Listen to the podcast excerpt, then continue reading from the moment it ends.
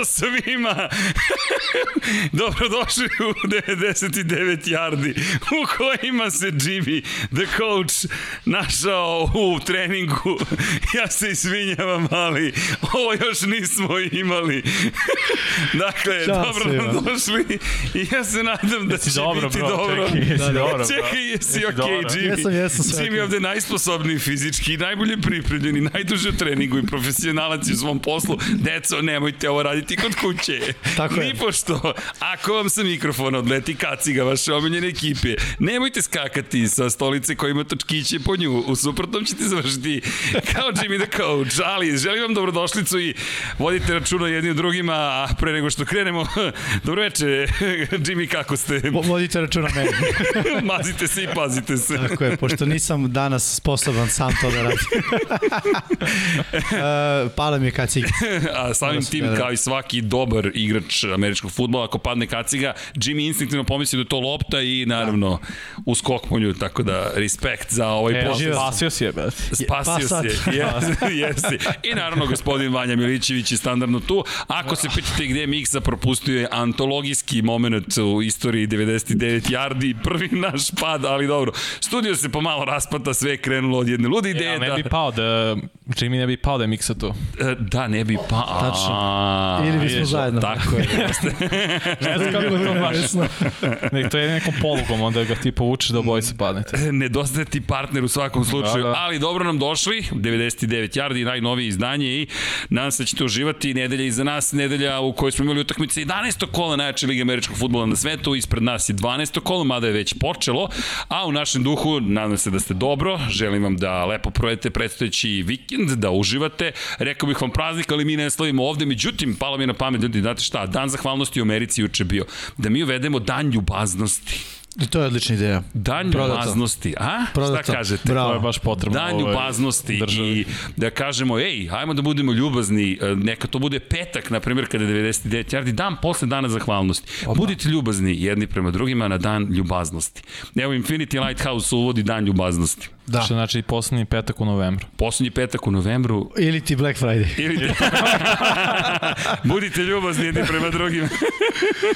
Ali da, tako da, nadam se da ste dobro. Shoppingujte u shopu.infini, shop.infinitylighthouse.com jer tamo ćete naći najbolju zabavu i imat ćete šta da potražite ako ste ljubitelji automotosporta. A ako ste ljubitelji američkog futbala, pa recimo da će ova zima biti posvećena tome najzad. Idemo. I, idemo, što bi se reklo, tako da očekujte uskoro neke nove stvari, obećavam ih dugo, sad najzad to mogu da kažem i da ne padnem sa stolice, tako da bit će sve okej, okay, nemojte ništa da brinete, a naravno mesec je brkova, novembar i ja se nadam da se dopada u tom duhu, pazi, morao sam ovu majicu da obučem. Respekt. Ja, ja se obrio jutros, nisam mogu više. Ne, Ja si pokoj, ja, ja ne mogu, ja ne, pocrveneo sam skroz, ali, ali ajde brkovi makar za jedno izdanje 99 yardi, izvinjam se što mi nije bilo, malo je bilo problema sa glasom, malo nisam bio tu fizički, mada je noga završila u bazenu, ali dobro. No, Mazite se, pazite se, vozite računa jedni u drugima i naravno 917 na 3030 1078 je trenutno, ne 1178 je trenutno takođe aktuelno, da je 3030 ili Human 917 na 455 u Švajcarskoj ili Human 1178 na 455 u Švajcarskoj. Mi pokušamo da pomognemo Branku. Ljudi, ja vas molim, ajmo svi jedan SMS-ić za Branka, to kao da je uzaludan posao, stalno pričamo o Branko, o Branko, mi ne poznajemo momka. Lično nas nikoga ne zna. Prosto nam je delovalo da treba da pomognemo i to momku zašto? Nasumično, eto, tako je palo i pokušao da skupi 20.000 evra, ne bili sprečio dalje širenje bolesti vida i mi se nadamo da ćemo uspeti makar malo da nešto učinimo. Eto, mi smo u kampanji za Branka, niko ne spomenje Branka, mi ga spomenjemo, što? Nemam pojma. Ali zašto da ne? Neki momak koji je živ, nije toliko zdrav kada je reč o vidu, ali jeste kada je reč o, bilo, o svemu ostalom, pa dajte da mu pomognemo. Ljudi, eto, to je najmanje što mislim da možemo da učinimo.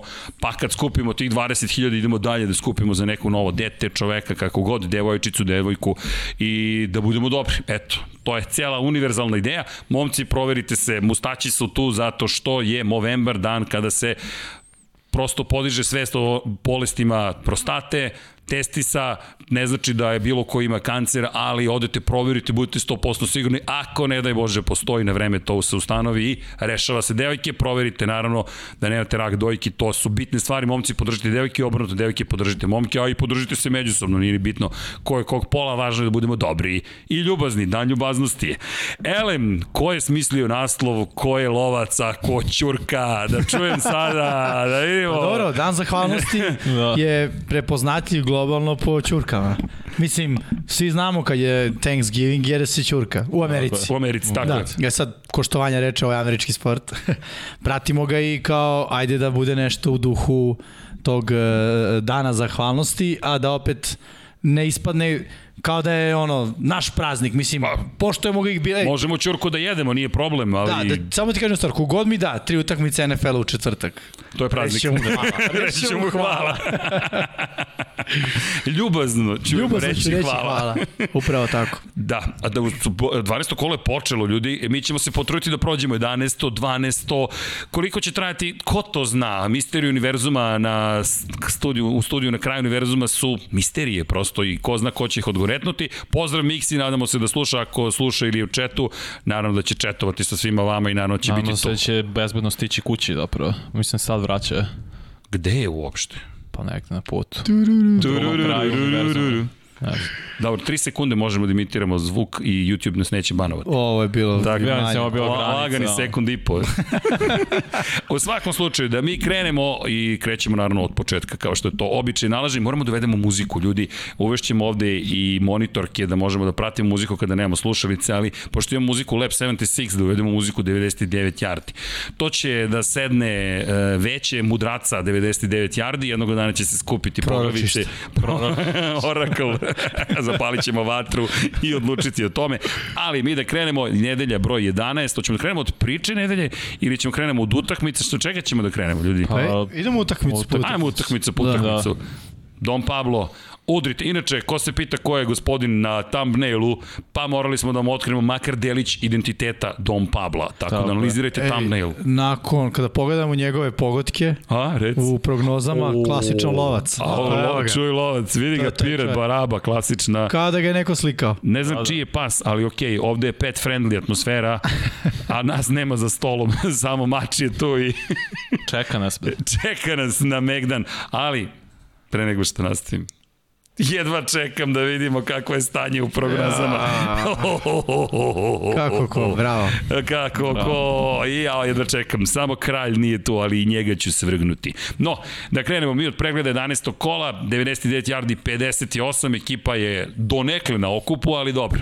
Vidim, ne verujem da ste već navikli da se krećemo napred, nazad, ljudi, i mi imamo te, taj neki nazovi privatni život, a ako nije privatni, postoji poslovni koji ponekad se ukrsti. No, hoćemo na prvu utakmicu današnjega dana, to jest prošle nedelje. Don Pablo, izvolite, šta ste nam pripremili? Opa, krećemo oštro. Indianapolis kolci otišli u New York državu kod Buffalo Billsa i isprašili ih 41 Osramotili. 15. Da, da. Ljudi, Jonathan Taylor, četiri trčanja za touchdown. Ko je uhvatio, izvinite, za touchdown? Ne, ne, vidim ovde tačno. Isti taj čovjek. Isti Jonathan Isti Taylor. taj, da, da. Opa. Pet touchdownova za dan. Za jedan dan. Nije tako loše za jedno popodne. Carson Wentz jednom je morao da baci loptu u e, crvenu zonu, ne u crvenu zonu, u, u end zonu, dakle da baci zapravo za touchdown, ostalo da radi Jonathan Taylor. Ljudi, odakle da krenemo? Ja mislim da Jonathan Taylor mora da bude brend. 185 yardi po zemlji.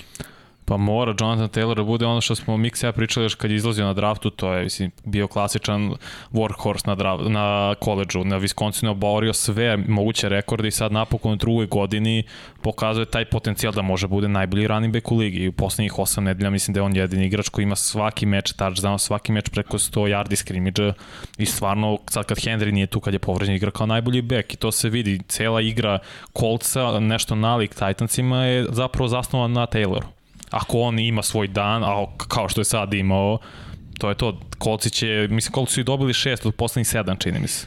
To je sve zasluga Taylora.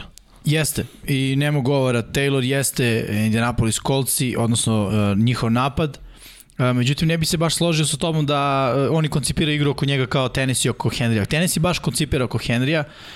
Taylor nekako svaki put eksplodira. I slažem se da ja da sam ekipa Kolca, odnosno da sam uh, Frank Reich, ja bi išao na kartu da budu run first ekipa, ali on hoće to da izbalansira uh, i za sad funkcioniš. I meni su Kolci jako dobra ekipa i pobedili su Bilse. I prva stvar kad sam vidio tu pobedu, otišao sam da vidim proti koga su sve Bilsi igrali i koga su pobedili i čim mi sam to spomenuo i prošle nedelje. Da, da. Sve su to realno ekipe koje su sada, on imaju loš, prilično loš skor. Tako je. Jedina ekipa koja tu uh, je i dalje u nekoj priči, mislim ono, za osvajanje Super Bowl, to su Chiefs. Mm -hmm. Sve ostalo što su pobedili su vrlo, vrlo slabe ekipe i mi zapravo i dalje ne znamo kakvi su Buffalo Bills. Ljudi, a izvinjam se, kako je stanje u istočnoj diviziji američke futbolske konferencije? Pa, Oni su vodeći, je li tako? Jes, sad nakon prošle. Na, nakon, nakon sinoćnjeg da, meča, ali, ali inače nisu bili. Da li su vodeći? Nakon 11. nedelje nisu bili. Srki pravo si, mislim, Pazi. Patriote da, marširaju, kao što smo rekli prošle nedelje, to je... Pazi, New England opet deluje kao kaznana da, da. ekspedicija, potpuno neverovatno ili verovatno. Pričali smo o tome kako je bila predsezona, šta su sve radili, bio pogled posle 11. nedelje, Billsi 7-4, Patriote 7-4, međutim, kada pogledamo, Patriote meni deluju kao jedna vrlo ozbiljna ekipa. Konferencija. Kon, tako je, konferen... I pazi sad ovo, Dolphinsi, možemo da ih zaboravimo kada je reč o play-offu, Jetsi, ok, volim ih i nek se na tome završi, ali pazi, u diviziji Billsi su trenutno 3-0, Patriote su 2-1, to je najveći problem za Patriote, međutim, to će se promeniti, a u konferenciji, kao što si rekao, 5-1 za Patriote, za Bills 5-4 i Billsi ne izgledaju više kao Super Bowl tim, ne izgledaju kao tim koji tako jednostavno uopšte ide u play-off i ako uđe u play-off, da li će to uopšte biti kao, kao vodeći u diviziji? Da, vrlo zanimljivo, Bills imaju problem da brane vrhunske bekove. Taylor imao sad pet touchdownova, Henry isto imao da, tri touchdowna, svi ostali, u, svakom, u svim ostalim mečevima, svi running backovi kombinovano su imali dva. Znači nešto fali to kada neki elitni igrač izađe protiv Billsa, odbrana ili defensivni koordinator ne zna da, kao što Bill Belichick zna, ti oduzme najbolji igrač, ovo je totalna suprotnost. Najbolji igrač te ekipe sija kao što smo ili Henrya, što je izdominirao Billse pre nekoliko nedelja, kad su isto dobili na, bilo je 34-31, čini mi se, i sada Taylor, totalna dominacija nad Billsima, iako po ko pogledaš odbranu i defensivnu liniju, Bills to ne bi trebalo tako da bude. Da li sad do, to do šeme, to TJ mi može bolje da kažeš ili ne. Ne znam šta je, za, šta je tu problem za Bills. Da, u suštini možda i tempiranje forme. Sa te mm -hmm. strane setimo se, uvijek ću se vraćati na priču o odbrani Kansas City Chiefsa pre dve godine kada su osvojili Super Bowl, stvarno su bili prilično loša odbrana i onda kako smo ušli u završni deo sezone regularnog dela i posle play-off oni su odjednom a, počeli da igraju jako dobro I na kraju to donao titulu i to je ono što je najbitnije. Uh, pro, raspored bil se takav kakav jeste, ne mogu da, da kažem da utiču na njega. Uh, protivnici stvarno nisu bili, bile dobre ekipe. Rekao sam da su ono, uglavnom pobeđivali te, te lošije ekipe. Uh, ali tako, zato, da, zato bih sačekao ipak drugi deo sezone, gde ćemo, čini mi se, onako bo, moći da dobijemo bolju sliku uh, o tome šta su Billsi u, u sezoni 2021. Ali jeste malo zabrinjavajuće kada izgube od kolca, jer ovo je potencijalno playoff meč i onako zapitamo se šta, šta će se desiti ako se sretnu u playoffu. E sad, sa druge strane možda je ovo bila neka vrsta testa, ali definitivno poslovnog poraza od Tennessee-a, gde su bili na korak, da kažem, Josh Allena da, da dođu do, do pobede. Uh, mm, nekako mi deluje da su se malo onako poljuljali i da sad, eto, postoje problemi koje treba rešiti, ali dokle god ih oni reše i ako, dokle god uspevaju zapravo da beleže pobede, naravno, To neće biti puno bitno. Pričali smo o tome kakav je raspored. Dakle, kada govorimo o Buffalo Billsima, sada su završili već posao sa New Orleans Saintsima, 31-6 su dobili juče u New Orleansu. Samo dodam da je Tradevius White pokidao da, ligament. Da, pokidao ligament. To nam pišu gledalci i prednji ukršteni ligamenti su, nažalost, stradali, što je ozbiljan udarac. Da, da. Jest. I gubitak koji vidjet ćemo. Ali da se vratimo samo na trenutak na, na raspored i zašto ispominjemo New England Patriots. Sledeća utakmica je sa New Englandom. Dakle, to je sledeći meč koji čeka Buffalo Billse i direktan duel upravo za to ko je gazda u diviziji i želim da vidim šta je Bill spremio za ovu ekipu. A pazi, posle toga Tampa Bay Buccaneers u nedelji broj 14. Dakle, čekate New England, pa te čeka branilac titule, pa ideš na Karolinu u nedelji 16 ponovo sa New Englandom i to u New Englandu, ovde dočekuješ, zatim sa Atlantom u nedelji broj 17, to bi trebalo da je lagan posao, i jedno toplo zagrevanje New York Jetsi za kraj sezone. Jedino ako nekim čudom izvršimo neko od onih ozloglašenih završenih, neki od onih ozloglašenih završenih mečeva kada pobediš, a nije bi nikako trebalo. Koliko god da volim Jetsa, činjenice, to gotovo nemoguća misija. Ali dve veoma važne nedelje, moje mišljenje, imaš Pece, imaš Tampa Bay Buccaneers. Ni Karolina neće biti mači kašalj, pa ponovo ideš na New England, ali ove dve nedelje, 13. 14. mislim su mnogo velike. Da, i ja bih volao da samo malo proširimo priču što se tiče ovog meča, ali na kolce. Da. Moramo da pogledamo njihov niz u poslednjih, kako se ne varam, četiri ili pet nedelja kolci izgledaju jako dobro. Tako je. I to je trend i igrali su tesne mečeve, igrali su jako dobro, odneli Srki ispreme četiri pobede, ako se ne varam. Pa mislim da je poslednjih pe, šest su dobili pet sigurno. To je, mi krenuli su, za nisu krenuli sa 0-4 ili 0-5. I sad... sad ću vam reći tačno koji je niz trenutno za, za, za Indianapolis kolce. Trenutno imaju tri pobede za redom. Tri dakle, pobjede... to je strik. Tri pobjede, 6-5 ukupno, 6 pobjeda i 5 poraza. Da, ali mislim da su tih pet uh, pobjeda nanizali u poslednjih... U poslednjih pet imaju 4-1. E, da, to, to. tako 4-1 u poslednjih pet utakmica. Tako je, i to, to je dobar pokazatelj. I kao što rekoh, nije bitno da se otvori sezona, da to se pršti, bitno je da kako sezona odmiče, da je ekipa sve uigranija. A kolci jesu uigraniji. I mislim da je i Rajh, da kažem, naučio čak i iz prošle sezone da je Jonathan Taylor uh, ono što je Vanja rekao, njihov ključ i da treba da igraju na kartu Jonathana Taylora, ne samo njega, i ofanzivna linija, mislim, to je, to je sta sinergija koja postoji. I imamo Hard Knocks u sezoni, to je prvi put u istoriji da emisija Hard Knocks se prikazuje tokom sezone i prati Indianapolis Colts. Moram priznati, na početku godine sam bio zbunjen. Zašto pratimo Indianapolis kolce? Sada sam i tikako radostan i kada pogledaš u slačionici Rajh šta je pričao, bilo je fenomenalno. Rekao ljudi, ja nisam čovjek koji deli emocije, ali kako je ovo bila dobra utakmica. Na sve, u sve tri faze igre smo bili bolji. Napad, odbrana, specijalni timovi. Vidiš čovjeka koji je uzbuđen, a Rajh ne spada u tu grupu da kažem, trenera koji gore, koji su ložane. Ne, ne, ne, on je baš smiren. Sad vidiš da je srećan i naravno Jonathan Taylor koji je baš je povukao cijelo. I ne samo što je povukao ekipu, ekipa je rekla izvoli izvoli. Da. I ono što je zanimljivo, Rajh je te rekao tokom utakmice, e, u jednom momentu je išao na, na dodavanje na prvom ili drugom pokušaju. I rekao je od tog momenta kada nismo napravili, se rekao zašto ja ovo radim, idem, prvi i drugi pokušaj biće samo trčanje. Tipa u 17 narednih prvih i drugih pokušaja, 16 puta su trčali, jednom su bacili loptu. Nema potrebe. Carson Wentz nije morao da baca. To postavlja pitanje dokle mogu zapravo kolci ako Wentz igra ovako. Mislim, Vance je bio 11 od 20, to je 55%, 106 yardi, to je ništa. E, da, ali... E, dokle može Taylor mislim, da ih gura i vuče, jer videli smo i Henry samo, ima svoje limite jest, na kraju. I, e, I mislim da nije samo Taylor, već i odbrana. Uh mhm. -huh. I dobra startna pozicija. I uvek kada quarterback ima stotinak yardi, Uh, naravno, prvo se osvrnemo da imamo šta je uradio trkač, ok, Taylor je razvalio, imao je 185, ali uh, to je da kažem celokupna, celokupan tim.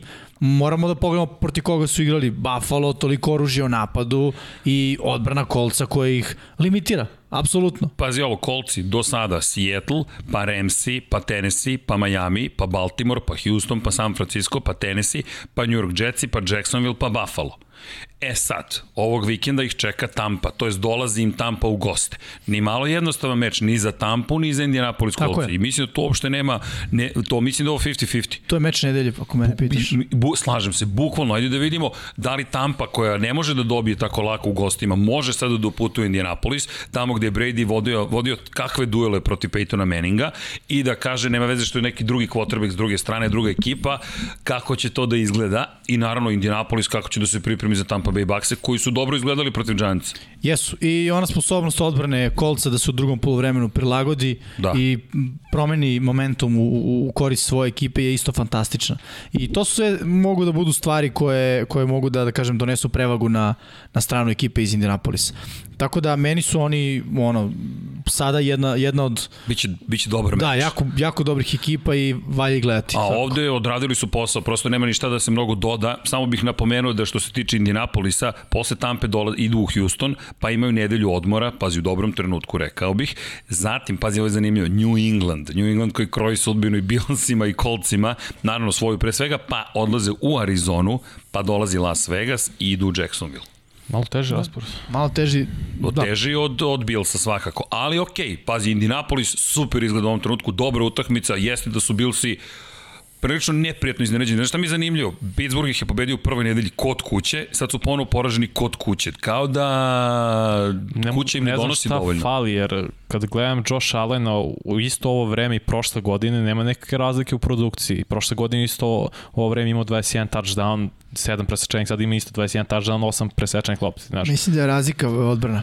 Mo, mo, moguće, jer Aleno produkcije je tu, on, e, sad svi se očekivaju da će podići na, na još jedan nivo svoj igru, ali ne funkcioniše to baš tako. Ne, on igra na vrlo visokom nivou, ne može sad, ne znam koliko ste očekivali da on igra mnogo bolje, on igra malte ne isto kao prošle godine, ali nije isti rezultat. Jeste, ali znaš, jedna grupa ljudi u dve različite godine nije ista stvar, to je logično. Tako. Cole Beasley ove godine nije onaj Cole Beasley koji je bio prošle godine. Odbrana Buffalo. Isto. Ok, da, jest, slažem se i Diggs, ali ok, Diggs i dalje produktivan. Yes. Nije da nije. Uh, odbrana Buffalo ne, nije to to kao što je bilo prošle godine i šteta za White što se povredio, ali čak ni White nije bio na nivou na kom je bio prošle godine. Safety Prosto, su vukli dosta.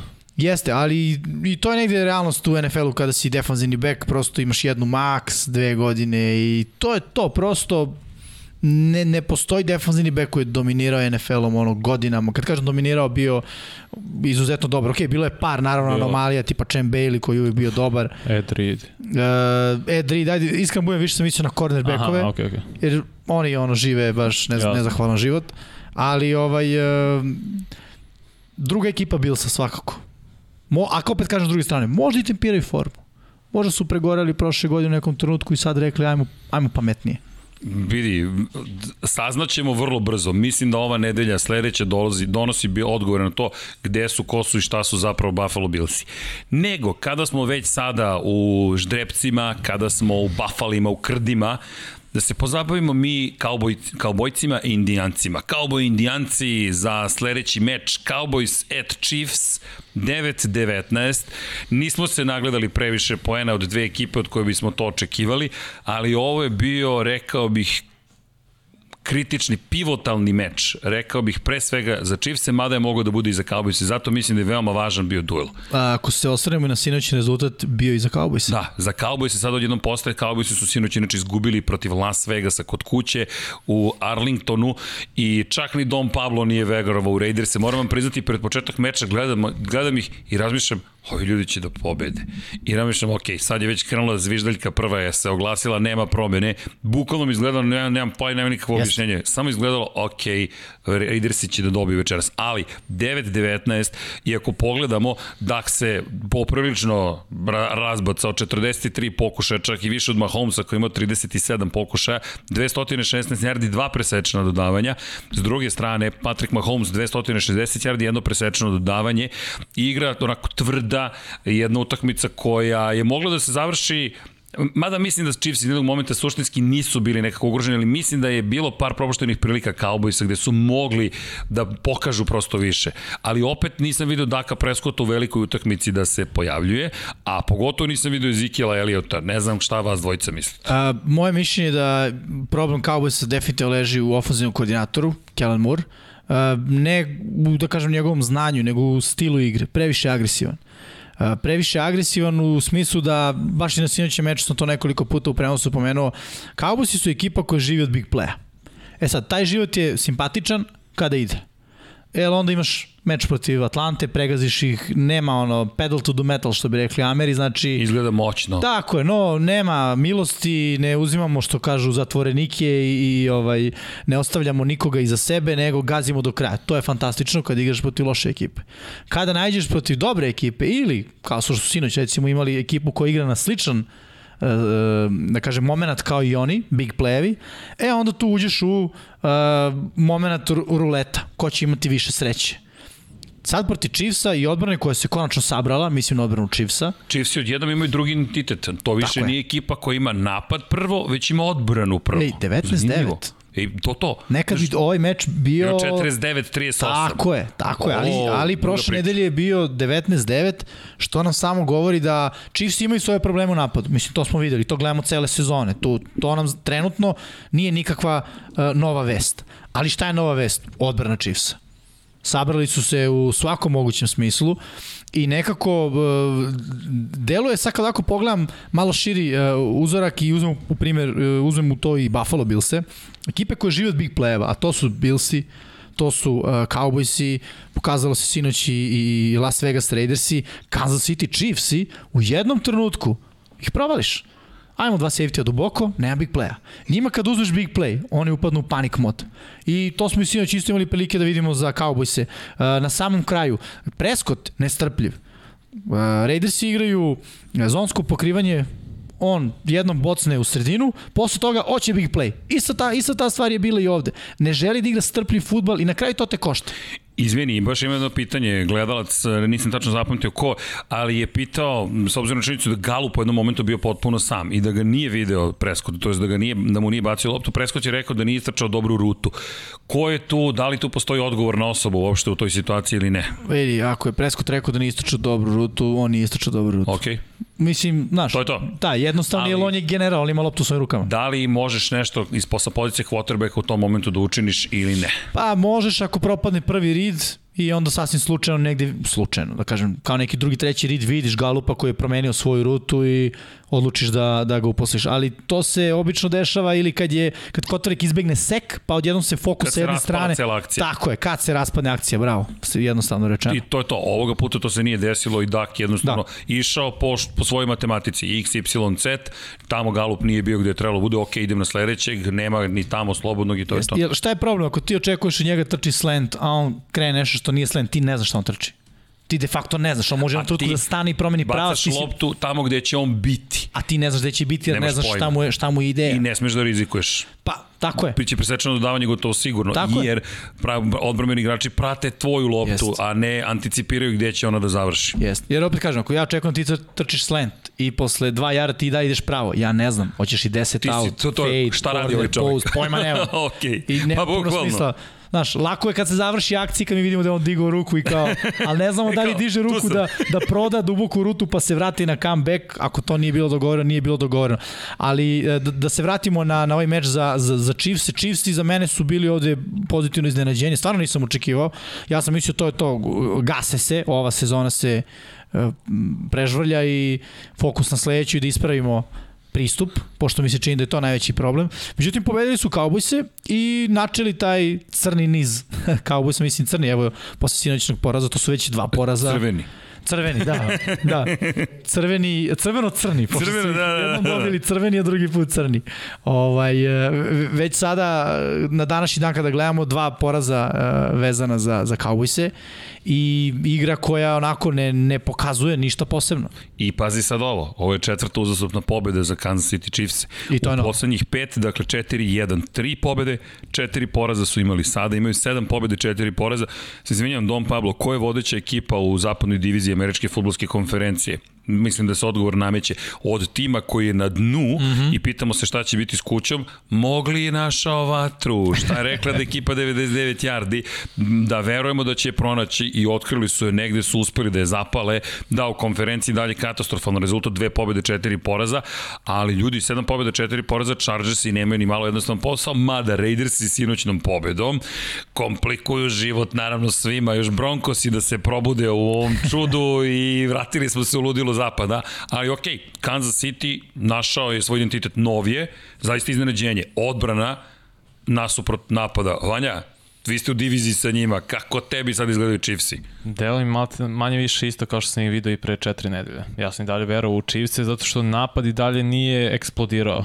Eksplodirao je pre dve nedelje, ali opet sad protiv Cowboysa ništa nije Mahomes igrao spektakularno. I dalje napad nije na onom nivou što treba da bude, što znamo da može da bude, dok odbrana Ok, ovaj, je, tim Dallas je bio bez startnog levog tekla, uh, CD Lamb je na polovremenu imao ka, uh, ovaj potres mozga, Amari nije igrao, znaš, da, ne, da nisam gledao sinoć, Dallas, rekao bi, ok, Dallas nisu igralo tri, možda je od najboljih startera i imam neku vrstu opravdanja zašto je odbrana Chiefs igrala tako dobro. Ne znam da li bi igrala tako dobro, su svi oni igrali, znaš.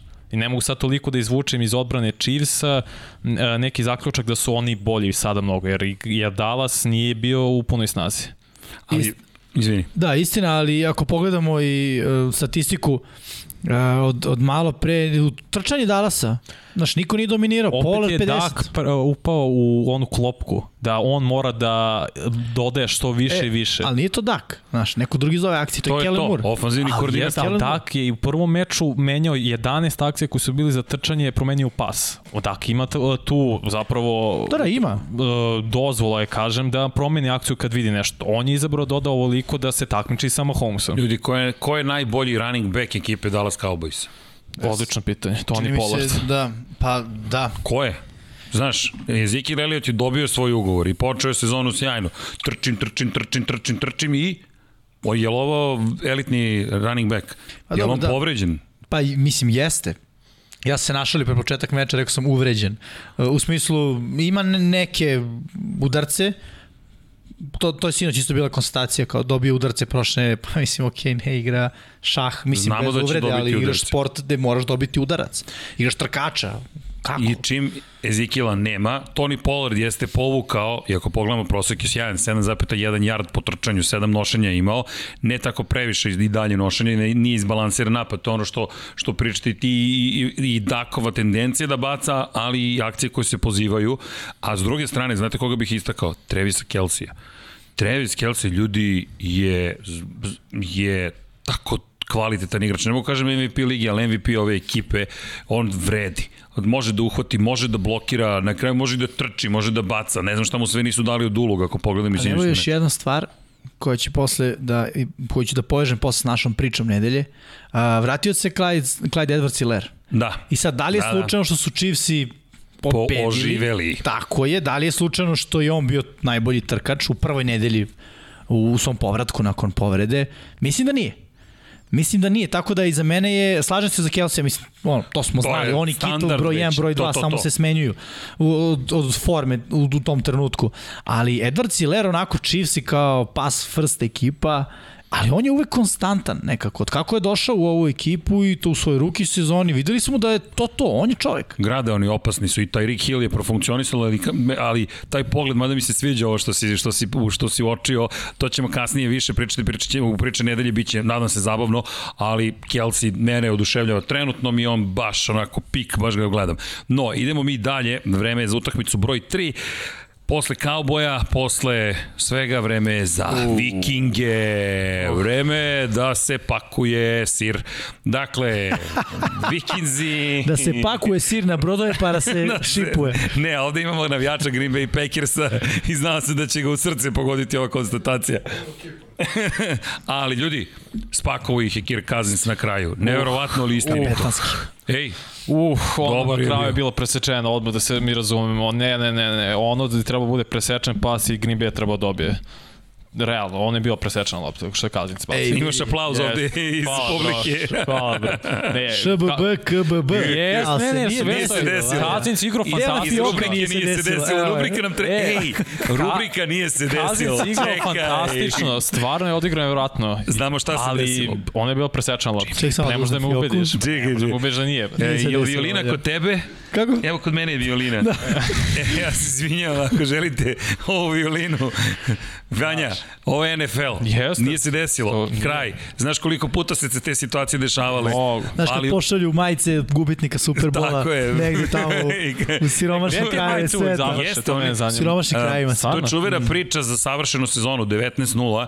Ja mislim da su završile na Filipinima, ne šalim se zaista, u nekom sirotištu gdje su one odštampane već bile. Da, da, mora biti I spremno. Mora biti spremno i ne možeš da ih prodaješ, ne možeš ništa sa njima i bukvalno su ih pozvali. Ne, to, to, je, to je najčuvenija priča o, o, o robi reklamnoj, s obzirom na činjenicu da je to trebalo bude pa, sezona 72. Delfini i 2007. A znaš je meni samo zanimljivo? Mislim, sad je malo šalji moment, ali hajde da ga provučem. Počelo je s tvojim, Da. da. s tvojim, sko, s tvojim skokom. Počelo je na Ne risko piće da radi. Ej, imamo pitanje. Ej, imamo pitanje, ovaj, da li postoji sirovi snimak eh, tog momenta. Nažalost, nije kamera eh, bila upaljena, ali dajete nam odličnu ideju kako u budući da se spremamo. Možemo da obnovimo. Htio sam da kažem, te majice se pravi da ih igrači obuku preko shoulder pada, što su ono 4, 5 XL. To, to, to, to. Ne znam kome se to baš da, ali Da, da, dele se te majice. Dele se. Poklone se samo E, da ih vidi, javnost ne da, vidi. ali nažalost, znaš kao, znaš, kad ljudi nemaju, Da. sve, sve im je potrebno, tako da, ako imate višak robe, odnesite u neko sirotište, uradite nešto s tim, nemoj samo da bacite, poklonite nekome ko ima manje sreće nego mi, koliko god da mislimo da drugi imaju više sreće, ima i onih koji imaju mnogo manje. Tako da, da iskoristio bih ovaj moment za dan ljubaznosti, da budemo ljubazni. Elem, da se mi vratimo u utakmici, smeje mi se ovde Dom Pablo, dobro, bar je, bar je nasmejan, Vikinzi, ljudi, ovo je obično bio rezultat na kraju utakmice u korist Packersa i obično je završnica utakmice izgledala ovako za Packerse. Ovoga puta Kirk Cousins na visini zadatka. Daleko od toga da je Green Bay bio loš. Jednostavno, ovo je diviziono rivalstvo, ovo je odlazak u Minneapolis, ovo je utakmica u kojoj sam očekivao Rodgers iskreno da ponovi Berse. I own you, I still own you. Nije se desilo, opet ta rubrika. Dalvin Cook, 86 yardi, 22 nošenja. Baš se naradio, ali ljudi, Mattison je takođe dobijao loptu.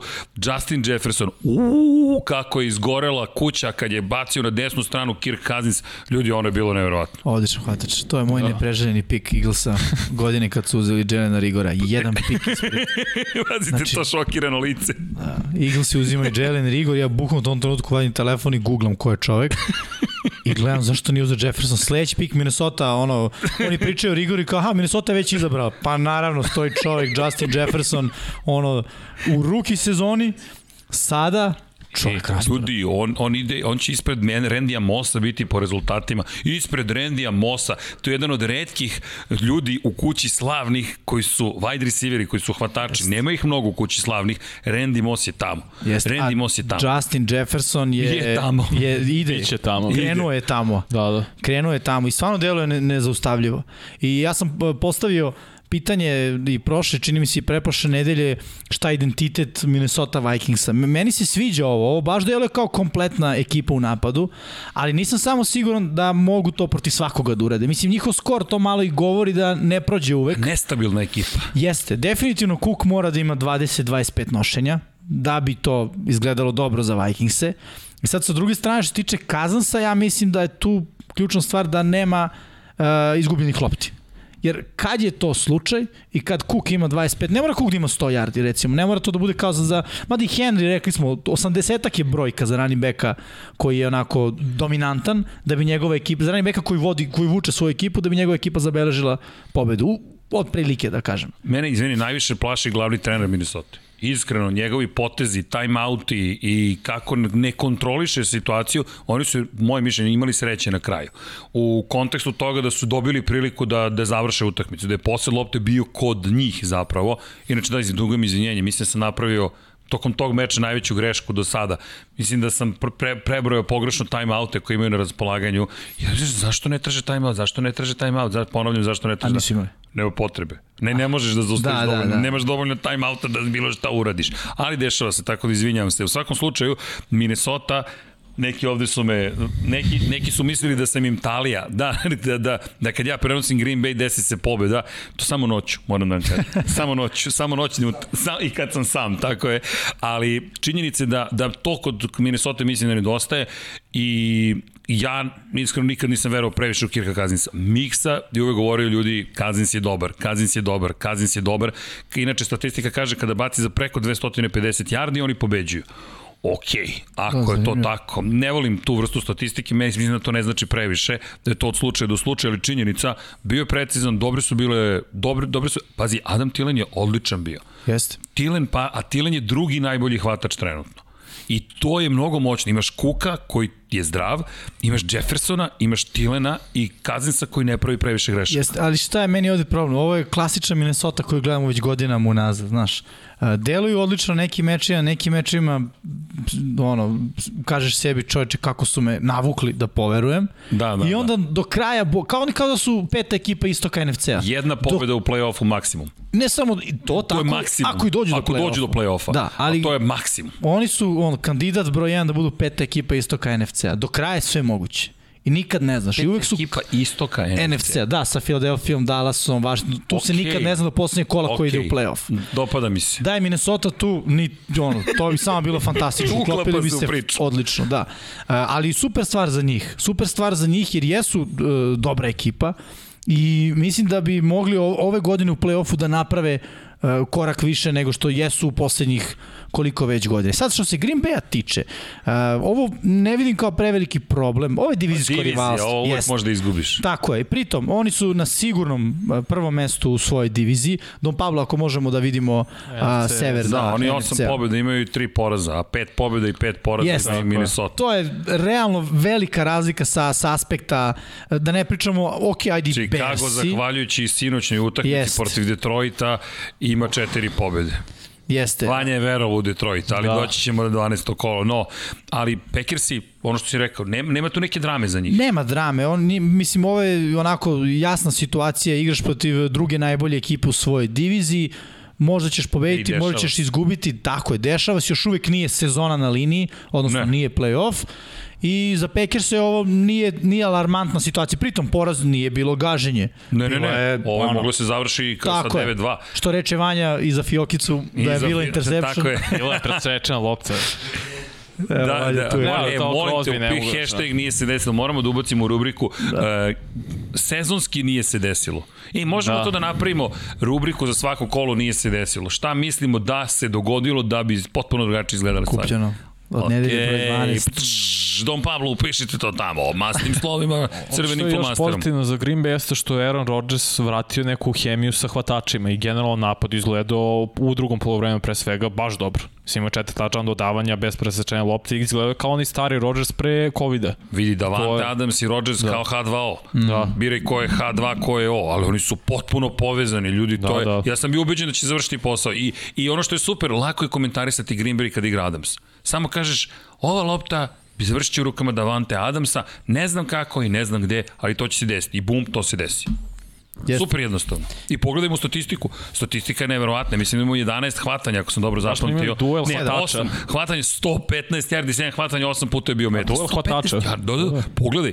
Ali AJ Dillon koliko god da je nosio, znaš, Dalvin Cook, znaš, 86 yardi, AJ Dillon 53 yardi. Ma povrede ubijaju Packers sad i Jenkins isto pokidao to je- to je ligamente. ozbiljan problem. To je, Baktijari Levi će se vratiti, Pazi, ali opet mnogo povreda i u odbrani i u napadu za Packers. to je levi tackle broj 2 bio. Dakle, Bahtijari koji je Startni glavni... levi guard. Startni levi guard kog su pomerili još jednu poziciju levo i on ti je povređen. I onda dolazi neko ko je na depth chartu, ona treća kolona koja otprilike ni ne gledaš osim kad se desi ovako nešto, onda uzmeš i pročitaš ime i prezime čoveka i kažeš ok, ulazi u igru. Jeste. I AJ Dillon je Robin, treba mu Batman.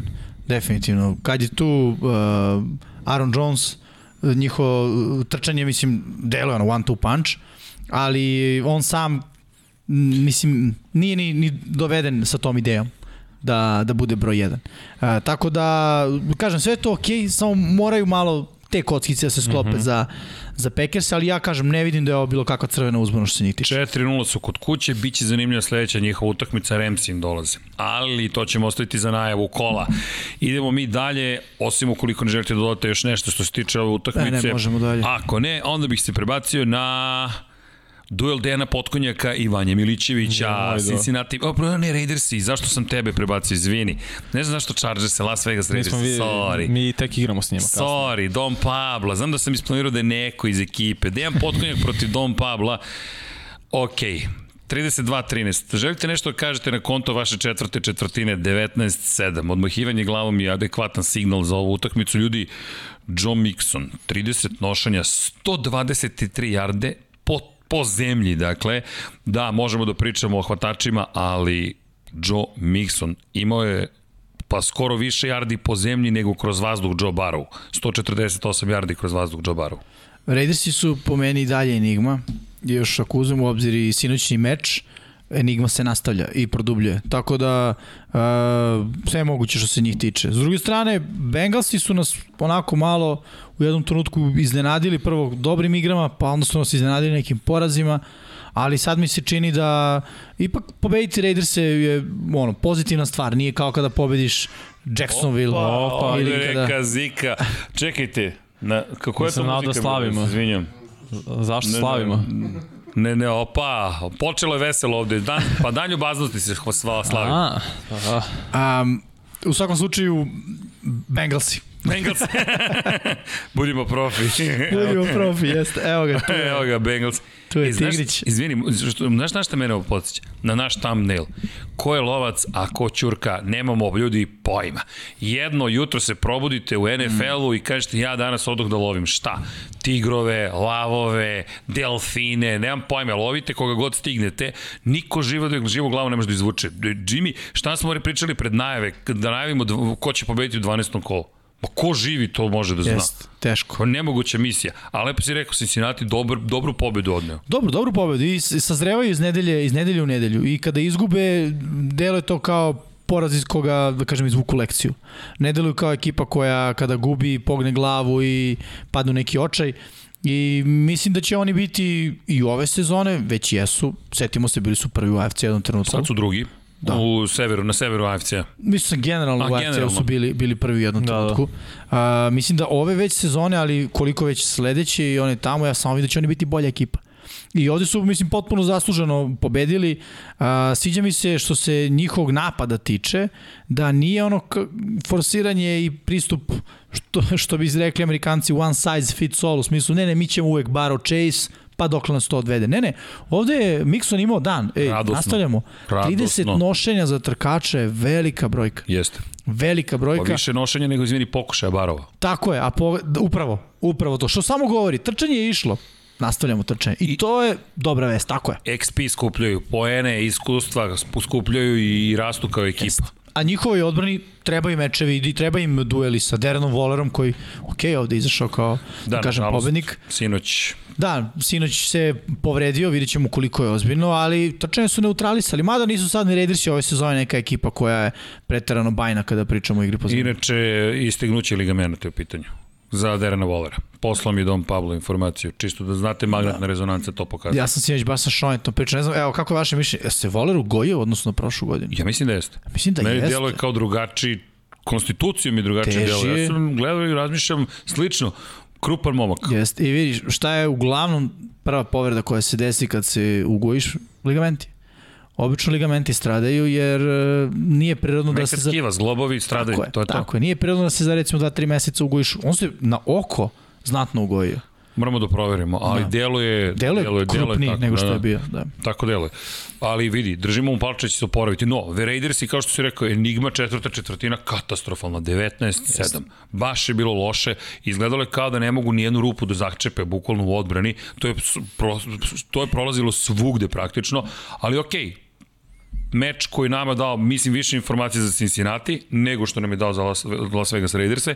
Raidersi koji, eto, pobedili su sad u Dallasu, pa ko zna šta će biti na zapadu AFC-a. Ono je tamo Wild Wild West. Wild Wild West, baš je ludo. Pozitivna stvar za Cincy jeste to što su našli način da pobede i trčanje. Da Barrow ne mora bude dominantan Da, to je što je Jimmy rekao. Nego, ok, Mixon. I zato si i draftovan Mixon. Zato ti si zapravo bio pre Barrow ključ celog napada, malo sad uzeo neki backseat, ali mora se vreme na vreme Mix- Mixon igra ovako da bi Cincy bio uh, raznovrsniji u napadu. Game plan. Da. Dobar game plan. Vidi, što se tiče Bengalsa, ajde, možemo da prebacimo i razgovor o tome šta ih čeka u, u nastavku sezone, ali Steelersi, im, Steelersi su sledeća meta, to je stižu Steelersi, pa idu Chargersi, pa 49ersi, pa Broncosi, pa Ravensi, pa Chiefsi.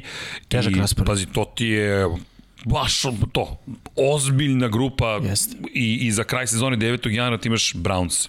Težak, težak raspored za njih do kraja, ali tim, uh, tim bolje ukoliko zabeleže pobedu i uđu u play-off, stvarno su kontenderi. Vidi, taj tim, ako uđe u play-off posle ovakvog rasporeda, Da, da, ne plaši se nikoga i ničega. Tako je. To i, oni igraju i, i kod kuće, igraju i u gostima, sa moćnim ekipama, samo stičeš iskustvo. Cincinnati Bengalsi upisujemo XP utakmica pored njihovog imena. Idemo dalje, Steelersi i gospodin Milićević, ja mislim da si ti sada, Sad sada sam. znam da si tu negde Kako 40, Herbert 1, dečko igra. 37. Da, molim vas, Don Pablo, molim vas, kadar, kadar znači. Milićevića, izvolite. Ne, stvarno, oni, evo, pa, jedna, jedna akcija gde me najviše oduševila. Početak treće četvrtine, tipa 13.59, pas ka Keenan Allen za 40 yardi. Kao, me, kao laser je ono išlo. U tačno u broj, opet nije išlo toliko jako da se odbije od njega, nego pravo neko mu je mirno palo u ruke. Lopti generalno kako donosi odluke, uvijek je stalože, nikad nije nikad se ne vidi da je pod pritiskom, stalno ima neki igra na nekom svom nivou i tempu ok, kao, mogu ja ovo korak po korak. Ni, niko ne, nikako da vidi neku paniku kod njega. Bilo je protiv Baltimora. Jedini Živo put. me zanima ko ti je heroj nedelje. Da, da baš, baš šokantno. E, a ja imam samo iznenađenje. jednu stvar, slažem se s tom, ali znaš ko isto ne pokazuje paniku? Joe Flacco. A to Jeste. Sad imaš jednu, jednu krajnost. ono, para, jedan, Ej, znaš šta imaš, koji je problem sa sa Fleckom? jutro po dvojci, Šta imaš sa Fleckom? Ne, ne, problem, samo kažem, imaš jedan Šta? paralelni univerzum Fleko, koji ne pokazuje paniku, ali Fleko, flegma. Da, i s druge strane imaš drugi par, paralelni univerzum koji je Herbert, koji isto ne pokazuje paniku, ali nisu isti. Ali samo ću ti reći, poslednji quarterback koji je donio Baltimore Ravensima titulu je Joe Flacco. Da. Kapa dole, ne, nema šta. Neko- Vidi, čisto da Ja se... ništa protiv Fleka, samo kažem kako Jeste, ono isto, tome- a nije isto. Da, ali Vidi. neko, Herbert ima takve predispozicije fizičke, on je 198. Mm. On je kao Big Ben, nekoga nazvao Big Ben sa zemlje broj 2.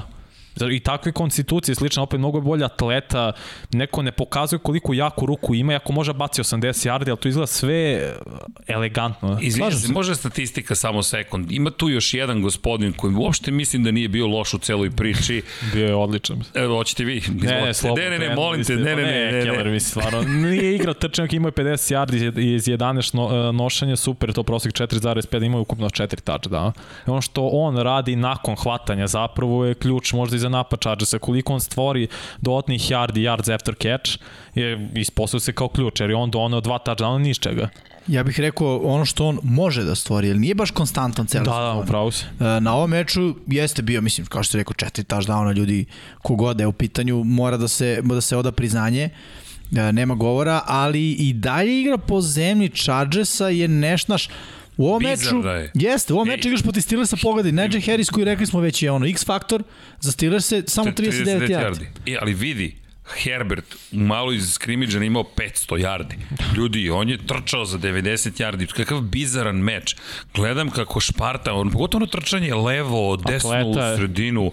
I gledam, čekaj, mi o Herbertu pričamo kao quarterbacku koji je precizan, koji ima moćnu ruku, koji je pametan, odlučuje inteligentno. Tako da, da pogledaš statistiku koja je najbolji trkač Chargersa, 90 yardi iz 9 nošenja. To je prosek 10 yardi. Otvorilo se, ne, otvorilo da, se stvarno. ali ako ga poceniš koliko može biti moćan u cijeloj priči, naravno, odbrane ne bih ih spominjao, 37-41. Obe su povređene, pogotovo odbrana Steelersa, mislim, stvarno. Da, ali, ali ko je bio kritičan na kraju, ko je sprečio Steelers da postignu touchdown i ko je na Joey kraju... Bosa. Tako je. Joey Kad, Bosa. kad je trebao, oni se... Kad je trebalo, bum, bili su tu, a Steelersi, vidi, ja ne znam ni kako su uspeli da postignu 37 poena. U jednom momentu... Svaka čast Big Četvrta ja koji ga kritikujem, Na kraju. stalno odigra ono Ej, kao izgledao je baš dobro. stari Big Ben. Je li vam izgledao pokretljivije nego ikad u poslednje Jeste. tri godine, ja mislim. Jeste, mislim da imamo i to zbog pauze, zbog COVID, malo se ono osvežio. Mislim da mu je potrebno u sezoni sad, u ovim godinama, da odmori dve nedelje. Misliš svaka druga da se igra?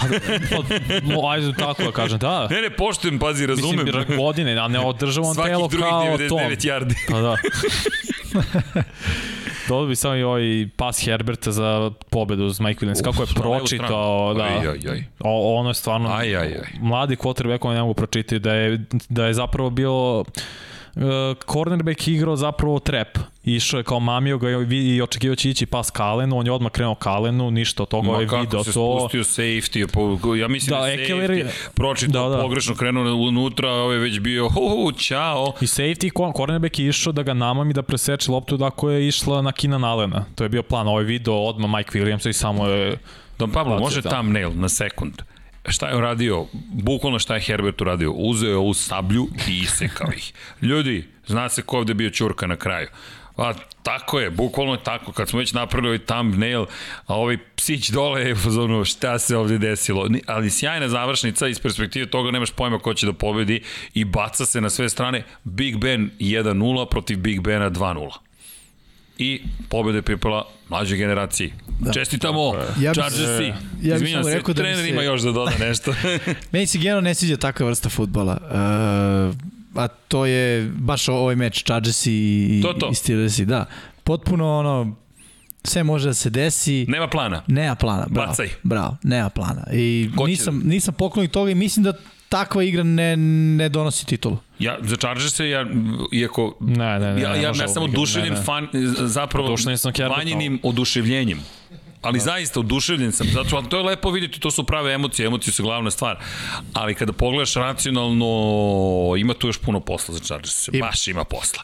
A u diviziji se komplikuju stvari. Raidersi koji nemaš pojma šta hoće i šta neće i I, pogledaj. i Staley mi je sumnjiv. Na, dobro. Gledao sam njegov govor iz slačionice posle utakmice i deli onaj game balls. Ste videli to? Da, Deli lopti kao zahvaljuje se vlasniku, zahvaljuje se sinu vlasnika. Ja bukvalno u tom trenutku gledam lice igrača i oni su što mi ono... je to poznato. Ne, gledam u- smislu kao sve je tu u redu, znaš. Sve, ali realno slačionica nije mesta se zahvaljuješ vlasnicima. E, znaš zašto? Hvala Vanja. Ne, znaš zašto? Zato što svako od tih igrača očekuje da može da dobije više para. To je prva stvar. A plaća ga vlasnik, znaš. I ti sad tu kao daješ lobby game balls. Stan. E, Zamisli Beličeka koji kaže hvala Robertu Kraftu. Ej, to ti kažem. Autoritet ide. na nulu Ne ide. ide Samo se baš. oko spustio autoritet. Jeste, Aha, mislim, ne, ne pričam sa tomom, treba pričam s vlasnikom. bukvalno. Mislim, ja bih tako utisak nije- stekao. Nemaš ti šta da, da uvlačiš vlasnika u priču. je. Buck stops with me treba da bude filozofija. Ako Jeste. hoćeš nešto, kod mene doći. Jeste. Ej, druga stvar, ako podelimo a, na roster 53 igrača 15 game bolova, malo gubi smisao. Onda ti fali još 38. Pa, znaš, malo gubi smisao. Pa jer, podijeli onda svima. Pa to, znaš, to ti kažemo, zašto je zlato vredno? Što ga nema puno. Tako i ovo. Treba daš game ball, tačka. Game ball, ide tebi, kraj. A ne podeliš 10 lopti kao game. Ej, kao hvala tebi, hvala tebi, hvala tebi. Šti loptu, evo, hvala i tebi. To mi se nije svilo. Jer mislim da i dalje mora da uči Ode kako lopta. to... e, ja se izvinjam, lopta, o, vrati loptu. Vrati moj loptu, ko ove nedelje lopta, ne dam loptu. Šalim se, To šalim je se. ne, moj zlo game ball. Je svakom lepo je stalo onako torpedovano. Da, to, da. to. A, ovaj, ali hoću da kažem da... Nije mali detalj, pravo si Jimmy. pripisao bih to ipak tom neiskustvu uh, što se što se njega tiče, ali ok, nije sada kao greška koju treba mu zameriti nikad ne oprostiti, upravo Naučić, tako. Pazi, kako je Beliček naučio, tako što je dobio jedno sedam noževa u leđa, ne zaboravimo šta su uradili, pa ne samo on, Patriote, kako su, kako su bukvalno minirali kod trenere pre nego što je stigao Beliček. I na kraju se svelo na to na William Ginista koji je rekao, ja vam neću dozvoliti da minirate trenera. Dakle, Beliček da nije dobio tu vrstu podrške, ko zna šta bi se desilo. A čovek koji sada predvodi Seattle Seahawks i to i te kako osetio. I ako pogledaš, vratiš se na, na, na taj period, jednostavno u Patriotama kultura nije postala, nego su rekli, ma ovaj trener nema pojma, ajde da ga miniramo. Zato što nam ne zvuči dobro game plan. I znaš šta je isto stvar, kad pobeđuješ, ono, brdo ispod tepiha gde se guraju problemi je sve veći, ali je tepih se i dalje vidi. Uh, pitam se šta, šta bi se desilo i šta će se možda deci- desiti ako stvari baš ne krenu onako kako su svi planirali. A treba onda ih vodi već, ono, treba da ih vodi nekoliko sezona, tako to je plan kad potpišeš trenera, ne samo... To će Vanja da bude one da, done. da se pobrine. To, su, to, to je pitanje za, za, za Chargers. Ali, da se mi vratimo našem fokusu, a to je pregled 11. kola. Mislim da smo završili sa utakmicama, hoćemo da pogledamo rezultate, a onda priča nedelje, kao da nismo dovoljno pričali, ali nikada dovoljno priče. Nadam se da ste još uvek sa nama. Udrite like, čekajte. Udrite like, like, like, like, like, like, like i subscribe, zato što je to pozitivno i zato što je to tako lepo. Pazi kako Dom Pavlo, ili profesije, šta ti. YouTube subscribe, ali pre toga udrite like. Inače, Super Tanks pokušavam da dobijem. Super Tanks malo srce i onda tš, doniraš i novac kada lajkuješ. Zanimljivo. Da, kada ste već tu, slobodno to učinite i u četu. Ej, neko je bio dao donaciju na početku još, a i to pre nego što smo, što mislim, se- krenuli.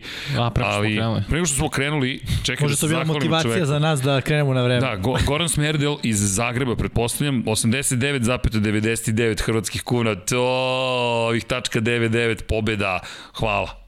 Mislim, hvala. zaista hvala, nije ništa pitao čovek, ako Gorane vas nešto od pride zanima, pa, evo, ekipa akrobata je tu spremna da vam odgovori na svako pitanje. U da svakom vidimo slučaju, ajmo mi na rezultate, da. da. da vidimo gde smo i šta se događalo. Patriote i Falconsi, Očekivan. da, Pa kad ne igra Cordarel Patterson za Falcons se videlo se, Pa znam, to nije Jimmy, ali nula. to. Ne igra Cordarel Patterson. Znam Jimmy, ali nula. 25-0. Izvini, gde su to beše igrali?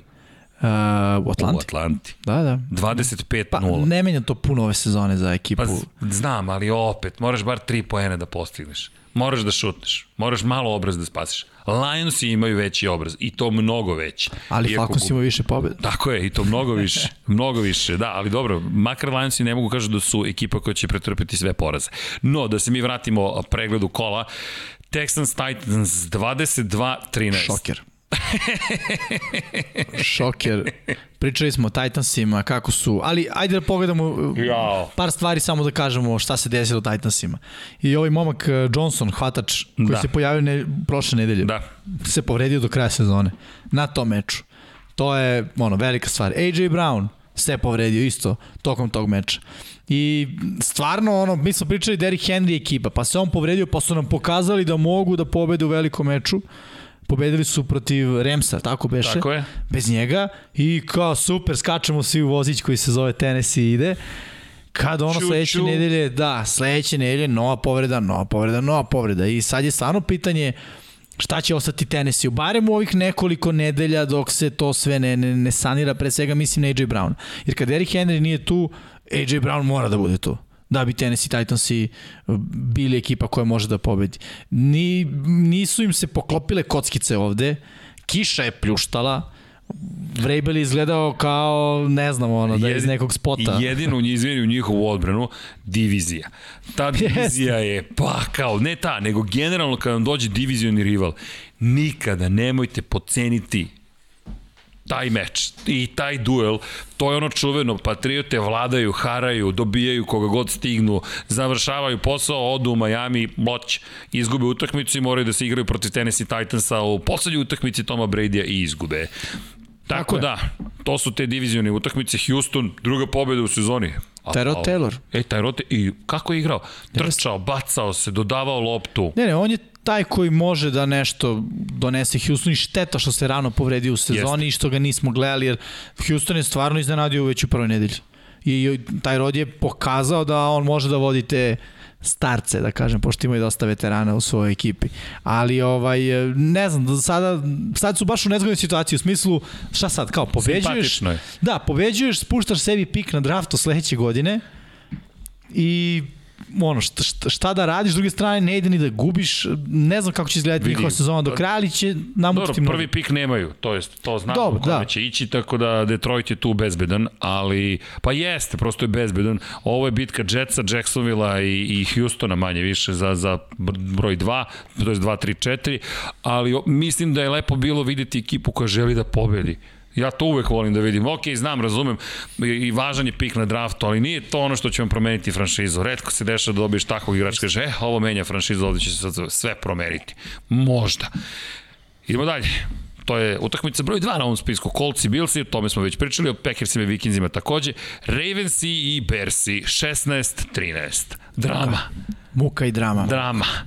Nije igrao Lamar, odmah da kažemo, ako, ako neko nije upoznat, a, zbog bolesti, ali nevezane za COVID. A, I odmah napad Ravensa ne izgleda kako treba da izgleda.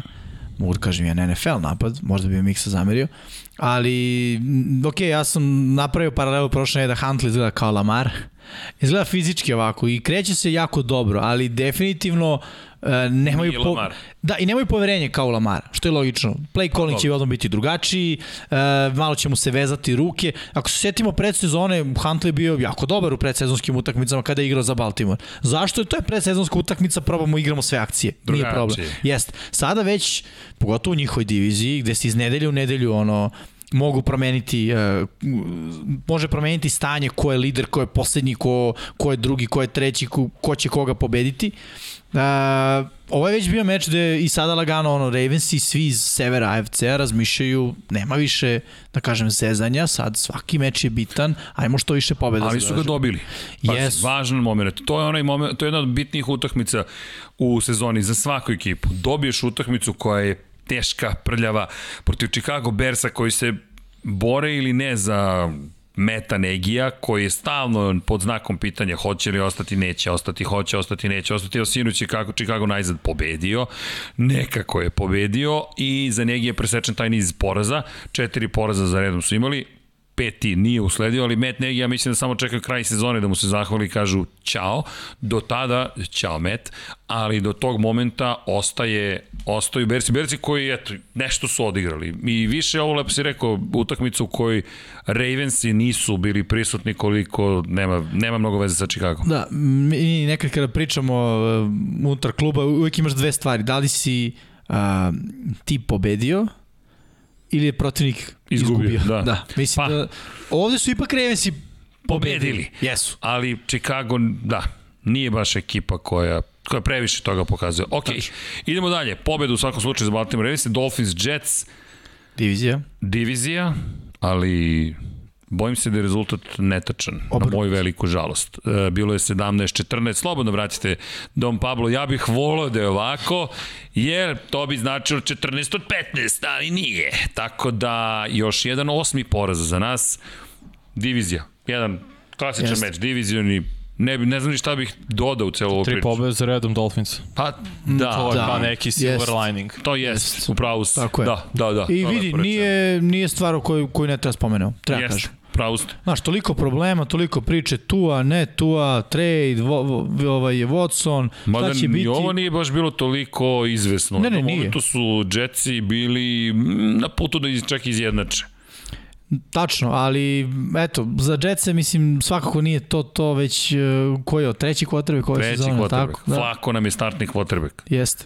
A, ok, ono što se kaže, neko je mora da pobedi. Pobedili Bukvalno. su Dolphinsi koji mogu iz ovoga da možda malo pokrenu Ali, svoj da, tim, ali vidjet ćemo. Teško, u diviziji 7-4, 7-4, mm. Bills i New England, oni su 4-7. Baš teško. Teško. baš teško. Ne, imaju još dve utakmice u diviziji, ali mislim da Miami će na kraju završiti onaj najgori moment, da će biti negde na 50-50 možda, ili 40% uspešnosti i to je to. I opet će biti pitanje šta sad sa Floresom. I, i, i generalno, šta, šta sad sa ekipom, šta sa tuom? Da. Si dobio odgovor na pitanje tu je? Ne, Ne. ne. I iz nedelju u nedelju ga... Nećeš do, do, treba do kraja, ne, do kraja sezone da vidiš šta je... Ni tad Ali ćeš i tad dobiti. Ni tad. Ne znam. Mislim da Je, jesi mu rekao, ok dečko, izgubi sve utakmice, ali uspostavi neku svoju igru. Pronađi svoj tim. Ja to ne vidim. Ja vidim stan, ono najgore. Daj gas oduzmi ga, daj gas oduzmi ga, daj, daj ga. Pa šta zaključujemo? Ja ništa ne zaključujem iz ovoga, osim da ćemo doći do toga da će Miami reći refresh. Je, tako je, ja mislim da oni moraju da draftuju trkača i da moraju malo da postanu uh, onako izbalansiranija i manje predvidiva ekipa u napadu. Da, oni su trenutno baš predvidivi. Baš su predvidivi u napadu i, i znaš, ima to veze s time što ono, Geskin, uh, Amad, uh, smenjuju se i ti vidiš da je to bukvalno Flores nema pojma ko će da startuje, jer ima, dobit ćeš ti drive i dobit ćeš ti drive, pa će onda da vidim ko će Ma da ima više suludo, drive pa tu upravo to, Jimmy, nisi se komitovao ni prema Nisi, kome. jeste. Nisi rekao ni za koga, ej, mi stojimo iza ovoga. Da. Pa čak i neki propadnu slavno i kažeš, mi smo verovali u tu ili smo verovali u ovog čoveka i mi ćemo to da guramo. Ne, ti si dalje kao da si u predsezoni. Malo će ovako, malo će onako, nedelje prolaze, sezone se ređaju, ne vidim neku svetlu budućnost za ovakve Miami. Za Delfine. Ajmo mi dalje, mada ovde su mi Delfini sa Karolinom. Lionsi i Brownsi. Vanja. Uh, izvoli Vanja. Puštamo Vanju. Evo, Vanja, Što ja? znamo zašto. Udri, Zašto? Pekara malog. Zbog Čekić. Bakera, pa Baker opet nije pokazao ništa. Opet imao dve presečene lopte. Pa jeste, pa ne. Pa Dve omiljene teme Vanja Milićevića. Baker i Herbert. Baker Vanja i imaš Herbert. 60 sekundi sad. Šta je uh, Baker radio? Samo je pogoršao svoju situaciju objektivno gledano. Opet je bacio dve presečene, opet su pojeli zbog Čaba, da nije bilo Čaba, oni bi izgubili Detroita koga nije pobedio niko. Če Detroit nema ni jednu pobedu, a realno su mogli i sada da pobede, nego je Čab uprkos Bakeru izvuku situaciju. I na kraju oni potez Bakera se ne pojavi na pres konferenciji, ko ne mogu ja sad pričati s novinara. Tako šta, kako je to Meni je to ponašanje? okej, ali okej. Meni nije. A, pa Ti si- ne. si ugovor, a, čekaj. Da, da, da, ti, ti si pod ugovorom, ti si franšizni je. lice franšize, kao ti, ja ne, ne osjećam se, igrao sam loše, neću se pojavim sad pred eh, medijima. Kolika je kazna? Ne, ne, ne, ali nije pitanje Ne, ne, ne, ne, pitanje Jimmy, principa. Šta je veliki uh, igrač? Da. Znaš, uh, to često Deki ja spominjem u Lab 76. Znaš koji dva vozača se se uvek pojavila na konferenciji za medije? Uvek ispoštovala intervju, uvek došla za veliki, mali, srednji, nepoznati, poznati mediji. Dva vozača. Uvek. Valentino Rossi i Mark Marquez. Jedan koji ima 9 titula, jedan koji ima 8 titula. Pao si, razbio si se, jedva hodaš. ok, imam obavezu u to i to vreme. Možda će da zakasni ili će da dođe. Uvek. Dakle, nije bilo momenta da je on otkazao. Bradley Smith je otkazivao, Andreja Janone je otkazivao. Znaš ko je Bradley Smith? A znaš Ne, ko je Andreja. Janone? Znaš ko je Mark Marquez? Znam, znam, znam i dvojica. A, da. to ti kažem. E, to je ovde. Jesi ti Baker koji će da vodi ovu franšizu? E, momci, danas nešto nije baš bio moj dan. A Jordan je se sakrivao kad nije bio dan. Brate, 60 mikrofona ovako i odgovaraj na svako moguće pitanje. I tu se slažem s Vanjom, ja sam očekivao više od Bakera, baš je, meni je to razočaravajuće zato što to pokazuješ i svojoj ekipi da nisi taj. Jesi dasa ili nisi. Izađeš i kažeš, ej, igrao sam loše ili bio loš dan ili šta god, ali odradi svoj deo posla. Razumem ja da s jedne strane kao, pa znaš, ok, ali to više nije sport. Ovo je event industrija, show business show industrija, a ovo je, ej, ti prodaješ dresove, ti inspirišeš decu, ti pozivaš da se pomoze, pomoz, pomogne beskućnicima, govoriš im, e, težak vam je život, ali izdržite, a onda ti izgubiš utakmicu, danas mi je teško, ej, čekaj. A dobio si mnogo para da se tu pokaže, po, pojaviš. I smisla. ti bi prvi ispoštovao reč. Poznajemo te dovoljno da si potpisao da. ugovor u kojem kaže doći ćeš na Realno. posle ili bi došao? Pa da, mislim. Pa, Pa, Crno na belo. Crno belo, izvini, ja sam rekao da ću doći. Doći.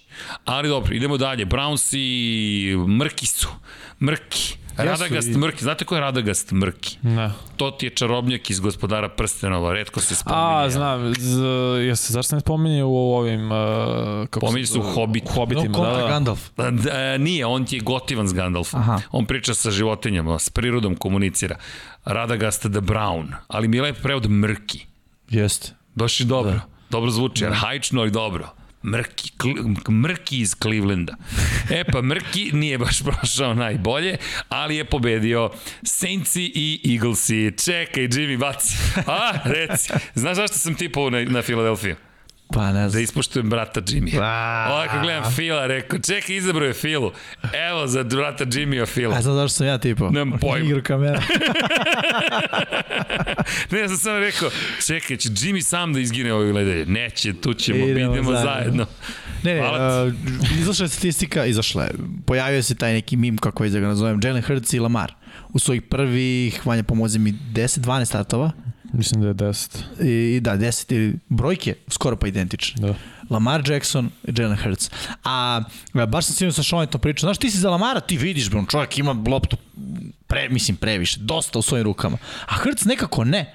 Znaš, ti znaš da će Hurts da trči, sve je to okej, okay, ali realno, da li su ti Lamar i Hurts isti? po stilu igre i po tome koliko, da li bi rekao da Lamar ima više nošenja u ne. utakmici ili Hurts? Rekao bi, rekao bi Lamar. Rekao bi Lamar iskreno. A za šta? koliko ima nošenja po utakmici? Pa ne bi, rekao bi da su to isti, zašto sam gledao Hrca na koleđu, znam kako Ne, isti. ne, ne, ne ne na NFL, Ne, college, ne, ali isti je stil. Ne, ne, ali isti je stil. On je isto toliko trčao. On Ali sad to nije, Ali koristi. štrčao, ovo je sada u NFL-u. Jeste. Pritom naš Hrc ne radi te, uh, da kažem, prvo nema backfield sa trojicom, Lamar uvijek ima backfield sa dvojicom, trojicom, pa onda idu tu oni ridovi i ostale stvari što Baltimore radi u napadu. Hrc to ne radi. Hrc ima četiri hvatača legitimno ili tri plus tight end, jedan back pored njega. Standardno manje više. Standardno manje više, upravo tako, regularan neki zone Neki read. shotgun, obično. Jeste, ali baca, trči i za mene je on odgovor. Sećate se na početku sezone. Bilo je dosta pitanja, znaš, da li on, da li preteruju mnogo pasa. Delo je da je i Sirijani našao onako formulu Dobro, koja... sezona. Da, formulu ne mogu sad da kažem kao neku pobedničku, sad će oni da rasturaju i to, mada verujem u tu priču, ali okej. Ovaj, ali našao je formulu kojoj se Hurts i napad File osjeća konforno. Ja sam stvarno kad taj napad izađe onako, želim da vidim šta će da nam spreme. Želim da vidim ono, Devonte Smith, želim da vidim Dallas Goddard, Miles Sanders. Uzbudljivo deluje. Jeste. Uzbudljivo jeste, deluje. Uzbudljivo. I odbrana se sve više onako sabira, da tako kažem, odnosno sabrali su se. Ok, jeste delo da će se Saintsi vratiti u jednom trenutku, ali ajde, ja bih to malo i pripisao činjenici da Eaglesi nisu nikad vodili koliko su vodili protiv Saintsa u jednom trenutku na ovom meču. Bilo je, čini mi, čini mi se 40-19 ili tako nešto. U svakom slučaju bilo je dva ili tri Toliko upečatljivo poseda. da deluje da je završeno. Jeste, dva ili tri poseda je bilo, mora čak i cela tri poseda razlike i onda odjednom krenu da ih stižu, da kažem, Saints na neke greške Eaglesa, na malo napad koji je, ajde da malo spustimo loptu, ali na kraju Eaglesi su ipak uh, ono, priveli to kraju i nije bilo pitanja, da kažem, nakon recimo druge četvrtine ili polovine, druge četvrtine, ko će pobediti. Čestitke. Važna pobeda. Jeste, jeste, pogotovo Važna sad pobeda. posle poraza Dallasa, tu smo, dišemo im za vrat. To je to. Idemo dalje. Pregled 11. kola i dalje traje. Washington protiv Panthersa. Druga pobeda za redom. Posle Tampe skidaju skalp Karolini u sred Charlotta mm. i Cam Newton izveo je Metallica mena, ali, ali nije bilo dovoljno. I to je na sred terena došao i spustio loptu, ali 27-21, ej, Washington je lepo izgledao ponovo. Ron Rivera zna Karolinu, nekadašnji trener Karoline, čak su se i pozdravili, blago, ali su se pozdravili Rivera i Cam Newton na kraju, no Washington, ej, meni je fascinantno, dve pobjede protiv jednog vrlo ozbiljnog tima, Tampa Bay Buccaneersa i protiv ekipe koja je nezgodna. I ne, ne zborim Christian McCaffrey, koji pogledaš hvatanja opet i, i Kem, ruka radi, kako god radi. Jeste, delo je bolje nego, nego u, na početku sezone u Patriotama na trening kampu, ali e, Washington još jedna enigma ekipa. Jeste. Ali uhvatili su neki zalet. Pola da. NFC je enigma ekipe. Jeste. Sve taj ono od Ramsa pa nadalje, od, znači od šeste pozicije do neke 12. To je sve ono Svi koji imaju 50% ili manje razbaca. su enigma. Jel ti, izvini, Jimmyevo rešenje je idealno da ima što više timova u istoku NFC-a. da, pola da. NFC-a da, Da, bude. pola NFC-a je I onda imaš samo jednu koja prođe u playoff i zdravo doviđenja. Ali, ja ne znam, stvarno ne znam, malo mi bilo sebično ovo što je Kem uradio to na pola terena, neko je stavio sebe u prvi plan, kao gledajte mene. Baš čudno. Ali kad je on to nije uradio? Kad Pa nije. valjda si im toliko, Znaš valjda si kad malo nije? sazreo, znaš, da, aj povedi, aj povedi svoje saigrače kao, da, znaš, ali stavio si sebe u prvi plan i Prva rečenica je I'm back. Druga rečenica je nisam mislio samo na sebe, već na celu ekipu. Nego ja i Super Cam. ja, da, da, da, da, da, da. Me, myself and I, što bi rekli. Vidi, to je i lepo kod Kema kad to radi. Problem je kad ne radi, onda izgleda smešno. Ali vidi, to je on. Da, je. Dovedeš ga, to je kao ono, ako si devojka koja se nada će da ga promeni, nećeš da ga promeni, to je Cam Newton. Realno, to je Ali Cam jeste, Newton. to je Kem, ja Ne ne da znam ni šta dovedeš- ljudi očekuju od njega. Tako Ej, je. Bud, vidi, taj moment gde je on kao, ja sam sada izmenjena ličnost. Ne, to Ne. je Patriot Way. Znao je da tamo vrata su mu jedina stvar koja ga čeka ako počne se ponaša blesavo. Ne van terena, to bilo ne zanima. Nosi šta god hoćeš na sebi i ja to poštujem kod bilo. Radi šta hoće, samo nemoj da pričaš šta ti nisam rekao da pričaš, Tako. ali na terenu radiš šta sam ti rekao. Jeste. E sad, ovde on je bio taj koji, vidi, budimo realni, Karolina od Jakea Deloma nije baš bila neka spektakularna ekipa. Nije imala boljeg od njega. Tako je, došao je Kem i ceo grad je bio Kemov grad. Oni su ljudi ušli u Super Bowl 50 sa Kemom Jeste. Newtonom. To se zaboravio. Da, pojela ga je odbrana Denvera. Pojela ga je, ali opet Kem se vratio na, na mesto rođenja. To, je njego, to je njegova ne znam, Fortress of Solitude, znaš, on je tamo the man. I, ok, ja mislim da će oni biti dalje opasni, koliko, pa, sli, mada mislim da je to isto koliko sa Minnesota, može da bude, ne mora da znači.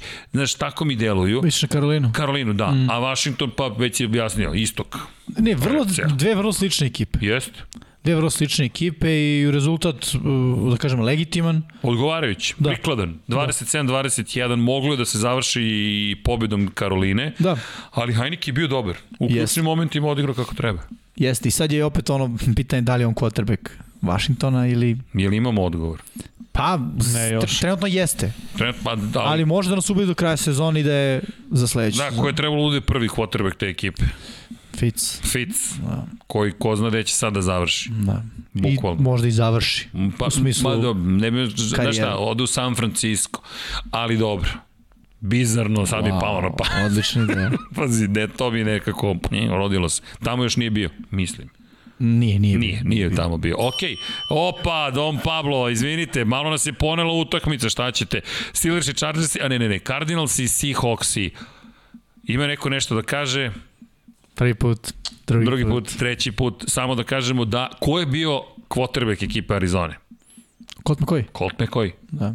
Samo da se konstatuje. Treći je utakmica za red. Treća, da. da. Dve pobede i jedan poraz. Kao starter ove Not sezone. too McCoy. bad. Da. Nije loš, ali pobjeda protiv divizionog rivala u sred Sijetla, od koga deluje da su svi odustali. 49ers je otišli u Jacksonville, morali su da dobiju utakmicu, Da. 30 10 naspram 10 i dobili su je. Jaguarsi poput Jaguarsa ove sezone, ništa novo. 49ersi malo je to bolje izgledalo, činjenica, ali kažemo, protiv ove ekipe i mora da izgleda tako. Idemo dalje, Dom Pablo.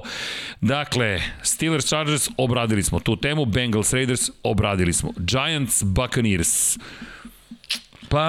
Rutina. Otkaz Jasona Garretta. Da, otkaz To je je, suma. to je suma sumarum. Rutina Toma. Da. Kako? Rutina Toma. Pa jeste. Da, E, ali- I, i je, mada, izvini, izvini. Uh, teo sam da kažem Gronk kad igra. Kad igra Gronk i Antonio Brown, Druga priča. Što bi rekao Mik sam u kuću da staje na njih. Bukvalno. Bez problema. Ali bukvalno. Kad ne igra Antonio Brown, već mora se pogleda matchup, Tako a je. igra Gronk, a kad ne igraju obojica, videli smo. Drama. Drama. Drama, baš je drama. Da ako ne povuče neki running back, a nisu ove godine baš povukle, mm. pitanje koliko su dobili šansi, drama. Pa čak i ovih 10 ne bi se desilo da, da Evans bio sigurnih ruku. To je presečeno davanje manje više pred end zonu Tampa Bay Buccaneersa, ali to se dešava, to su Jest. igračke greške. Pazi, Evans i Godwin su i dalje, ja bih rekao, na isto nivou kao kad je Winston bio tu. Oni nisu se pomerili. Nisu se pomerili, ne, što je njihov jeste malo maksimum. problem, u smislu nisu sad oni kao neki prosečni hvatači, obojice su dobri hvatači, ali nekako sam očekivao da će uz Brady-a da naprave taj neki korak koji možeš samo da napraviš kad je pored tebe ono, Goat. pa kažem koza. Pa koza je tu. Jeste, Nije jeste. čurka, ali je koza. Ali dobro. nekako nisu i zbog toga igra uh, Baksa i dalje zavisi od toga kako igraju Gronk i da li igraju Gronk i Brown, jer su oni ta dva igrača koje Brady čini I da li igraju kod kuće. Jer pazi, ono je postala tvrđava tamo. Tamo su nepobedivi ove godine na gostovanjima, malo drugačije priča, direktno suprotno play-offu prošle godine, kada su do Superbola sve igrali na gostovanjima. Da. Ali ok, play-off je jedno, regularni deo sezone nešto sasvim drugo, da. no ekipa koja i dalje mislim da nije dobila sve odgovore i ima tu još posla za Tampa Bay Buccaneers-e. Giantse su morali da dobiju, pogotovo posle dva uzastopna poraza, to su i učinili. Giantsi. A Giantsi, Pa, Giantsi, vidi, komentar u Njujorku medija glavnih je sledeći. Jason Garrett je problem. O, rešenje je da ga otpustimo, to će da nas popravi. Not. Eć. Nema šanse. Ljudi kažu da se franšiza unutar, unutar organizacije raspada. Da je jednostavno potpuni haos tamo, da se ne zna ni ko pije, ni ko plaća. Da je jednostavno to što su otpustili Gereta, jedna šminka velika. Da, da, da. I da ništa zapravo suštinski neće promeniti. Jer ja zaista ne vidim, ok, Geret, pa nije briljirao, ali koliko je utakmica imao Geret na toj poziciji? Znaš, ti, ti o čemu pričamo? Sad, Geret je kao ofenzivni koordinator kriv za prosečne žance. Ma, to je samo početak, da kažem, kraja Pa da. nekih imena u, u Giantsima. Mislim tu na Daniela Jonesa svakako. Uh, ne znam što se tiče uh, Joe Judge-a, mislim da je još rano. Pa još jednu sezonu ima. Da. Ja mislim da će mu dati još jednu sezonu. Ovu do kraja sigurno i sledeće će početi i videti. Da Pa to li se isplati... Ljudi, to je mnogo drugačiji grad. E, U Čikagu mediji lažu o Metu Negiju. Lažne izveštaje pišu, bukvalno, ne bili prodali novine, klikove, šta god. Ali to su sada, to čak nema veze s novinarstvom. Nema čak ni osnove u pričama koje pričaju. Bukvalno lažu. Ne bili stvorili priču. U Njurku, još je luđe.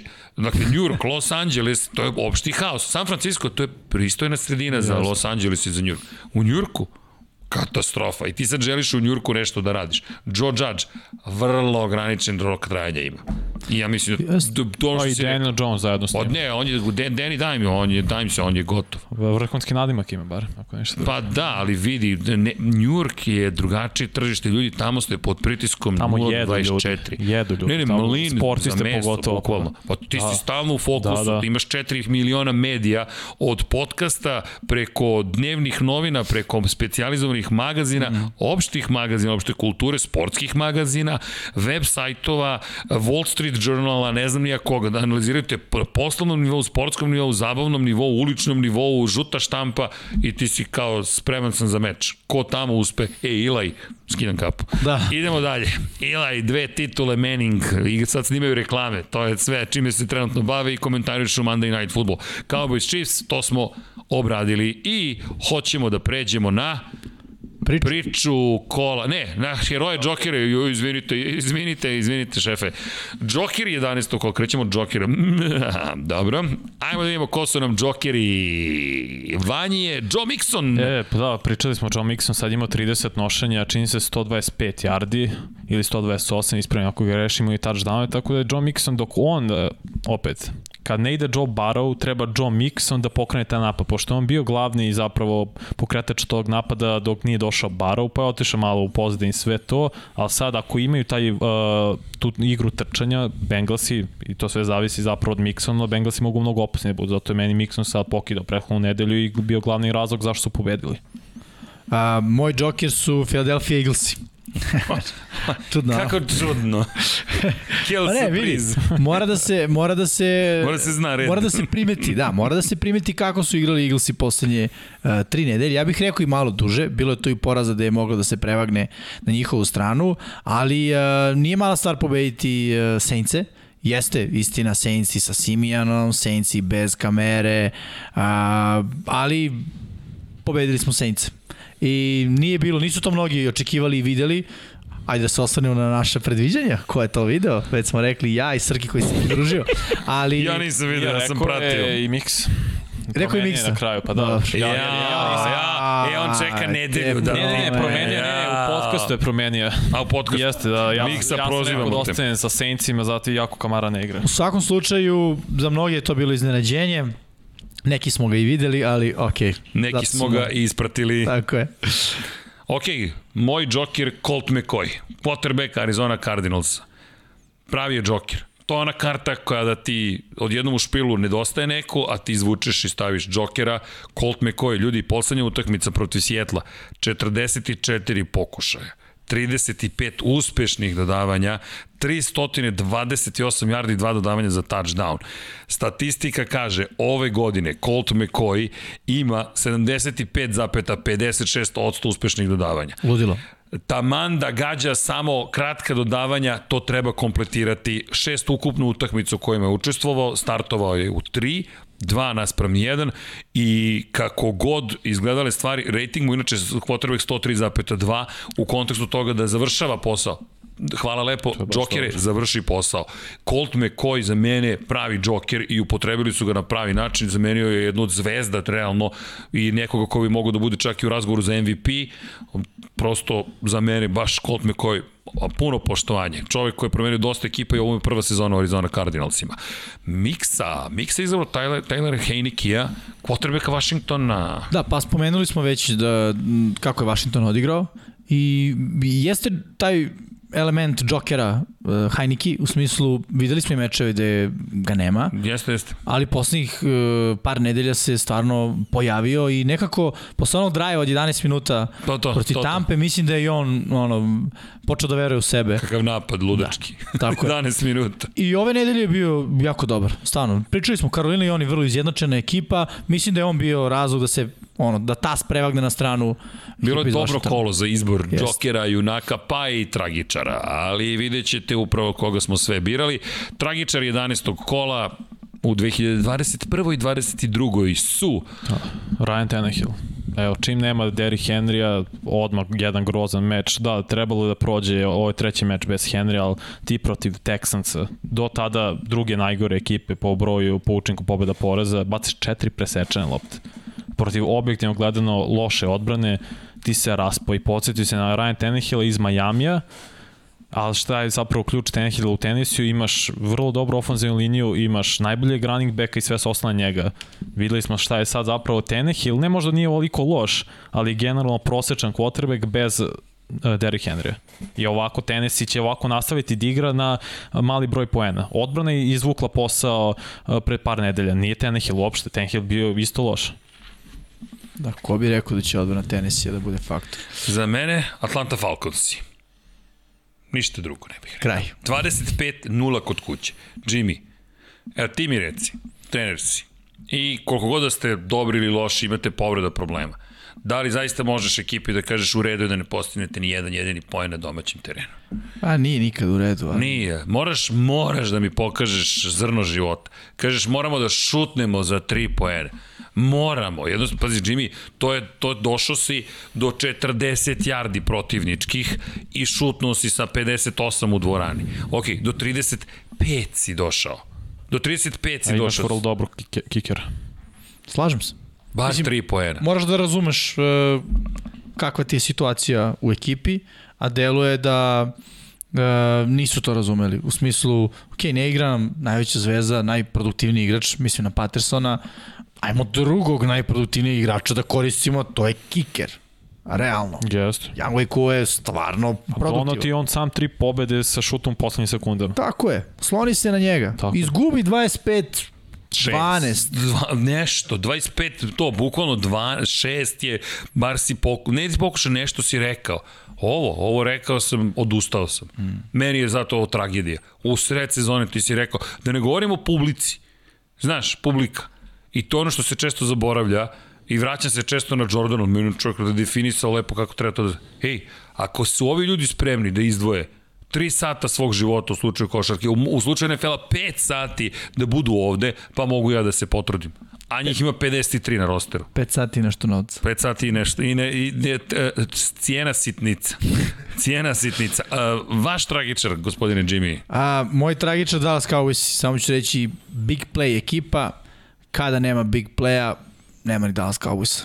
Evo već dva kola za redom, već nije, da kažem, slučajnost. Dva kola se to vidi i vidi se u utakmicama gde su gazili protivnike, tu su pljuštali big playevi. Tako da, ok, ne, nema Coopera, nije bilo ni Lemba, ali to je NFL. Nećeš ih imati cele sezone i po meni su oni tragičari jer su morali da pobede Chiefse, Uh, to bi bilo ono što kažu amerikanci statement, pobediš uh, prošlogodišnjeg učesnika Superbola, pred prošlogodišnjeg osvajača Superbola, pobediš Mahomesa. To menja stvari. Sve menja stvari kad pobediš Chiefse. Ali mi su pobedili, Fioka nije se desilo, je ostala bogatija, postala bogatija za još jednu, za još jedan file, a, tako da za mene Dallas Cowboys. Buffalo Bills i za Miksu. Pa dobro. Očigledno. Da, zgazili su i kolci. Nameći se. Na papiru ne bi Kod trebalo. kuće njihove. Da. Tako da Buffalo Bills i dosta timova o, o, o, ove nedelje. Mada i Tennessee Titans i mogu si da uzmeš cele, ali Vanja je u pravu. Ta Tannehill mora da snosi breme odgovornosti. No, ko nosi breme slave? Ko je heroj 11. kola? Dom Pablo, šta kaže tabela? Kaže, kakvo iznenađenje! Frapiran sa što piše. Da, da, Justin Herbert, quarterback Los Angeles Chargersa za Vanju. A dovoljno smo rekli, Sonny Herbert je već sad 25 startova bacio 53 touchdowna. Tebi ti si znao posle prve sezone manje više da je on franšizni quarterback. Tebi net nije trebao nikakav dokaz dalje. On samo sad potvrđuje igru, sada i poboljšava igru, podiže za neke quarterback koji treba večnost da proceniš. Ali Izvini. za neke mislim, vidiš samo ovako. Mih se to lepo rekao. Ne može on da bude u kategoriji džokera. Od njega se očekuje da Tako bude je. heroj. On može da bude samo heroj. Ne može da bude džoker. Ili tragičar. Ili tragičar. To su ti dve kategorije u koje ideš. Ovog puta junak. Uh, gospodine Jimmy. Uh, Jonathan Taylor. Već smo pričali o tome kakav je meč imao, pet touchdowna na utakmici. E, jedan touchdown je nedostajao da izjednači rekord. Da, da. Kamera, Kamera i... i, i zaboravio sam. Kamera je prošle godine to postavio. Jao. Tako je. Ali, ok, u svakom slučaju dva čoveka imaju po šest Da. da. postignuta A to je touchdowna. davno bilo, taj Baš je prvi je davno bio bilo. baš, baš davno. Baš je davno bilo, imao si, uh, uh, bio si na korak od toga, jako težak zadatak, šest touchdowna na meču, to je baš ludilo, postigao je pet i već smo rekli, on je napad Indianapolis Coltsa, i sve mu više veruju i sve više su spremni da mu daju ključeve grada i kažu Jonatane, slobodno od ključaj za ključaj kad god hoćeš. Indianapolis, možeš i 500 milja Indianapolisa, što se nas tiče da voziš. Ali imamo mi još heroja. Kirk Cousins, quarterback Minnesota Vikinga, mislim da zaslužuje da bude heroj. Jednostavno pobediti Green Bay, pa i u Minneapolisu je velika stvar. I kada pogledamo uspehe ove ekipe generalno i konkretno sa trenerom, trenutnim trenerom Green Bay-a koji u diviziji hara sa Aaron Rodgersom koji kao baš je kriptonit za, za sve superheroje, ovoga puta nije ta zelena boja pomogla. I neverovatno mi izgledalo, zašto sam bio ubeđen da će Green Bay da dobije. Komentarisali smo tu utakmicu Žule i ja i samo razmišljam kako će da dobiju. Ne da li će, nego kako će da dobiju, u kom momentu će Minnesota i napraviti grešku, ali u kom momentu će ih Rodgers kazniti. I opet Fioka, Nije se desilo. Nije se desilo. Pazi, redko ovo polazi za rukom Vikinzima i mislim da im sada dolazi najveći test. Jer ukoliko ovaj zalet, ovaj zamah mogu da iskoriste i svesni toga da su pobedili Green Bay u toj diviziji mržnja između Chicaga i Green Baya, Minnesota i Green Baya uzajamno, Detroit trenutno je zaboravljena franšiza je nešto što definiše filmove, serije, kada pogledaš opštu kulturu, pogotovo zabavnu, o kome se priča?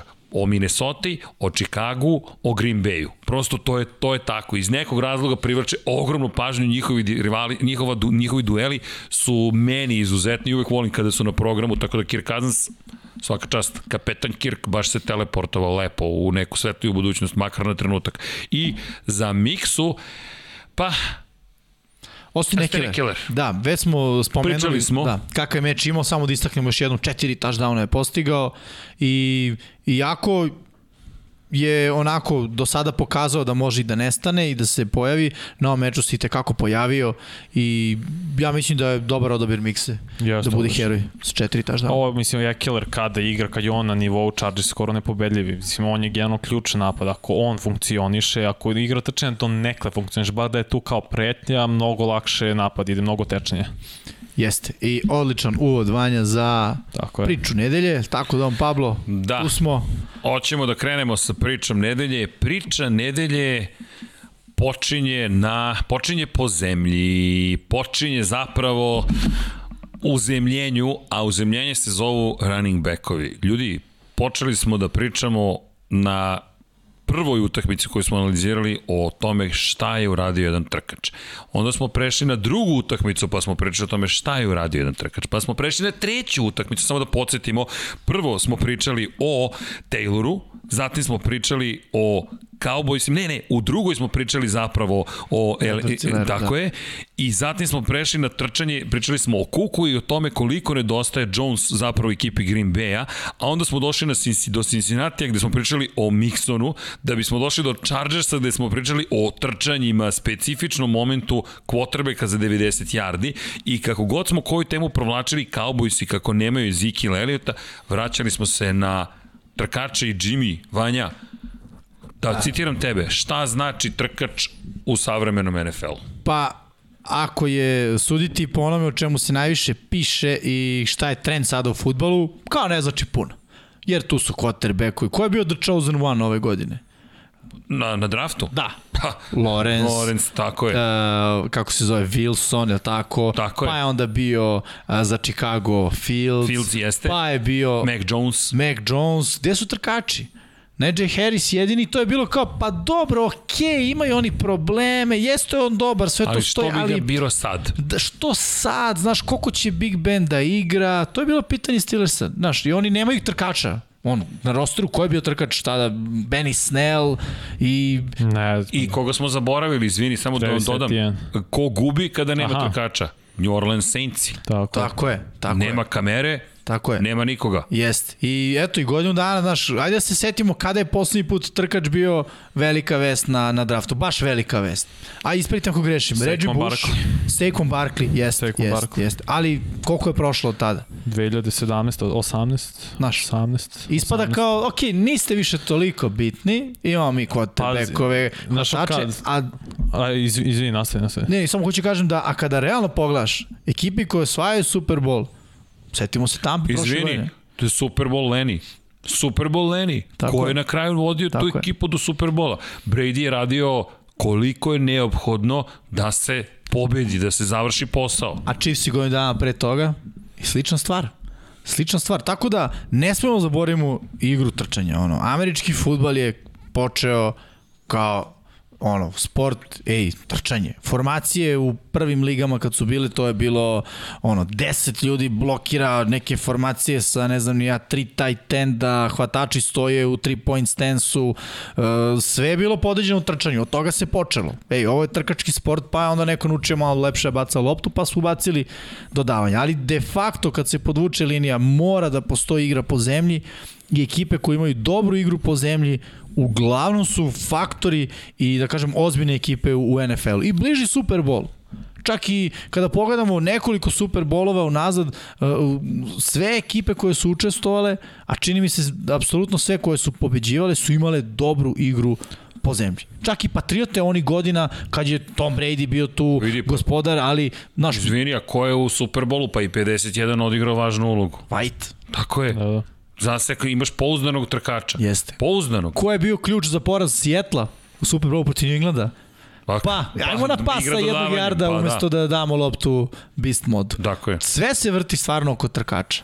Naravno i ofenzivne linije, ali ne smemo zaboravimo igru po zemlji. Da ne to je priča Da nedelje. banalizujemo. Naravno da morate da imate odbranu. Naravno da morate da imate specijalni tim. Naravno da morate da imate napad. Niko to ne spori. Ali govorimo o tome koliko faktor X u napadu jeste trkač. Ako se sve osloni, kao što smo videli, na, Breskot, na Preskota bacaj, bacaj, bacaj, na Mahomesa, na, na izabranog, on je izabrani trenutno, bacaj, bacaj, bacaj, bacaj, pa lopte počinju da liče na, na cirkus, dođeš u situaciju da kažeš čekaj malo, ovde nešto nedostaje, gde ti je uzemljenje? Kako ja mogu, kada nema elektriciteta na sve strane, da se uzemljim i kažem, ok, uradit ćemo koliko je neophodno da osvojimo novi prvi down, to je nova četiri pokušaja, da poentiramo, da dođemo do 35 yardi da šutnemo za 3 poena ili šta god je već neophodno, bez trkača, Pa ovo što, si, Slabo. što sam krenuo da kažem, fama o trkačima generalno je nestala početkom 2000 2010-ih, tako, znači. I sve dok nije došao 2015. Todd Gurley i Melvin Gordon, koji su stvarno bili na koleđu ultra dominantni. Pogotovo Melvin Gordon. Pa onda naredne godine Ezekiel Elliott, zato što on isto odveo bukvalno Ohio do titule, pa posle upravo playoff Lenny. Ne, Chubb je kasnije došao, nego baš sad gledam po godinama. Uh, playoff Lenny došao 2017 sa LSU, niko nije mogao zaustaviti, pa posle dolaze Chubb sa Georgije zajedno sa Michelom, to je bio taj be, uh, ovaj backfield uh, Georgije. Onda dolaze, onda i Barkley isto bio taj draft. Sad u poslednjih par godina sad smo imali dvojicu, Harris i Etienne u prvoj rundi, koji su isto bili dominanti. I ove godine izlazi jedan uh, Kenneth Walker sa Michigan State-a koji je ubedljivo najbolji. A opet je to 1-2, a uglavnom se running backovi nalaze u, u kasnim rudama. Možda je zato to palo kao da je manje bitna pozicija. Iako realno running backovi su sa koleđa najspremniji da igraju odmah u NFL-u. D- Istina, mislim, zavisi s kog koleđa dolaze, ali Jeste. da, ako dolaze s ovih velikih, uh, svakako jesu spremni od quarterbackova, hajde to da kažemo. Pa od većine pozicija, Jimmy, mislim, pogledaš i ofenzivnu liniju, red koji uh, off, uh, tackle može odmah da igra, Slater, sada uča- može odmah da igra. Dobro, da, Nelson jeste je anomalija, guard da. koji mogu odmah da igra, bukvalno su rekli on je Hall of Famer čim je stao na NFL teren. Ali to su isto redki, njima treba par godina da se u, uvežbaju. Vidimo Leatherwooda iz Raidersa, grozonj. Mislim, videli juče ima Da, da, da. da. par uh, grešaka. Jeste. Mislim, baš je, on treba vremena da se uklopi dok running back, ono, dobijaš loptu, manje više nećeš promeniti svoju konstituciju, napravljen si igrač već šta, jer šta je bilo za Peterson priča, on mogu da igra i srednje. Ali Peterson je jedan, da se razume. Dobro, to je... To je, ne, to je jedan, ali to opet dokazuje, running back je e, nesvesno pocenjena pozicija. Ali on je izuzetak koji upravo potvrđuje pravila. Da. Ti možeš da izvučeš jednog trkača koji toliko opstaje i funkcioniše tako kao što funkcioniše Adrian Peterson. Jednog. Od svih. Da, znamo da im je rok trajanja ograničen, znamo da je to nekoliko sezona, ali bez obzira ti moraš da nađeš tog trkača. Alvin Kamara, Da, da. Koja je on runda? presudan igrač, pazi. A koja je on bio runda? Beš? Treća, čini Treća. četvrta. Da. da, i, i to će se, ja ne vidim da će se to promeniti dok ne postane moda. Pa- Znaš kako, izvini, znaš kako meni to izgleda? Kao i sve kada je reč o, o popularnosti.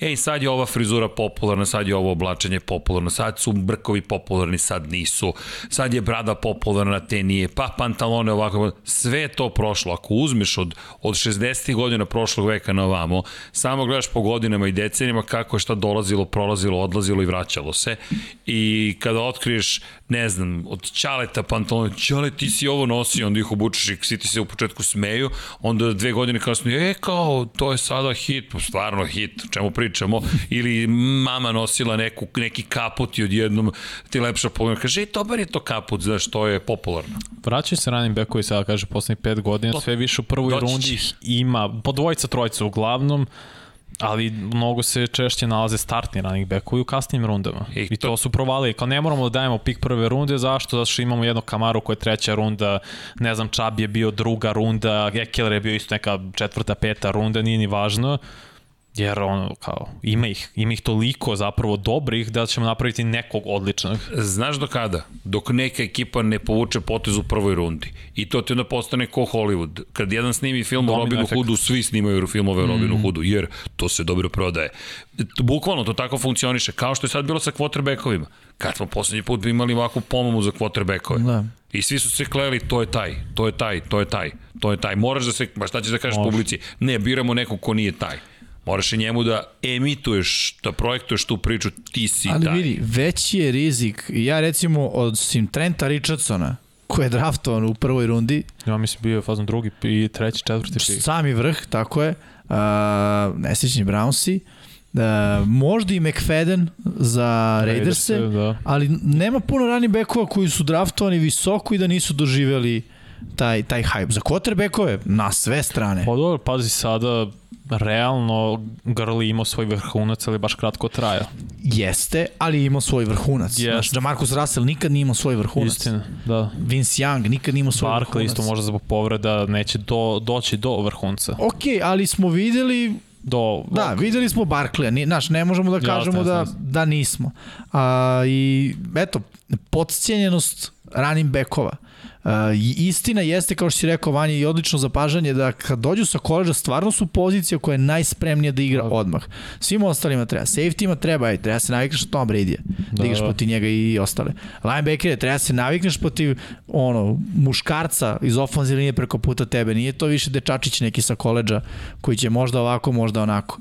A, sve pozicije manje više dođu i moraju se privikavaju, a running backovi stvarno su nas ubedili i pokazali da kad dođu ono, game ready odmah za, za NFL. Naravno, ne svi, ali velika većina i mislim, ono, hajde, James, Ro, uh, da, uh, James Robinson, tako, running back uh, Jacksonville. Tako je, ne draftovan. Nedraftovan momak. Nosi igru Jacksonville. Eto, ne, Jeste, ne istina. Lawrence, nego on. Da, da. To bi bila priča nedelje. U fantaziju nađite Jonathana Taylora.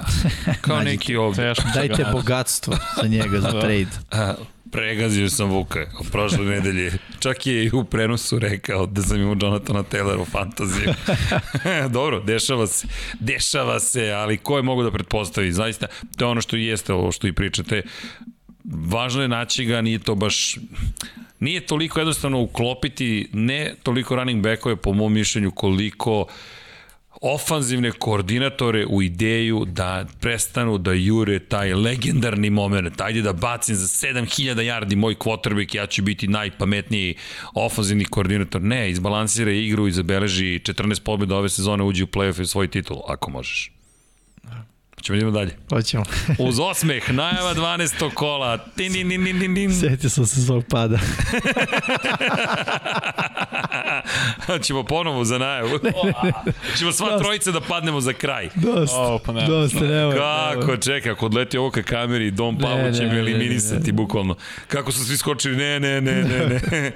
ok, najava 12. kola, ljudi već je počelo uveliko, tri utakmice su održane. Naravno, imamo ih još tokom vikenda, ali da bacimo pogled za početak, šta ćemo Dom Pablo? Šta god želimo, hoćemo da bacimo Ramsey protiv Packersa, krećemo odatle, ok. Eli Ramsey odlazi u Green Bay. Ljudi, kakva utakmica nas čeka, savršena rekao bih. Pazi, Ramsey, Packersi. Ko je pobedio u prethodnom kolu od ove dve ekipe? Nijedno. Niko, bili tako je, niko nije pobedio. Ali ko je poslednji put kada su Ramsi igrali, pretrpili su poraz, ako se dobro Da, sećam. Jeste, jeste. Da. Pretrpili poraz. Dakle, poraz Monday night čini se da je bio. Tako je, jeste Monday night i Packersi poraz. A idemo u Green Bay gde je ekipa pe, gde je hladno. Pa, istina Pa, je. istina, hladno je tundra, vidi, la, ladno, ladno. Jesi igrao civilizaciju možda? Jesi igrao civilizaciju? Ne, igrao sam Medieval Je Total War. to, ali yes. civilizaciju igra. Znaš, kad ti izađe prvi put kad klinac si sa 12 godina tundre, šta mama, šta je tundra? I onda čitaš, e, to je tamo gde igraju Green Bay Packersi. U svakom slučaju, 4-0 ove sezone i do sada ih niko nije pobedio. Da li Ramsi mogu da reše tu misteriju? Uh, moraju. Ako su playoff ekipa, moraju da reše misteriju koja se zove Green Bay Packers. Packersi su pobedili, Minnesota ih je pojela prošle, jeste to diviziono uh, rivalstvo, ali ej, Ramsey, tolika imena u ekipi, pa mora da klikne. I to mora da klikne protiv velikih. Ne mogu da se zadovolje time da po, pobeđivaćemo, ne mogu da kažemo onako ekipe, imali su dobre pobede ove sezone, stvarno. Ali malo je počelo da brine, oni imaju dva poraza ako se ne varam, je li tako? D- 49ers back to back. Zgubili su od 49ersa Dobro, a pre i toga... nedelju pre toga Srki baci pogled. Čekaj, čekaj da vidimo uh, trenutni niz za Jer OBJ je tu dve nedelje. Remse Još dva, dva poraza ne, ne, su. ali ne, ne, igra ali samo OBJ protiv je jedan 49ers. pretrpeo. Da, Da. okej, okej, Da, znači da. dva poraza, tako? Tako je, dva rekao. poreza, upravo si. Dva poraza i sada već e, to ne deluje kao da kažem kalkulisano. Uh, I mnogo će značiti kako odigraju prvo polovreme. Jer, znamo, McVay sa Remsima, prvo polovreme kada vodi, pobeđuje. To je pravilo. Do sad još uvek se, čini mi se, nije desilo suprotno. Uh, Packersi sa druge strane i za njih je bitno. Rekli smo nije crveni alarm i ako izgube i ovo opet mislim da ni, ne, ne ulaze u zonu crvenog alarma, naravno, osim ako ih Remsi ne pregaze, ali sumnjam da će to da se desi. Uh, I jedni i drugi onako uh, treba im, treba im ovakav meč, treba im u ovom trenutku, odnosno u ovom uh, uh, delu sezone, ali mi se čini da Rams imaju mnogo više uh, da pokažu nego Packers u ovom trenutku. Pazi, Titansi su ih prvo pobedili, pa onda 49ersi. 28-16, 31-10. Šta je meni zajedničko u ova dva poraza? Gde je napad? 16 pojena protiv Titansa, 10 pojena protiv 49ersa. Dve loše utakmice Stafforda. Po dve, čini se da imaju obe po dve presečene mm. lopte. Tako je pad u njegovoj igri bio, mislim, očigledan. Sad zbog čega, ne znam. Da li ne verujem da je prosto provaljeno napad uh, Rams, iako je njihov napad više fines, više onako sad ćemo nešto da vam začaramo i tako, nisu toliko fizikalni, to su s 49ersi dokazali, fizikalnom igru su ih pobedili i stalno Shanahan protiv McVay igra fizikalno i uglavnom ga pobeđuje na taj način. Možda je to formula da pro, prosto biti fizikalan na liniji skrimidža protiv Ramsa. Mislim da je za njih formula da odigraju dobro prvo polovreme. Jer e, onda imaju šansu da da ovaj privedu meč e, kraju na način na koji na koji to žele. Takođe odbrana mora da malo manje bude banda. Za sada je pokazala u poslednjih nekoliko nedelja da su banda, a što se napada tiče, treba da se pravi da nemaju OBJ-a tu, nego da imaju samo hvatače. još Ko će menja Woods? Pa neka ga menja on, ja nemam problem, nego mislim da treba da se utihne priča ono OBJ, OBJ. Jer znaš, sad, realno, svi mi gledamo meč i čekamo pas kao OBJ. Jeste. Jel tako? I čekamo touchdown. A I da li ti čekamo onda vredi OBJ u magiju. ekipi? Pa, to je pitanje za McVeja.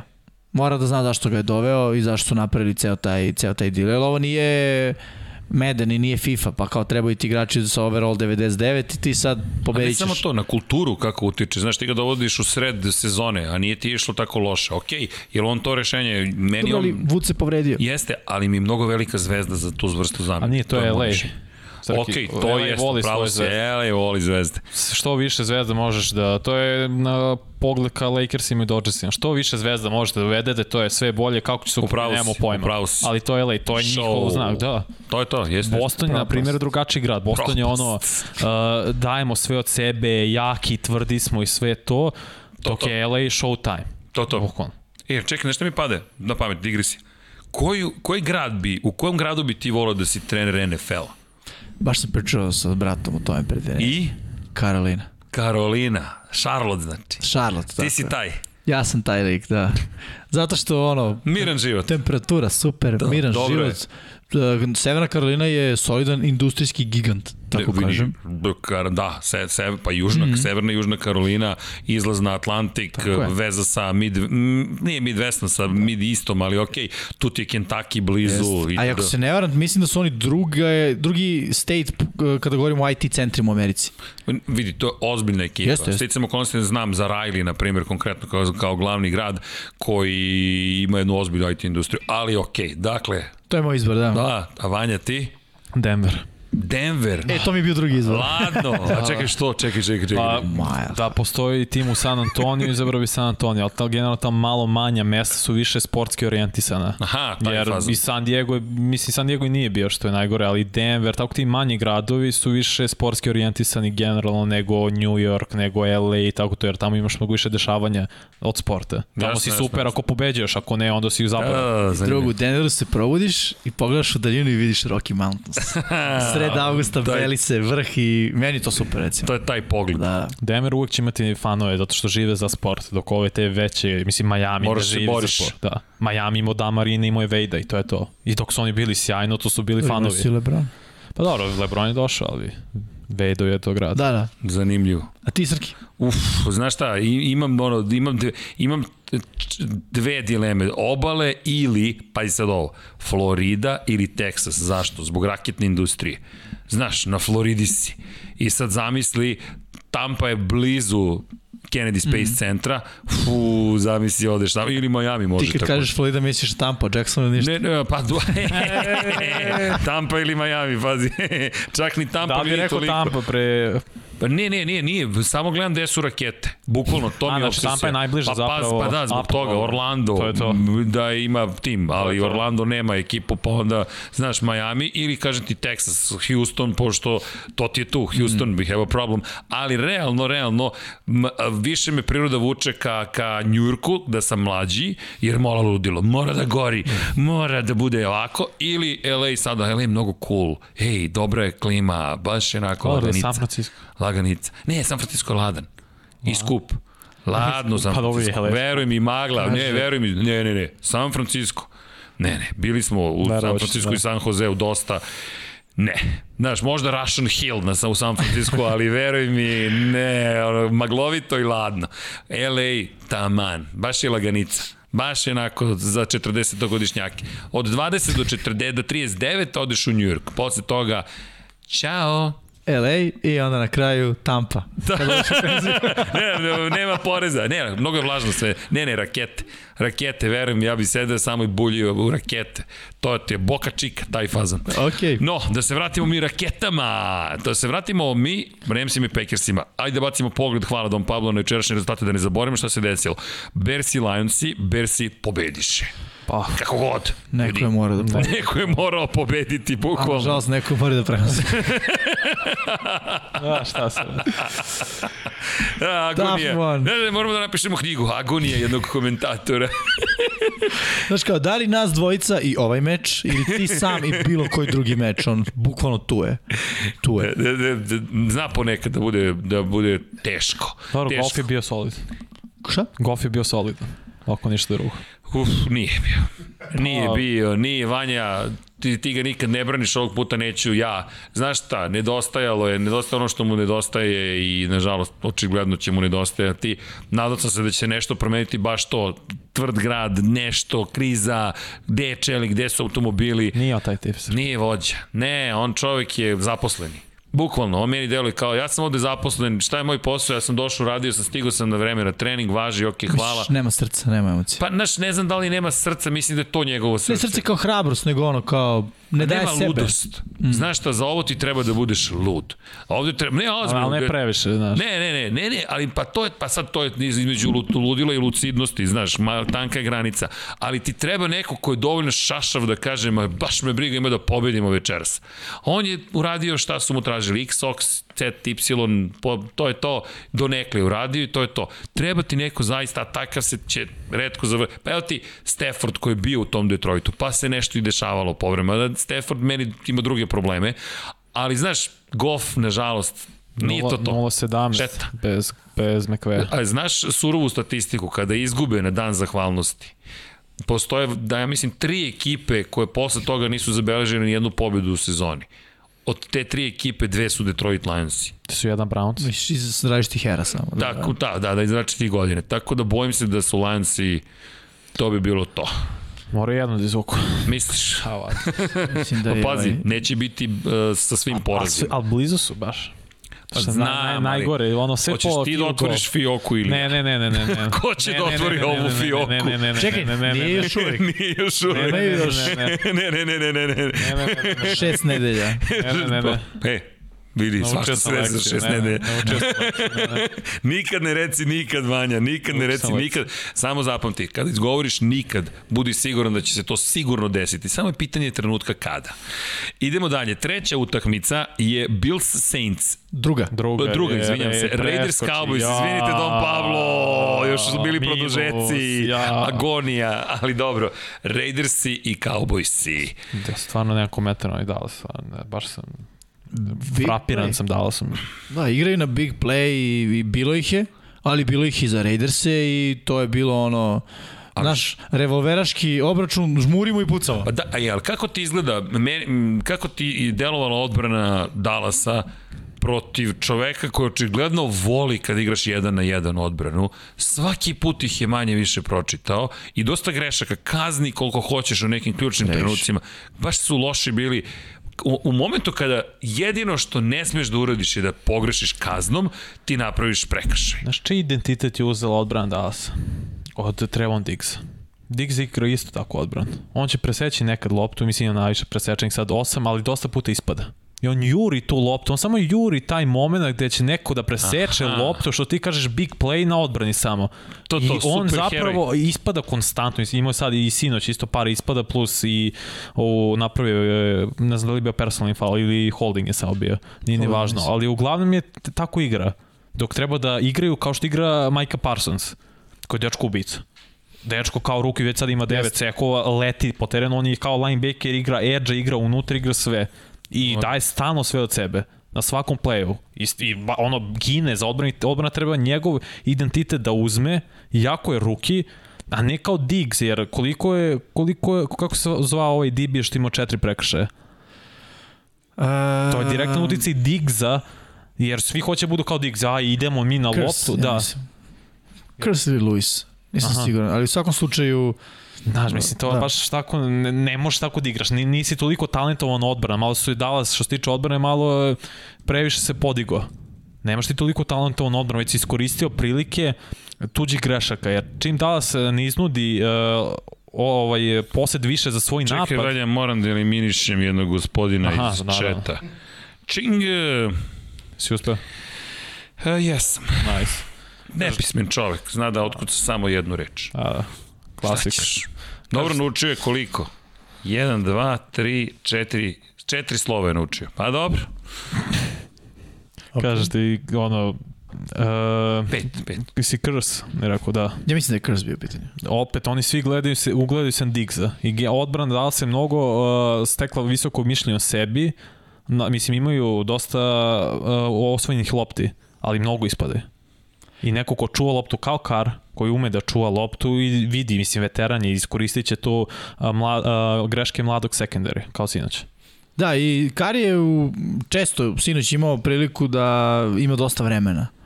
Iako i slažem se, Parsons jeste vršio pritisak i imao je, čini mi se, dva seka, sve ukupno da je Kar, uh, Kar bio sekovan tri ili četiri puta, što nije malo, ali u određenim situacijama, kao što si rekao, Strki donosio baš dobre odluke. Baš dobre odluke donosi Jeste. i da, prepozna šta igra odbrana, mada nije teško da prepozna šta igra odbrana, da se igraju man-to-man coverage, jer to je ono uh, flashy futbol. Ovaj, I onda kada pozoveš dobre akcije, uh, ne trebaju ti top, top receiveri da bi ovaj, uh, mogao da ih pobediš. On, neka ukrštanja, rute neke srednje dubine sa s vremena na vreme, s vremena na vreme da se ubaci jedan taj big play, ono Deshaun Jackson što je imao. Recimo, Zay Jones isto bio prilično, prilično dobar sinoć, ali ono, jedni i drugi su, nisu dobro trčali, nisu uopšte se oslanjali na trčanje i to je to, ono, upadneš u zamku koja se zove ajmo revolveraški obračun večeras, a bukvalno su te vezali oči jedan drugom i kao To pucaj pa ko Pa ko? padne, I vratimo se na priču nedelje. Da si trčao, možda bi i pobedio. No nisi. Ali imamo i treću utakmicu Da. koja se desila sinoć, to kao što ti kažeš četvrtkom tri, i do, do, dobri su termini. Znaš, lepo Da. da. je gledati četvrtkom, ej čekaj, u pola sedam počinje utakmica, u Jest. deset počinje, pa je ona noćna, izdržat ćemo. Bills i Saintsi, očekivano, Da. da. moram priznati sam verovao u Saintse, verujući zapravo pogrešno da će imati bilo kog trkača na terenu, nisu imali ni jednog. Baš Da. da. izgledalo loše. bez Ingrama, bez kamere, mm -mm. Ne može, Da, ne, ne može. mora neko da se pojavi. Ovako, Ingram makar nešto kada, je, kada sam čuo da nema ni Ingram, rekao, ok, nema, nema potrebe sad da menjam, Da. tipovo sam, idemo dalje. Čak ali i odbrana bilo. Saintsa već sad po, počinje popušta jer stalno na terenu. Ne možeš. Ne može da izdrži. Mislim, pod highlight meče bi onaj ruta Diggsa, kako Latimora koji je jednog Da. od najboljeg cornerbacka koji izbacio prosto. jeste.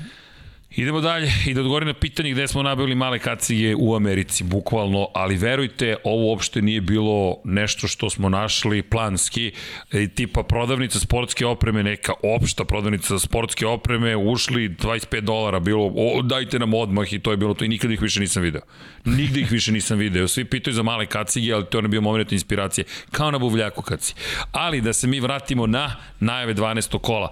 Tampa Bay Buccaneers Uf. idu Indianapolis protiv kolca i Jimmy slaže se s tom Vanja, ne znam koje je tvoje mišljenje, meč, za mene najtvrđi meč kola. Mm. Pa, realno, Buccaneers su najbolje napravljeni da zaustave Taylora sa svojom dominantnom defensivnom linijom predvođenim Vitom Veom, koja je run stuffer. I Bucks su u poslednje koliko, dve, tri godine najbolja odbrana protiv trčanja. Tako da ja ga vidim baš zbog toga Bucks je kao, čak ću i reći izrazite favorite, ali će pretvoriti to da Vance mora da ih pobede. A ja mislim da Vance nije sposoban da ih pobedi. Pogotovo ako pritisak bude nastavio da dolazi sa druge linije, a to su White i David. Pre četiri nedelje ja bih se složio s tom. Sad već ne, a razlog uh, banda. Jesu. Baka Nilisi su odbrani počeli da budu banda i ako se na ovom meču saberu, odličan znak. Stvarno odličan signal. I, ali zato verujem da će uh, Taylor i dalje da radi. Mislim da neće imati utakmicu kao što je imao prethodnih nekoliko nedelja, ali da će i dalje da, da tu bude za kolce, da postigne touchdown. A i vidi, naš, ne bi me iznenadilo da plan Rajha bude Taylor da, ali jednak broj nošenja i e, Nahim Heinz recimo e, koji isto može da bude jako Moment. produktivan i da on bude taj moment da se kolci ne, da se baksi ne spremaju za njega, a da on izađe i da game plan bude isti kao da je Taylor tu. Tako da to me ne bi recimo iznenadilo da takođe vidimo da recimo Taylorov produktivnost malo opadne u trčanju, a da u totalu kolci dalje imaju dobru igru po zemlji. Baxi s druge strane po zemlji ne znam koji je plan. Po, ponovo deluje da kao odustaju od, od trčanja. Short pass. Da, kraći pasevi, ali šta je dobra veza Bakse, Gronk će da igra, Brown još uvek ne, ako se ne varam. Uh, I rekao, kada Gronk igra, to je druga ekipa, bolja ekipa. Prošle je, čini mi se, šest hvatanja imao. Uh, isto toliko ili, ili sedam. Uh, mislim da je jedan imao šest, drugi sedam, uh, Gadvin i um, Evans. I, ali ključ je Gronk, odnosno Antonio Brown. Dokle ne ključ ne postane igra po zemlji, a nisu nam do sada to pokazali. A protiv odbrane kolca to će biti teško. Da. Dobar sekundari, odlična linebackerska linija, Leonard, po meni trenutno najbolji linebacker u, pa, u NFL-u. je ta, tandem ovaj Ruki Pay i DeForest Buckner, mislim, to je ozbiljno tandem u defensivnoj liniji. I to tako da uzbulji meč. Moja prognoza je za ovaj meč bila u poslednjem trenutku, jer sam stvarno stao, razmišljao, uh, onako pokušavao da analiziram na neki način i ajde posle ćemo o prognozama, ali baš zbog toga sam mi rekao, ok, ovo mora da bude meč, meč nedelje, jer je odluka, što se mene tiče, bila najteža. Ja, ako, znaš kako, kako, kako posmatram koji je meč nedelje, koji meč želim da gledam? Ne da komentarišem, koji meč želim da gledam, da sednem i posmatram i znam da će biti dramatično. Jer ovo je meč za sve četiri četvrtine. Bukvalno, Jeste. ja mislim da ne smiju da se opuste ni u jednom trenutku i ako neko bude poveo s nešto više razlike, očekujemo uzvratni udarac one druge ekipe. Jer mi smo ušli odavno u playoff fazu. Odavno, ako pogledamo playoff, ako pogledamo sliku generalno, bacimo pogled na playoff, jedni su iz AFC-a Kolci, drugi su iz NFC-a Buccaneersi. Pogledaj AFC, playoff slika. Titansi, Ravensi, Billsi, Chiefs idu kao osvajači divizija, Patriotsi, Bengalsi, Chargersi. Izvinjam se, gde su Kolci? Kolci si jure tek da uđu. Dakle, Steelersi, Kolci, Raidersi, Brownsi nisu u play-offu ovo je playoff utakmica. S druge strane, ako pogledamo NFC i ako pogledamo situaciju sa Tampa Bay Buccaneersima, Baxi jesu prvi u svojoj diviziji, zahvaljujući tome što divizija problematična. Saintsi su se raspali manje više, pa, Karolina... Diviziju, mislim, tu je što je vrlo čudno, ali tako je ali, NFC. Vidi, NFC, ali ne vidim baš da će Saintsi odjednom sustići ili Panthers i Bucks, no, nije nemoguće u pravu su, ali su živi. No, Cardinals i Packers i Buccaneers i Cowboys idu dalje, Rams i Vikings i 49ers i prolaze, bazi Vikings i 49ers i sa 5-5 prolaze. Sad igraju. Da, da, dakle, zastrašujuće kako to izgleda i onda Eaglesi koji jure, Eaglesi, vi ste u igri, vi ste osmi i onda Panthers i Saints i Washington. I ova utakmica je mnogo velika. 7-4 za Bakse, mnogo drugačije od 8-3. Moraš da izbegneš to četvrto mesto, to smo pričali u, u, u poslednjih par nedelja, da to izbeći to četvrto mesto i duel sa Ramsima ili sa Cardinalsima, kogo to moraš da izbegneš odmah. Jer to je odmah igraš preti, pretežak meč u wild card rundi. Ja mož, ako možda izbegneš, išao bi na Minnesota koja je ono toplo, hladno, može da pobedi, može da izgubi, mm. ali mnogo bolja opcija trenutno nego Rams ili Cardinals. Svakako. Slažem se. Ta Minnesota bi im legla, čini mi se sada kao Washington prošle godine Da. u play-offu. Da. Toplo hladno, ali apsolutno pobediva ekipa. Dobro, pratit ćemo meč. Nije da čekamo analizu ovog meča naredne nedelje da vidimo ko je tu zapravo... Ej, čekaj, čekaj, Jimmy. Mhm. Mm -hmm. Da te pitam, gde su ključevi? Gde su ključevi? Ti si uveo ključeve pre četiri nedelje. Šta je šta ključ, pobede? A, Ajmo, okay, ključeve. Ključe? Šta je da ključ? ponovo Gde su ključevi? Daj ključeve od kola. Uh, pa, ajde ovako, sekundari Baksa je grozan. Do Prilično početka grozan. sezone, od povreda Jeste. i od svega, da. Jeste, ali mislim da će klju- ključ za kolce ipak da bude da se uspostavi igra po zemlji. Jer jeste izazov kad igraš protiv uh, defanzive koja, kao što Vanja reče, slovi već uh, nekoliko sezona unazad, da protiv njih se ne trči. Protiv njih ne trči, to nije dobra ideja. E, ajde da mi pokažemo da je to dobra ideja. Imamo brutalnu ofanzivnu liniju, imamo, ko što rekoh, Taylora, ali imamo i uh, Heinza kao opciju koja uh, može da bude tu komplementarna i koja može takođe da napravi uh, probleme, jer Baxi možda to neće očekivati. Tako da, po meni je što se kolca tiče, ključ uspostaviti i dalje ostati dosledan te tog svog pristupa igramo po zemlji i slomit ćemo bakse po zemlji. Što se baksa tiče s druge strane, Gronk, kraj priče. Tu nema šta. Gronk mora da ostane zdrav do kraja meča, jer kada je Gronk tu, Brady igra bolje, Bucks igraju bolje. Rekoh Gronk i Brown, ali Browna znamo da nećemo gledati. Gronk ovaj, eh, je ključ svakako. Znači za kolce s druge strane, zustavi Gronk. Okej. Hoćemo dalje. Sledeća tekma, hvala Jimmy. Da ne zaboravimo, ključ pobede. Ključeve grada. Da, može. Titans Patriots. Ko bi rekao da će Patriot imati 7 pobjeda i 4 poraza? I da će biti ovde i da su sada ponovo, ne znam da ste gledali Good Morning Football, ceo segment je posvećen Samo, čemu? samo Imperiji koja uzvraća 8-3. udarac. Da, 8-3 za Da, da. Titanse. Ali zato sam ih išao na Patriote koji imaju 7 pobjede i 4 Da. poraza. Ali cijela ideja upravo te zle imperije, nisu oni zli, ali imaju to poređenje zahvaljujući prosto gestikulacijama i ponašanju Bila Beličika koji zaista izgleda kao imperator kada je i šetao iz zvezdanih ratova. E, kako funkcionišu City, to je sitovi, pa uvek u paru. I jedan je otišao u Tampa Bay Buccaneerse, ne znamo da li je postao Jedi ili neka nezavisna ekipa. Sita, da, ali u svakom slučaju Mac Jones kao apprentice dosta dobro izgleda. I izgleda kao Tom iz sa početka, sa mlađih, iz mlađih dana, iz prve tih dve, tri, četiri sezone osvajanje tam, ovaj, New England Patriota i stvaranje dinastije. Tako sad izgleda Mac Jones.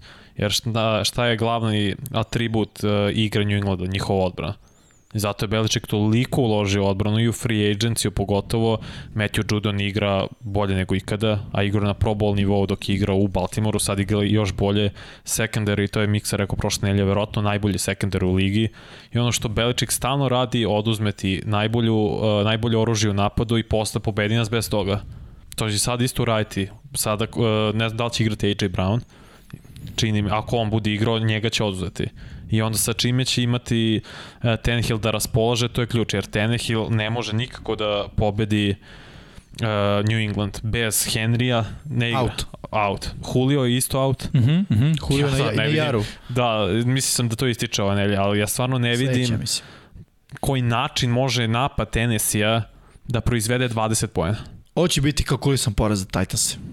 Ovo će biti mo- poraz. mo- Ej, moramo da uzmemo poraz ovde. Bukvalno. Ajde da vidimo Petse uživo, jer ćemo ih možda videti u play-offu. Dobro. Uh, hajde da ih vidimo uživo, da osetimo njihovu brzinu i da napravimo game plan za taj da meč u play-offu. Bill dat, pokazati sve karte. Neće. To će biti kalkulisan meč za obe strane. I ovo će Da. da bude, uh, po meni, onako, moja neka procena, mali broj poena i pobjeda Patriota. Jer su u odličnoj poziciji u odnosu na Titans. Stvarno ne znam, lepo si rekao, mislim, ko će da bude taj za Tennessee? Čak vidim da je vez da su potpisali quarterbacka Dešona Kajzera. Znaš, koji je smisao potpišeš Ne znam. Znaš koji? Da Tenehila izbaciš u trenutku kada kažeš, ok, dosta, ono, bacam beli peškir, izgubit ćemo ovaj meč, Tenehill izađi, trebaš nam zdrav za ostatak sezone, a nek uđe neko drugi da igra, jer prosto to nije taj meč. Tako da mislim da će ovo biti kalkulisan poraz za Tennessee Titansa, koji neće samo da legne da kažu pregazite nas, nego će hteti da izvuku iz Patriota duel. Jer ako povučeš, e, i odigraš tu kartu, ej, mi možemo da igramo ovaj meč, Patrioti će morati da otvaraju malo džak sa trikovima i da pokazuju, ej, daj da se uozbiljimo, mi ovo moramo pobedimo, jer smo favoriti. Ali baš zato mislim da Bill neće da nasedne, nego će to da bude onako predvidiv futbal od strane Patriota i reći Vrabelu, evo, zaustavi otrčanje. Zaustavi ako možeš, on će to da zaustavi u jednom trenutku, ali neće imati šta da ponudi u napadu i Patrioti dobijaju na mali broj poena. To je neka moja ono procena, ako hoćeš Srki ključeve i ode da vadim. Vidi. ključeve za Patriote ne pokazati, ne pokazati puno, a opet pobediti meč. To je ono, trči, izmeni sve trkače koje imaš, Uh, onako smo videli da svi mogu da trče, a što se tenisija tiče, nema se neko povredi, to je ključ. Vidi. Ne, nema, nema ključa za pobedu. Znaš Tenis ne može pobediti. Zna, pa, znaš, upravo to. Gde je meni najveći problem? Ko je, ko je Vanja tebi bio tragičar ovog prethodnog kola? Tenehill. A šta Bill voli da radi? Ja ne znam koga, sad, koga će sad da oduzme. Da maltretira dve stvari. Da ti oduzme najjače oružje. Ne znamo ko je sad, kad ne, ne igraju dvojica najjače. I pritom da ti maltretira quarterback. Da. Da ga da. natera da zaista ga zaboli glava i da ne zna uopšte šta vidi preko puta. Niti formaciju, niti gde da izmeni, niti gde da baci loptu. Imaš Tenehila koji bi sada trebalo da odigra utakmicu života jer sada je njegov moment da ponese utakmicu. Ja to ne vidim. Us, na sred žilet stadiona protiv Bila Beličika i ovako raspoloženih Patriota. Bojim se da tenisi, ali hej, možda Mike Rabel kao neko ko je nekada znao, poznavao Patriote nešto izmisli. Šokantnije stvari su, se dešavaju, yes. pogotovo ove sezone, Ej, stvarno. Jesu, ali isto tako mislim da Bill dobro pamti i to nema veze s Bradyjem poraz iz onog play-offa i mislim da koliko god da govori nije lično, lično mislim da je kao i sa Bradym sve je lično. Sve je lično. Bukvalno, tako da mislim da ovo siguran poraz za Titanse, ali kako sam to izgovorio, očekujte suprotno. Dobro, idemo dalje. Titans i Patriots bit će lepo to pratiti i ok, Vikings i 49ers i 505, 555, to je 5555 sa crtom. Pa da vidimo. Uh, Ajde, Vanja, predajem ti reč.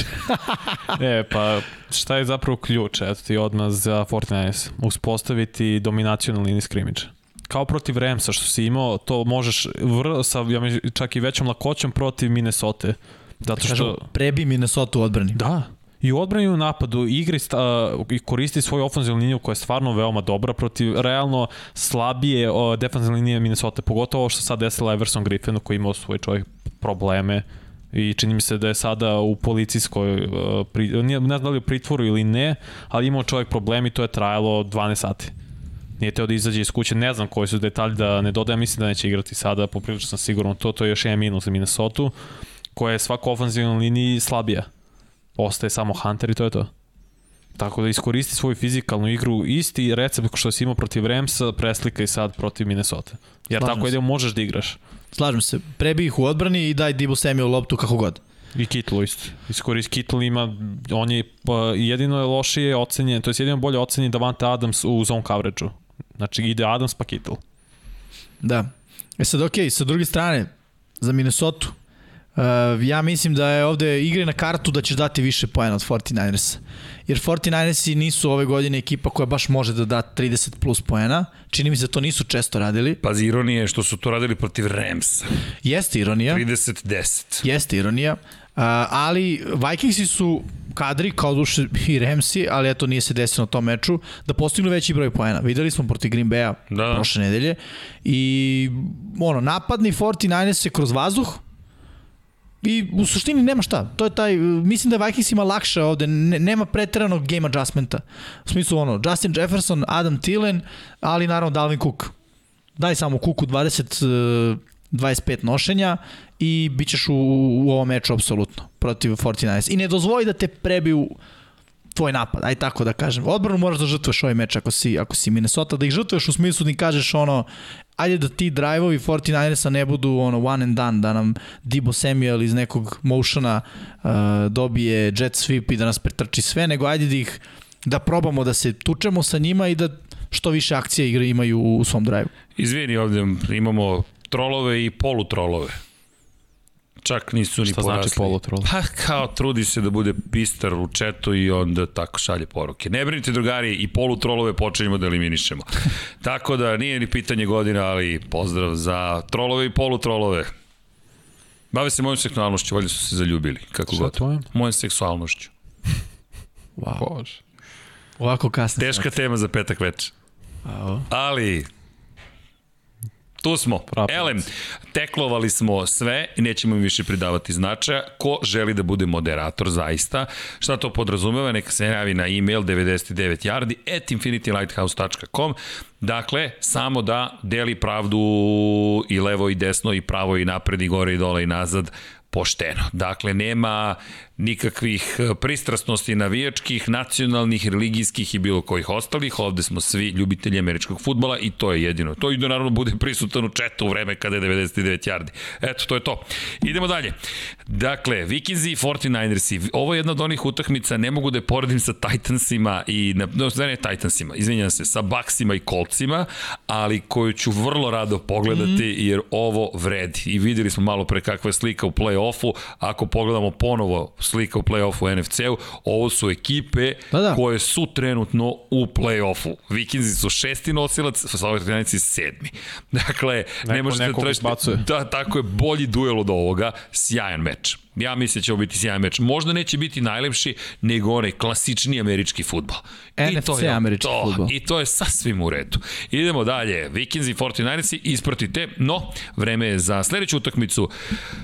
Diviziono rivalstvo. Mrki protiv Gavrana. Brownsi posećuju Baltimore, pa da vidimo, mada mi se čini... Ne, u ovom trenutku ipak će biti dramatična utakmica. Ravensi, pa kako će Igra biti Lamar Ravens? prošle da. Da li će igrati je Lamar? Igra. Igra, Igra, igra, igra. Ako igra, onda drame nema. Rekao je 100% sam spreman. Ako je 100% spreman, onda drame ni nema. Mislim da nema drame. Jeste, ja samo onako b, zanima me, znaš, ipak pobediš Chicago jedva, nije igrao Lamar, ali su igrali ostali, znaš. I oni su se umarali i sve, i nije zabavno, Oni veruj mi. Pobedili jedva Detroit. Ok, ali Sa šta je lošije? ne znam se šta je loše, tako je, ali hoću da ti kažem da, ono, da, Baltimore no-brainer u ovoj situaciji kada pogledamo uh, Cleveland i celu situaciju tamo i znaš šta treba da radiš po ti Clevelanda, zaustavi Čaba, tačka.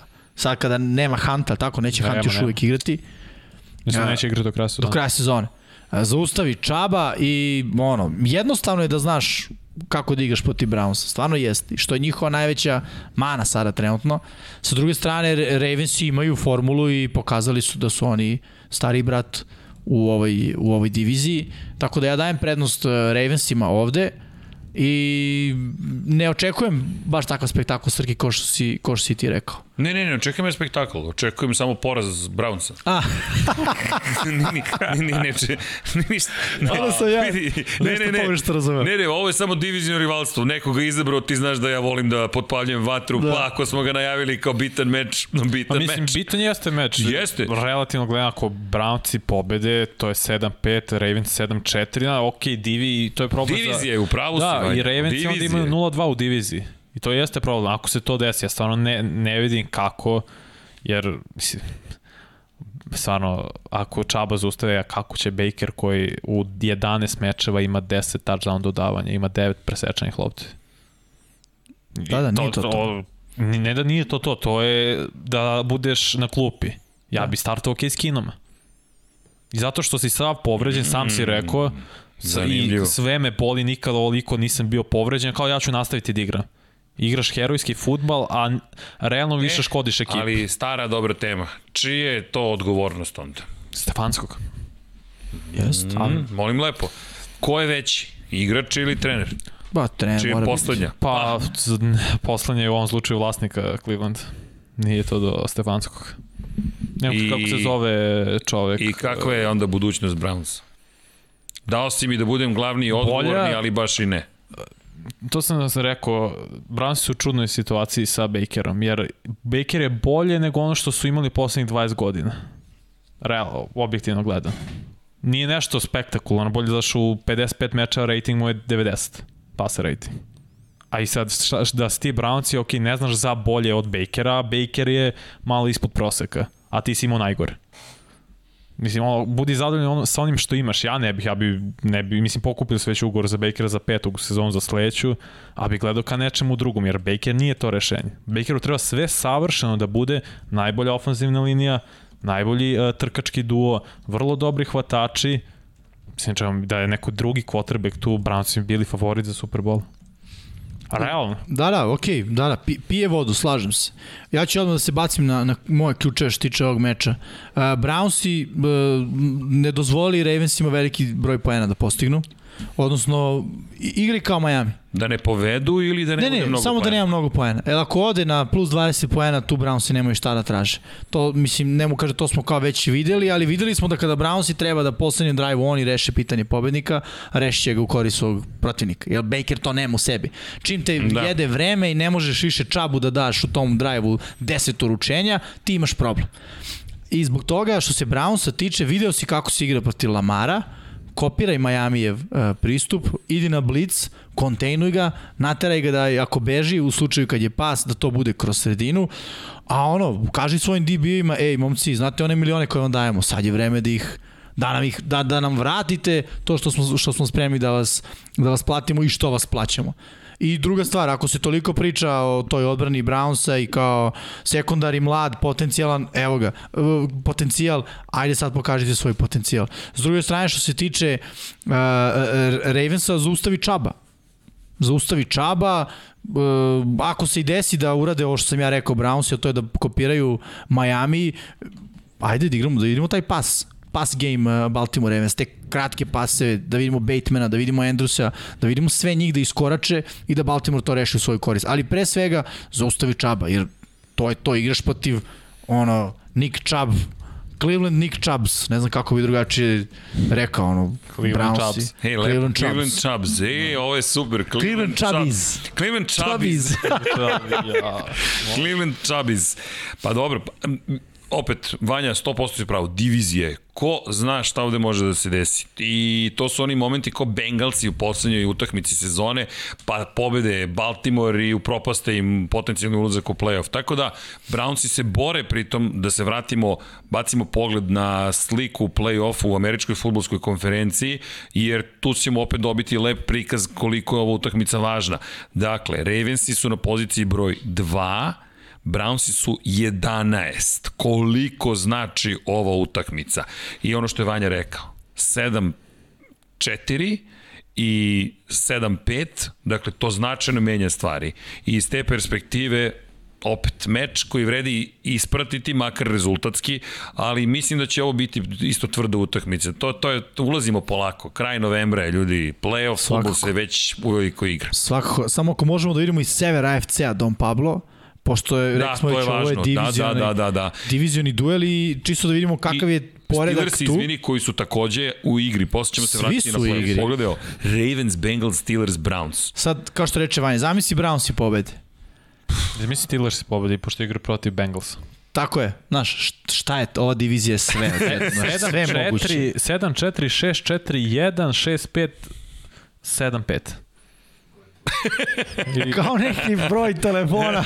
Vidi, a na, u NFC-u ako imaš ovaj rezultat vodiš u diviziji. O, u NFC-u da ideš u playoff sigurno možeš izgubiti sve do kraja ako imaš to. Možete da prikažete Don Pablo istok NFC-a ako imamo ne znam spremno. da li isto A, piše najgroznije. Ne, ne, ne, ne, samo bacimo po... Pazi ovo. Sa 7-4 ti dominiraš divizijom. Ti si jedina yes. ekipa koja je u pozitivnom rezultatu, odnosu između pobjeda i poraza. Da. Eagles i 5-6, ne, ovo su, ba, ovo su, Da, su da, i jug. ovde isto, ovde si prvi. Jug. Da, da. Tragedija se nastavlja.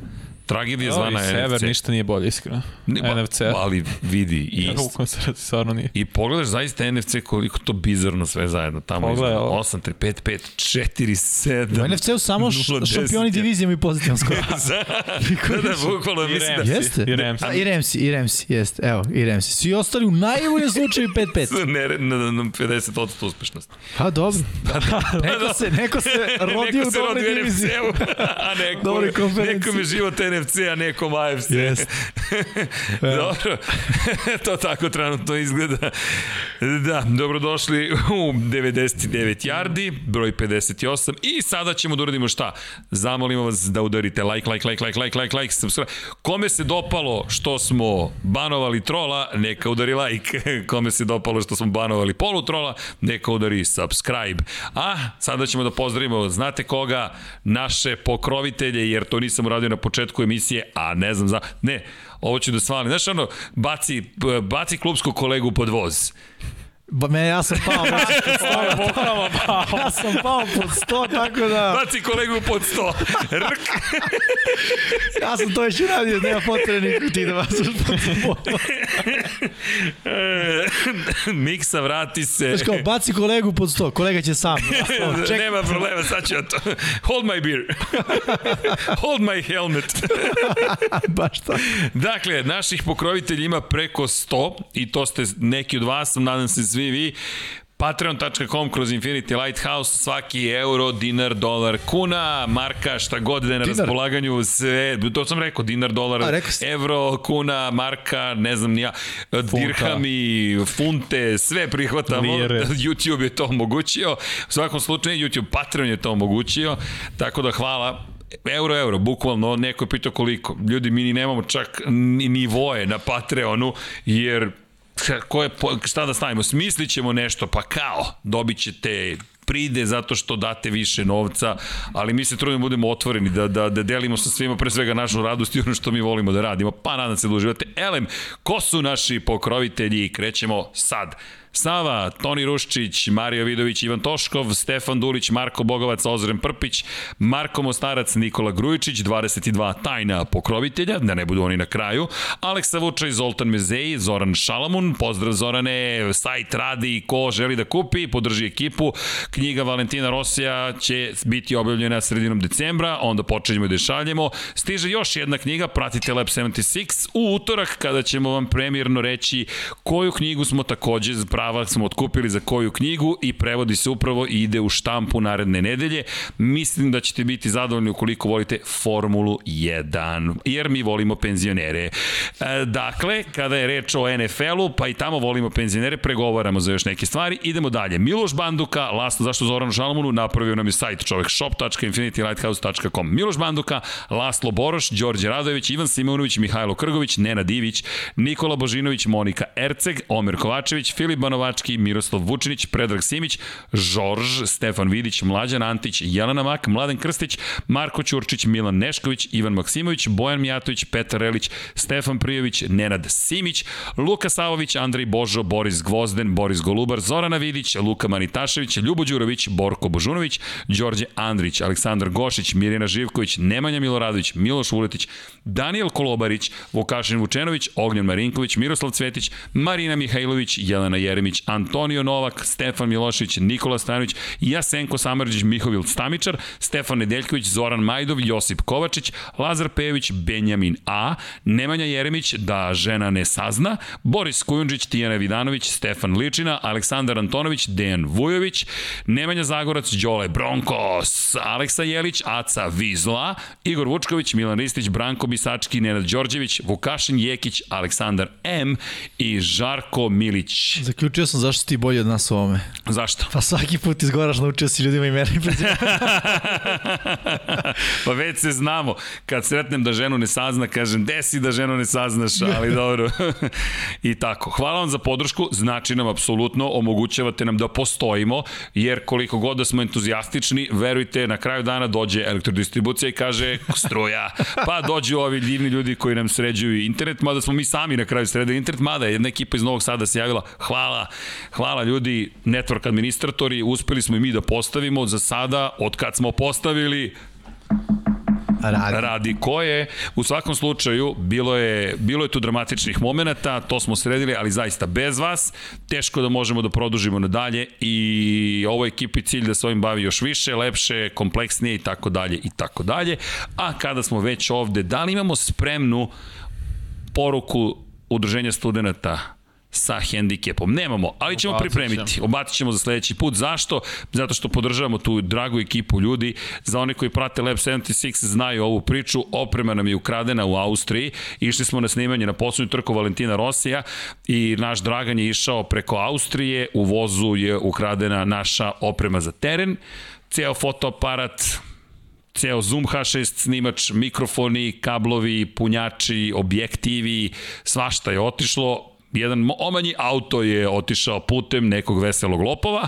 U svakom slučaju, šta da radite? To znači da smo uspeli, dakle, kada mogu i da vas pokradu, to znači da imaju nešto i da ukradu. U svakom slučaju, to je naša makar filozofija. Nabavili smo novu opremu, Dragan je čovek koji je rekao da će podneti najveći deo tih troškova, ali mi ćemo se potruditi da Dragan, jel te, ne podnese sve sam. Zašto? Zato što je on divan i zato što smatra sebe odgovornim i tako dalje. Ako slušaš, Dragane, mi te volimo iz ovog studija, ti stiže more ljubavi, to ćemo zajedno mi da regulišemo i tu nam vi pomažete. Tako da, nema kukanja, nema laži, nema prevare, kacige smo kupili od vaših para, iako tad još nismo ni postojali, ali hvala. I hvala za sve poklone, ne sam više ni da imenujem ljude koji nam šalju, ja ne znam koliko dresova smo dobili, ima jedan čovjek koji nam je poslao rekordni broj dresova, rekao je nemojte više da mi spomenjate, ljudi nema smisla, ali nećemo te spomenjati čak ni u šali, hvala. Hvala. Tako da, da.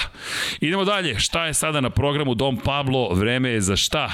Najave utakmica, dakle, tri smo već završili, idemo ka Jetsima i Texansima, jedva čekamo ovaj mega duel ekipe koje imaju po dve pobjede i osam poraza. Idemo u Houston. Obe ekipe su povedali Tennessee. yes. Čoveče. yes. Znaš, ovo je ono politiki zabavnik, verovali ili ne. Da. jedva čekam novi susret sa Tennesseeom. Neverovatno, Vanja. Ovo. Osti bez reči. Odlična statistika. Da, Jimmy je samo... Ok, da. ok. Dobro, nadam se da je na četu sve mirno, nisam ispratio sada. O, onako, drama situacija, briše se, vidim da briše se. Bravo, Vanja, stream malo trza, valjda neće. Dobro, a to je stara poruka. Od onda smo ok. Dobro, šta još imamo da vidimo od Da utakmica? Eagles Giants, Jimmy, Jimmy. Da. sada se okliznete. Divizija. Da, teško je uvek u istok, na istoku NFC-a. Idete u Njurk. Da, i obično favorit izgubi u meču između Philly i Giantsa, što bi značilo da će Giantsi ovde da pobede, ali I'm a believer, što bi rekli, odnosno Fila zaista na papiru i trenutno po formi deluje bolje. A, eto i Giantsi su otpustili svog ofanzivnog koordinatora, jeste opasna ekipa koja izgubi trenera i quarterbacka, a, koordinatora, ali nekako mi Giantsi ipak nisu delovali do sada nešto preterano ubedljivo i ta odbrana nije ko što je bila prošle godine, napad ima svoj set problema. Tu, tu je Barkley, to je ono što je to pozitivno za Giantse. On nije zdrav, to je Tačno, ali baš eto, van ritma. odlučili su da, da, da nastave, mislim da ga možda i forsiraju šta god, ali u svakom smislu, ono, Biće zanimljiv meč za nas koji smo ljubitelji istoka NFC-a, za ceo ostali NFL još uvek ja, nebitan meč. srđem tamo, ovaj fan. Dobro. Ti si spomenuo istok Green Bay, Ja sam NFC-a. se lepo ogradio za ljude kojima je to bitno u životu. NFL još uvek nije, ali ako Fila sada pobedi, odjednom će početi da, pos, da bude 6 bitno. 6 e, pa odme blizu Dallasa. NFL. Ej, A, da. polako, polako. Vidi, to je taj period godine. Ovo je sad mm. witching season. Da. A? Nije loše. Witching season. Imamo mi još utakmica, nije ovo poslednja utakmica. Panthersi i Dolphinsi. Zanimljiv meč. Jest. Zanimljiv meč. Ja mislim da su oni izjednačeni zapravo u, u, u svim svojim problemima. Jesu, ali opet prednost Karolini dajem. Da, zbog makar. odbrane. Da, da, da. kompaktnija mnogo jedinica od odbrane a, Majamija kao i od napada Majamija. Sad napad Karoline, vidi, CMC je CMC. Je, ne znam kako, je Vičer, se tako kaže, veštac. Može. Znači, Veštac. mađioničar. The Witcher 4. Da, Vizar, kaže Vizar. bravo, čarobnjak. Čarobnjak, može. Šta god. Može. Ono, the chosen one.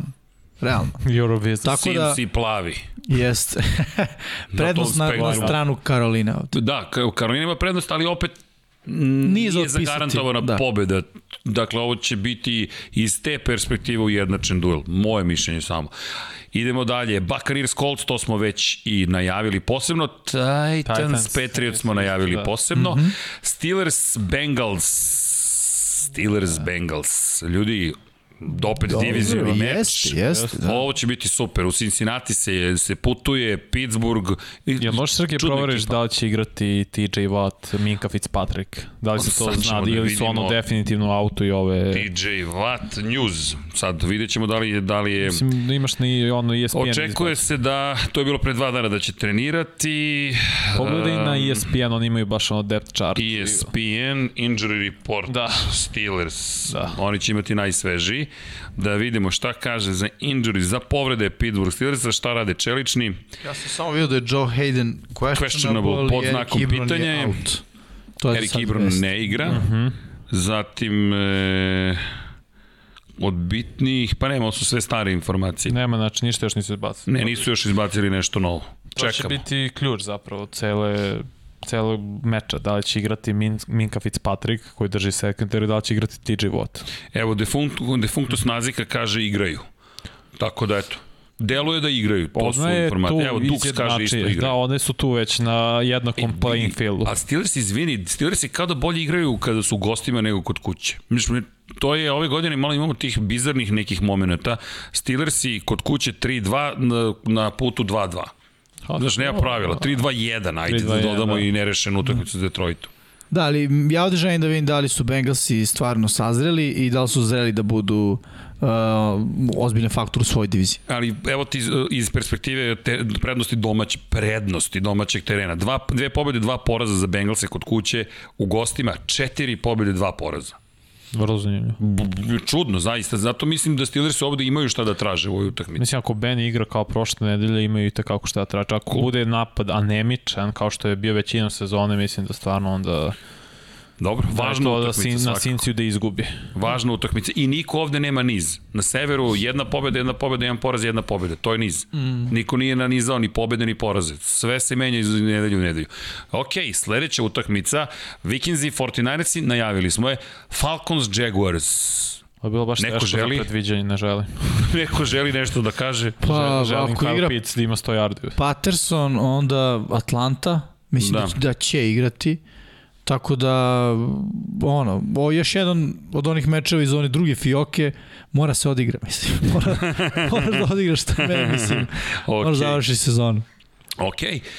Utakmica Browns-Ravens najavljena. Chargers Broncos. Divizija. Odličan test. Odličan. U gostima, odličan mm. test protiv odličnog sekundarija zapravo Denver Broncosa, gde je Patrick Surtain prosto je, mislim, ja ne znam koji je passer rating quarterback, čini se da je 70 kad, kad ciljaju njega, a on je ruki, a igra ozbiljno dobro.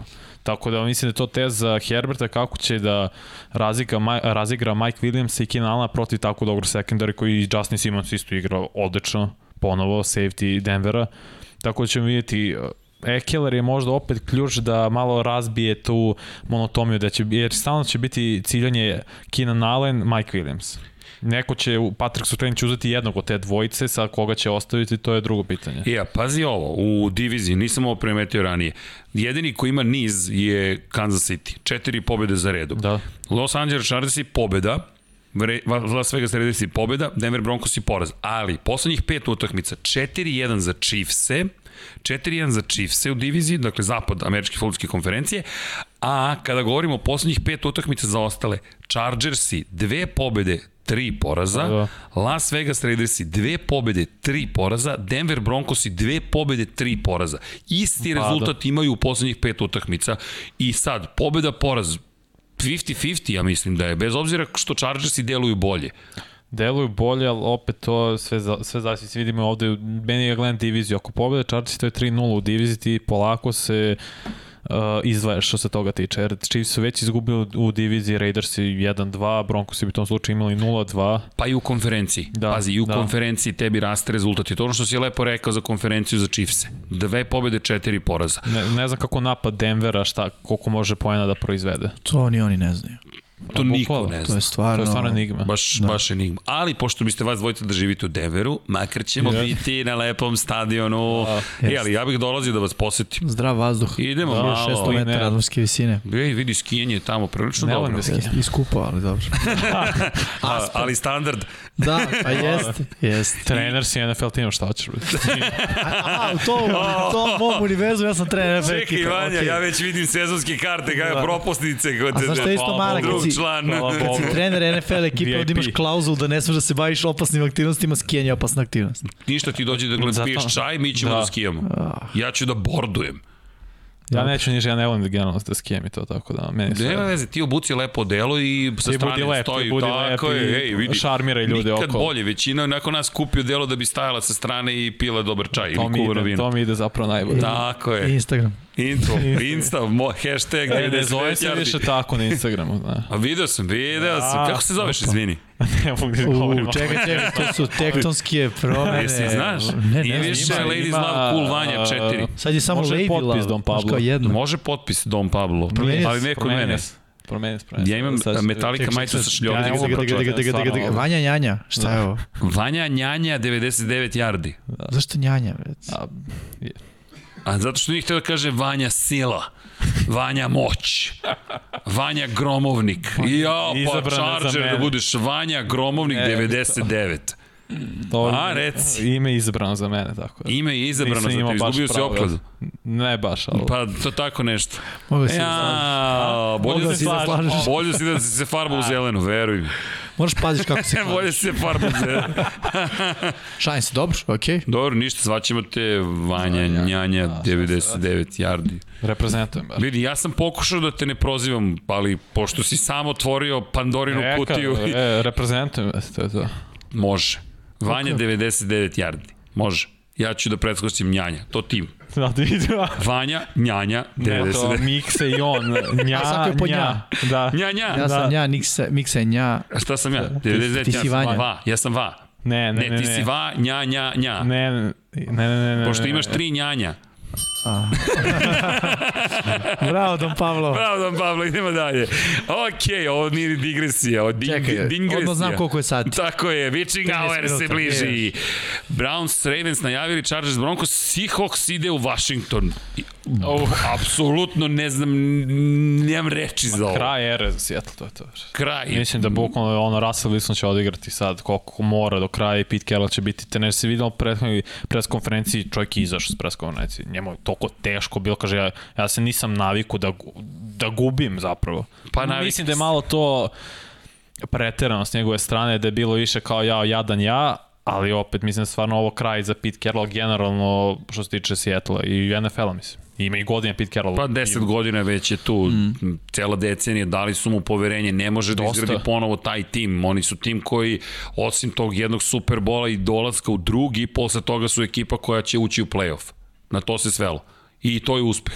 I onda hvalimo Russella Wilsona kako je fantastičan, sjajan, brz, pokretiv, izlači maksimum iz ekipe, ali to, to ne može da bude Sve ima svoje ambicija. limite. Tako je. Ali to ne sme da bude ambicija jedne ekipe. Ni jedne ekipe, kamoli Pa ne, većina ekipa je volao da ulaze u play-off stalno kao što su oni. A, ali njihova ne može da bude ambicija. Njihov ne, nakon Superbola, Ne nakon... može. Imali su dinastiju na dohod Tako ruke. je. Tako. Realno. Ali opet, poraz u ključnom Jest. trenutku. Ali su stisli kesu kada je trebalo da se plati. Pa je, nemo kažemo da rešili. A ono malo što je ostalo, otišlo je jednom Daj se čoveku. njemu. Tako je, dao si jednom čoveku. Jeste. I još jedna utakmica je ostala za ovu nedelju, Rams i Packersi, najavi smo je, Tako da je vreme da pređemo na neke momente koji će neki usrećiti, a neke malo manje, ja bih rekao, naše prognoze. Radujem se ovome. Štedeo sam glas tri dana, ne bili... bio pri- Uvešćemo ne bih li bio pra, prisutan. pravilo. Koje pravilo? Ja sam pitao Jimmy, a može se zaključa ono predviđanje do 7 u petak? E, vidi, Ja sam o, a? Vanja, u moju odbranu, znam, stvarno, Srki, se. znaš kakav sam, Znam, bukvalno pakao imao. Jedan smo Vanja ne zna da gubi. Vanja ne zna da- Možemo da zagradi tamo. I istina, Vanja, ma Vanja baš ne zna, to je tada. Ne, to je okej, naučit ćeš. E, šalim se, šalim se, šalim se, šalim se. Ja, pošto. Ne, ne, ne, ne, ne. da, da, bit ćemo Pazi. mirni. A nije, ovo je dobro. 13-2 Ovo... si ima ove nedelje, to je Ej, vidi. ultra impresivno.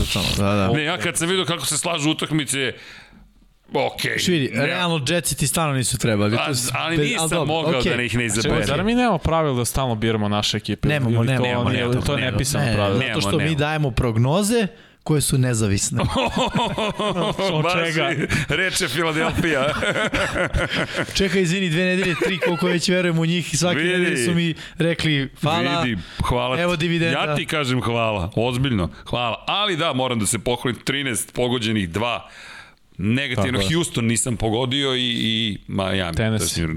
Dobro, Pa da, to, da. Houston. A, da, da. Houston je pobedio, da, da, da. Tennessee sam izabrao. To je baš Da, bilo da. teško videti. To vidi, u jednom momentu sam razmišljao, ma dajde izaberem Houston, zašto? Zato što je bizarno i onda rekao, ne, čekaj, moraš malo da se ozbiljiš u svemu ovome. Ozbiljio sam se, izgubio sam, tako da je sve u redu. Elem, da mi vidimo šta smo to radili. New England smo svi izabrali, bilo je previše lako. Philadelphia, pa nas trojica, Dom Pablo i Vanja su verovali u New Orleans. Pa nije, verovali smo zato što smo mislili da Kamara igra. Da, pa to je Nismo to. menjali. Zato tradicionalna sam ti, greška. Šta? Jako znam tu pesmu, ne, neće Dom Pablo, naterati mislim da da, pevam da, naš. ulaziš u crvenu zonu, tamo u 20 yardi si kod Dom Ej, rekli smo Pablo. do 3 sekunde mogu poznate Da, da, da. melodije. Ovo je bilo 2,3. Ali Miami je otišao u New York i to bi bilo to, pobedio je i Dom Pablo i ja smo verovali u Jetse ili šta god, navijali za njih. Zatim Vanja, Washington, Washington, nisam verovao u Karolinu. To najviše više nisam Previše verovao u mi je Karolinu. bilo. Da, da, da, da, bilo je baš je bilo loženje i delo, a pogotovo Washington sam nekako bi, znaš kako, posle Tampe kao da im je, kao da je lep bio zalet. Ništa drugo. Ne, nema neki preterane filozofije. Ali dobro, lepo. Jimmy Mix i Pablo nisu pogodili. Zatim Indianapolis protiv Buffalo. Ko zna, zna. Ko, bukla...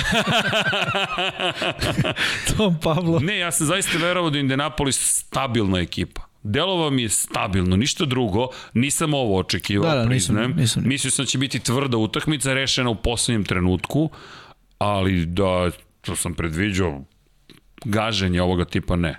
Zaista ne. Ali, ej Jimmy, čekaj.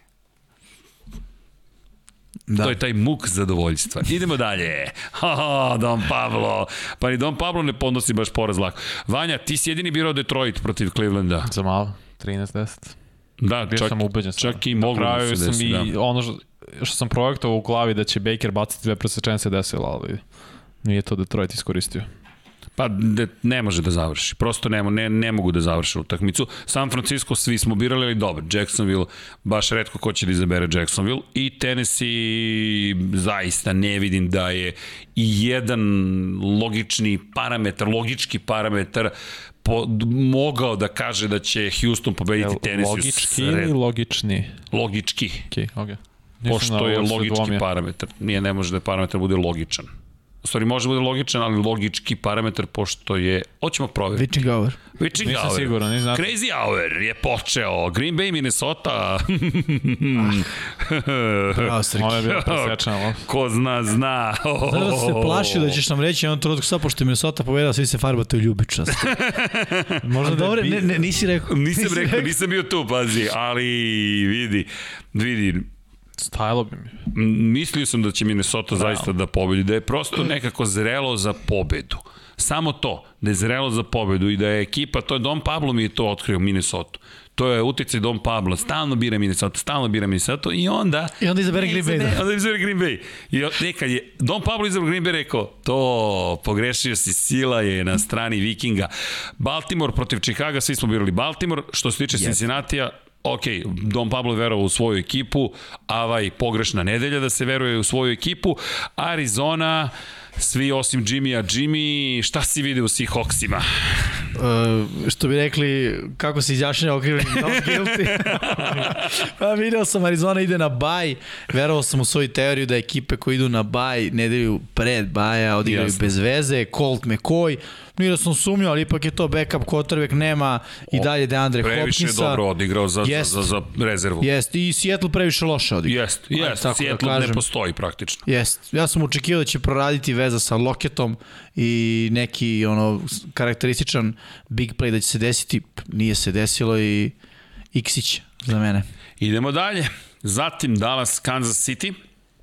Vas dvojice ste birali Dallas. Explain yourself. Pa ja nis, n- nisam verovao. I dalje imam sumnju za Kansas City. Ni- Nisu me ubedili. ono, 19-9. Mislim, to, to samo govori da je odbrana bila bolja, što su dobre vesti, ali, znaš, Mahomes i kompanija 19 pojena. Kvak, kvak, kvak. Ma, Znaš šta, ovakve ekipe osvajaju titule. Dobro.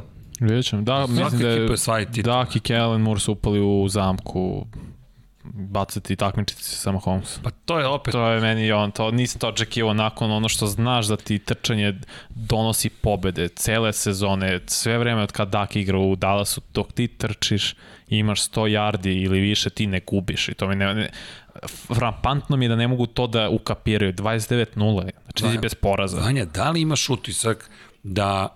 Need Helen Moore, Mike McCarthy kriv. Ali, a, a, izvini, da li vidiš u Cowboysima generalno, da vide u Daku nešto što ne postoji? Da veruju da je, da je on čovek koji može protiv svake odbrane da poentira. Ja imam taj utisak da su oni ubeđeni, zato što njegove brojke su fascinantne svake godine, ali meni su to lažne brojke. Jer Garbage ti ga pogledaš, time brojke pa to, to, on ima nevjerojatnu Protiv Denvera, šta je bilo? To je uvek Protiv Denvera u četvrt, četvrtini spasio svoj meč zato što je imao 160 nešto yardi, Ali, samo u njoj. Bukvalno, ja imam utisak da, da oni gledaju pogrešnu tabelu i da ne gledaju ja utakmice, nego ja gledaju mislim da je tabele. Mike McCarthy pogrešan trener. Istina. Ja 100% se slažem s tobom. I, Mislim da on ne, ne drži koncu uopšte, da je to... od Green Bay-a protiv Sijetla, on je meni pogrešan trener. Je, njegovo objašnjenje da je on brojao samo koliko puta će imati broj pokušaja je brojao. Nije gledao rezultat, nije gledao vreme, nego je izračunao ako u poslednjoj četvrtini mi imamo, ne znam, 30 prvih pokušaja, prvog, drugih ili trećih pokušaja, mi pobeđujemo. Kakav bizaran pristup. A da pogledaš rezultat, a da pogledaš vreme, možda je jednostavnije nego što se čini. Ima treba mnogo ozbiljniji trener, to se nikad neće desiti dok je Jerry Jones vlasnik, jer on voli Ima treba kontrolu. ozbiljniji vlasnik. Da. Uf, Uf, A to, ni to se neće Fiokica. desiti. Neće desiti, Otvorimo da. fiokicu i ubacimo još jednu Kako se zove koverticu. stadion? Kako se zove stadion? AT&T. Kako ga Ali zovu? Jerry World. Aha, aha. Jerry okej. World ga zovu. Jerry World. Tako će uvijek ostati. I ostaće tako. Disneyland za Jerrya. Vidi, ja bih napravio svoj Disneyland da sam, To tim- da sam, da sam u mogućnosti. Tako je. I da vidimo još ove dve utakmice, svi smo birali Chargers, svi smo birali Tampu, tako je i bilo. I kakva je situacija na tabeli? Miksa i dalje dominira. 105 pogođenih utakmica od 165. Procenat uspešnosti je 63,6. Moja malenkost nije što je moja, ali je tu. Pozicija broj 2, 102,63. 61,8 od 100 uspešnosti. E, Dom Pablo, ko je to ispred vas? Jao, kako trljam brke, kao da sam iz 19. veka. 101,64 Dom Pablo, 61,2 od slušnosti, ali ljudi, sve preko 60 je, je zaista... Da si- 59 loše. Ja, ja, Čekao ja sam se ne, ne sećam da si ovako radosno pro, prethodni put. Jesi primetio kako da, uticalo pozitivno? Nije, to je zbog glasa, vratio Ja mi se mislim da je glas. to zbog brkova. Sad bi zapevao Flash, Before, tako dalje. Ali idemo dalje. Ko je na poziciji broj 4 Vanja? Čekaj Vanja, hoću da screenshotujem ispred Slobodno. Dom Pabla, Vanja i Jimmya. Još da sam Miksu pobedio, ja mogu i se penzionišem. Ima što se vremena. mene tiče. Ima Više ne, ne, ne submituješ svoje prognoze, kažeš ja zaboravio sam, nisam Jao, stigao, Vanja zaključao. Prepiši File, ne pre- moram ja Ne, više. prepisujem samo Miksine. Da, i onda ne možeš da I uđeš. onda ne mogu da. Jao, samo da povedem, samo da povedem. Ali Miksa, znaš šta sad radi? Sad krije svoje prognoze. Ali, Ne, Ajmo da- Nixon nije izabro što je... niz, pa to ti kažem. Vanja je izabrao za njega. Ali, da. Reći ovako, bubanj je izabrao. bubanje, bubanje. To će sada bude pravilo. Ako ne izabereš na vreme, ovako ovde dva ka kacigice, ovako malo promuljaš. Vidi. E, u duhu-. Hoćeš sad odmah. E, ali znaš kako Pa može? izabrao za njega. Ali to nije A, pa bubanj, dobro, da. to je bubanja, nja, nja, nja, nja. Ja, znači, Vanja nja nja nja bira. Znači, dobro. ja sam ona zapravo ona kao lot, loto Ti si loto devojka, da. Loto njanja. Može. Ovde tako. Pa imam izgled za to, da hvala. Mogu bi da prođem. Duh miksa je ušao Jimmy. Mogu bi da prođem realno, da se ne lažem. Sve je To da počelo padom i si siguran da se nisi udario kad si pao. Kao. Ko znam, pazi, nisam nosio kacigu. Ali si, pa premala je. Premala je, premala je. Ok, dakle, idemo na, na da, izvinjam se, Vanja Nove prognoze. 165 i Jimmy 98-67, ali to je samo zato što Jimmy nas pušta.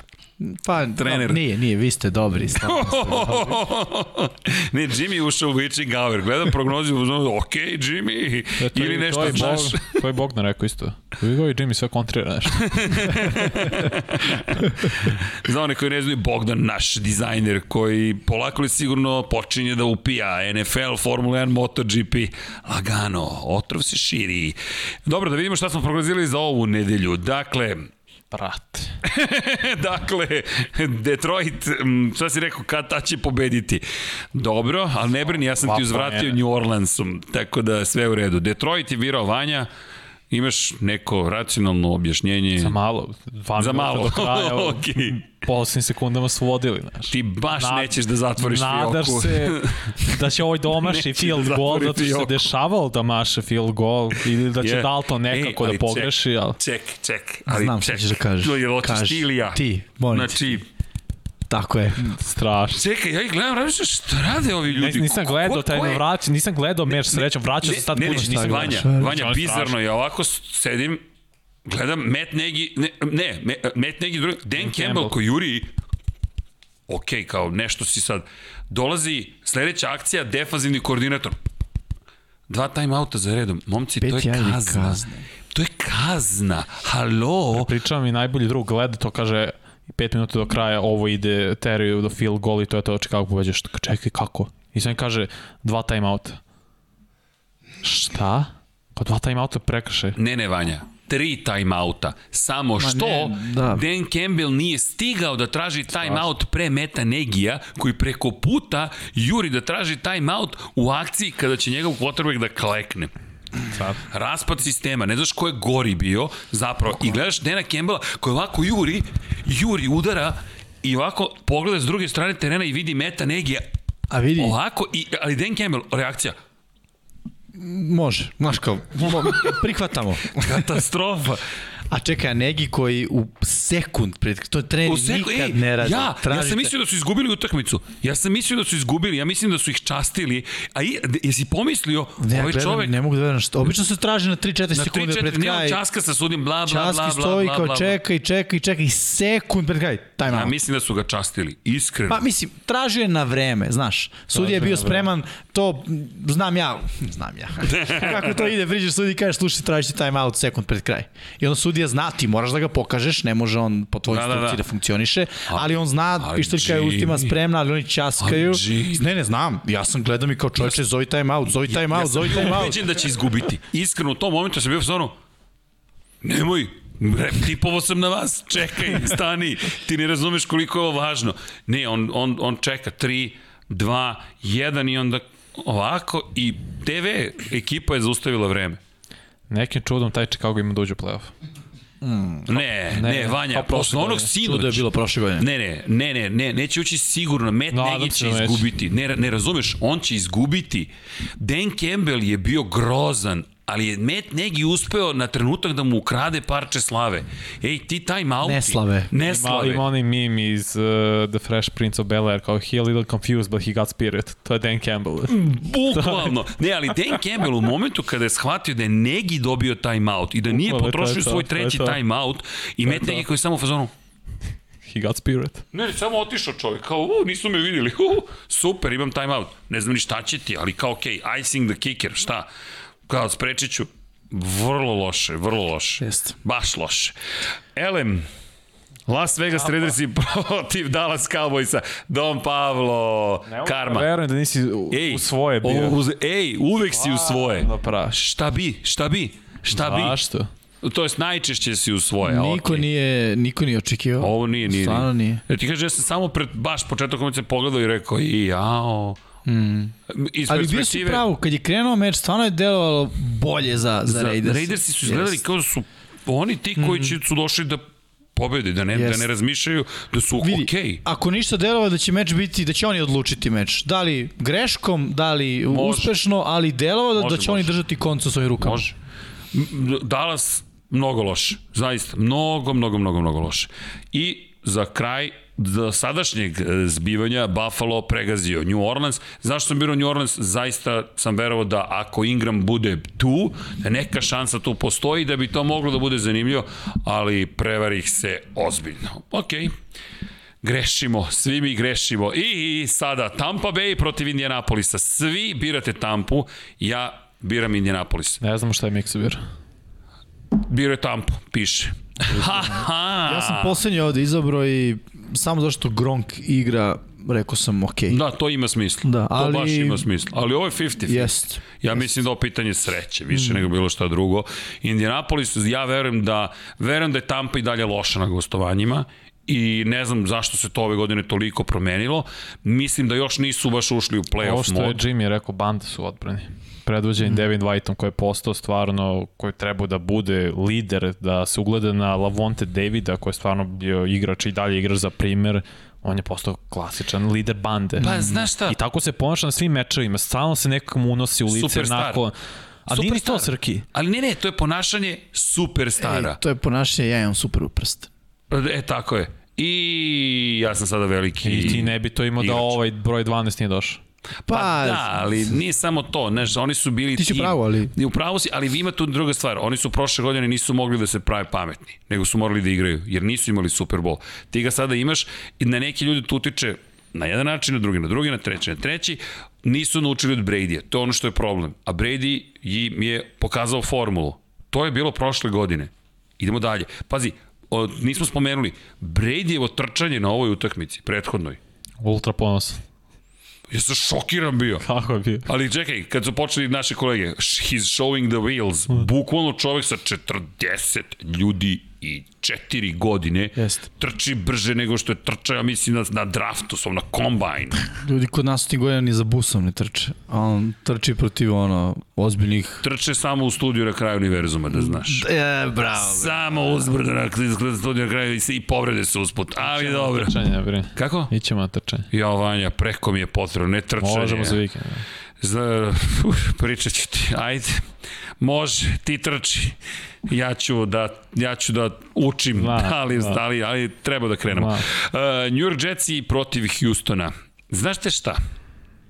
Ne, šta ne, može? Hoćeš da ko- menjaš? Hoćeš Hoću da da promenim. Ma jedna promena. Neka uđe u zapisnik. Može, pa Ne, ne, mi odlučujemo. zašto? Don Pablo ne da. Zašto? Ja menjam svakako. Daj, pa zašto ne bi mogao da promenim? Dobro, na, nagovarat ćemo Don ja ću Pablo. se točiti. Ne, ne, ako mi dozvole, ja ću izabrati New ja York sam Jets. za Ako mi do... Uh, Don Pablo, moramo Miksu da pitamo. glas Da da li- studije, sve ukupno. To, to, to, ukupno Don Pablo je baš Srđane. rešen. Sr srđane.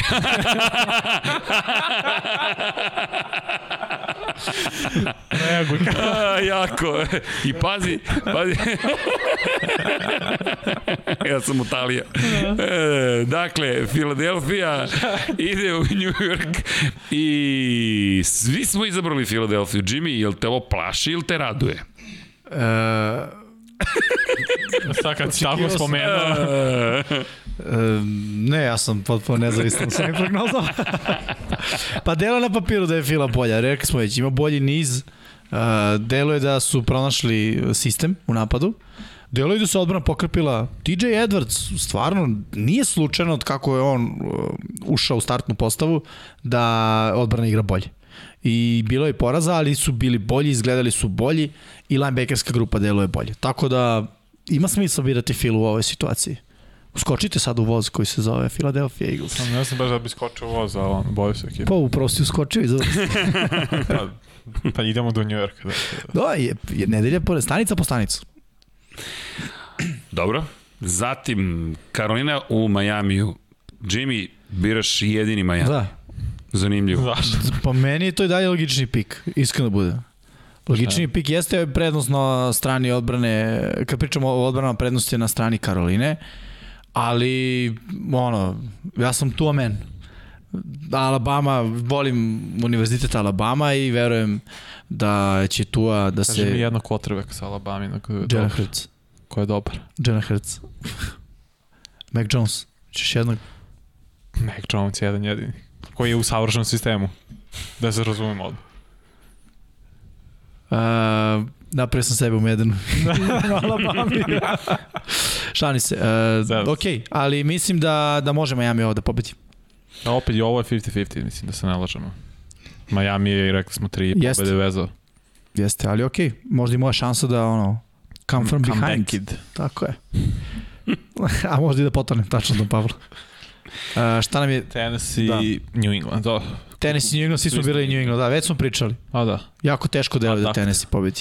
O je, Pittsburgh at Cincinnati. Šareno, šareno. Pablo i Srđan biraju Pittsburgh, a Vanja, Jimmy Mixa, Cincinnati. A, Srki se drži tradicije. Srki, Pa znaš šta, evo, gledam Pittsburgh, i dalje verujem u Pittsburgh. Ne, e, verujem. Ne verujem u Pittsburgh nužno koliko verujem u ovim situacijama da Pittsburgh može da Veruješ tu auru zapravo Steelersa. Pittsburgh, Pa, Steelers, Steelers, da, da. tradiciju. Pa da, Znaš, da, da, to, je to Bengalsi- lepo ste rekli. Da, Bengalsi tek treba da, da to promeni. Ja mislim da se to dešava, uh, da smo u svedoci, da kažem toga, da jedna ekipa Dobro, koja... nisu Bengalsi bili grozni koliko i Brownsi, da sad nemaju neku vrstu Pa nisu. kulture. Oni su ipak išli u playoff svih tih godina. Jesu. Kad su ovi bili najjači. Jesu, ali samo su išli u playoff. Jeste, to je tačno. E, tako da ono, ne znam šta realno imaju od toga i to je na kraju dovelo e, do toga da Marvin Lewis dobije otkaz, tako da Zimmer Andy prethodno ode. da Andy Dalton, znaš, sve raspadne jer de Nisu facto to, to nije dovoljno. Nisu toliko različiti, mislim, od, kad je Pittsburgh poslednji put osvojio Super Bowl 2009? Mislim, Ja, ja s godinama... mi- Mislim, od tada Pittsburgh isto dolazi u playoff, ali ništa ne radi.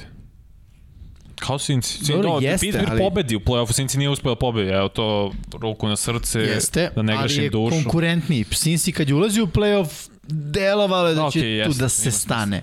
Da. A Pittsburgh ti uvek deluje da ide do finala konferencije. Mislim, uvek. Ali onda, prošle da. godine možda i ne, ali su prošle godine bili bre neporažena ekipa dosta dugo, 12 nedelja, tako beš? Da, 11-0 su imali. Da. Okej, Ok, čekamo da vidimo kako još? će to biti na... A imamo još, izvinjam se. Da. Atlanta, Jacksonville, ja sam pomislio da smo završili već. Godine, godine su to. Jacksonville. samo si ti. Ko je birao Jack... Ko... Ja verujem u Jacksonville ovoga puta. Mislim, nije nelogično, znaš, Atlanta, ono, ja jedino što verujem za Atlantu, to je on da su naučili da obrišu šta se desilo. Pa da, ali imam utisak zaista da Atlanta da se polako gasi sezona. To, to je moj utisak.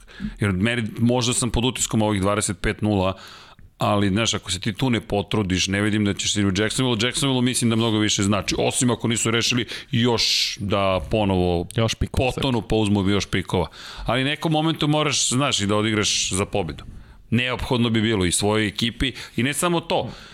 Stalno pričamo, pobede su navika, porazi su takođe navika. Ti ako navikneš svog glavnog quarterbacka koji nikada nije bio poražen u regularnom delu sezone do sada, da je njegova svaka nova nedelja novi poraz, znaš, To menjaš polako mentalitet. za psihu. Menjaš mentalitet, Vanja, to je čovjek To je koji dolazi teško, da, da. izgubi. Ti nikad ni- ne gubi, nisi izgubio u srednjoj, na koleđu si gubio produžecima. I sad nema I sad šanse da, da da pobediš. pobedi, da, je Ja mislim da on mora da kaže ne, ne, moramo da igramo na pobedu. Mora. Ako je on taj prvorođeni koji će da reši Jacksonville i da ga dovede u svetlu budućnost i vrati u playoff i u finale konferencije, pa možda i Super Bowl, znaš, mora. Znaš kako gledam? Gledam Clemson sad na koleđu.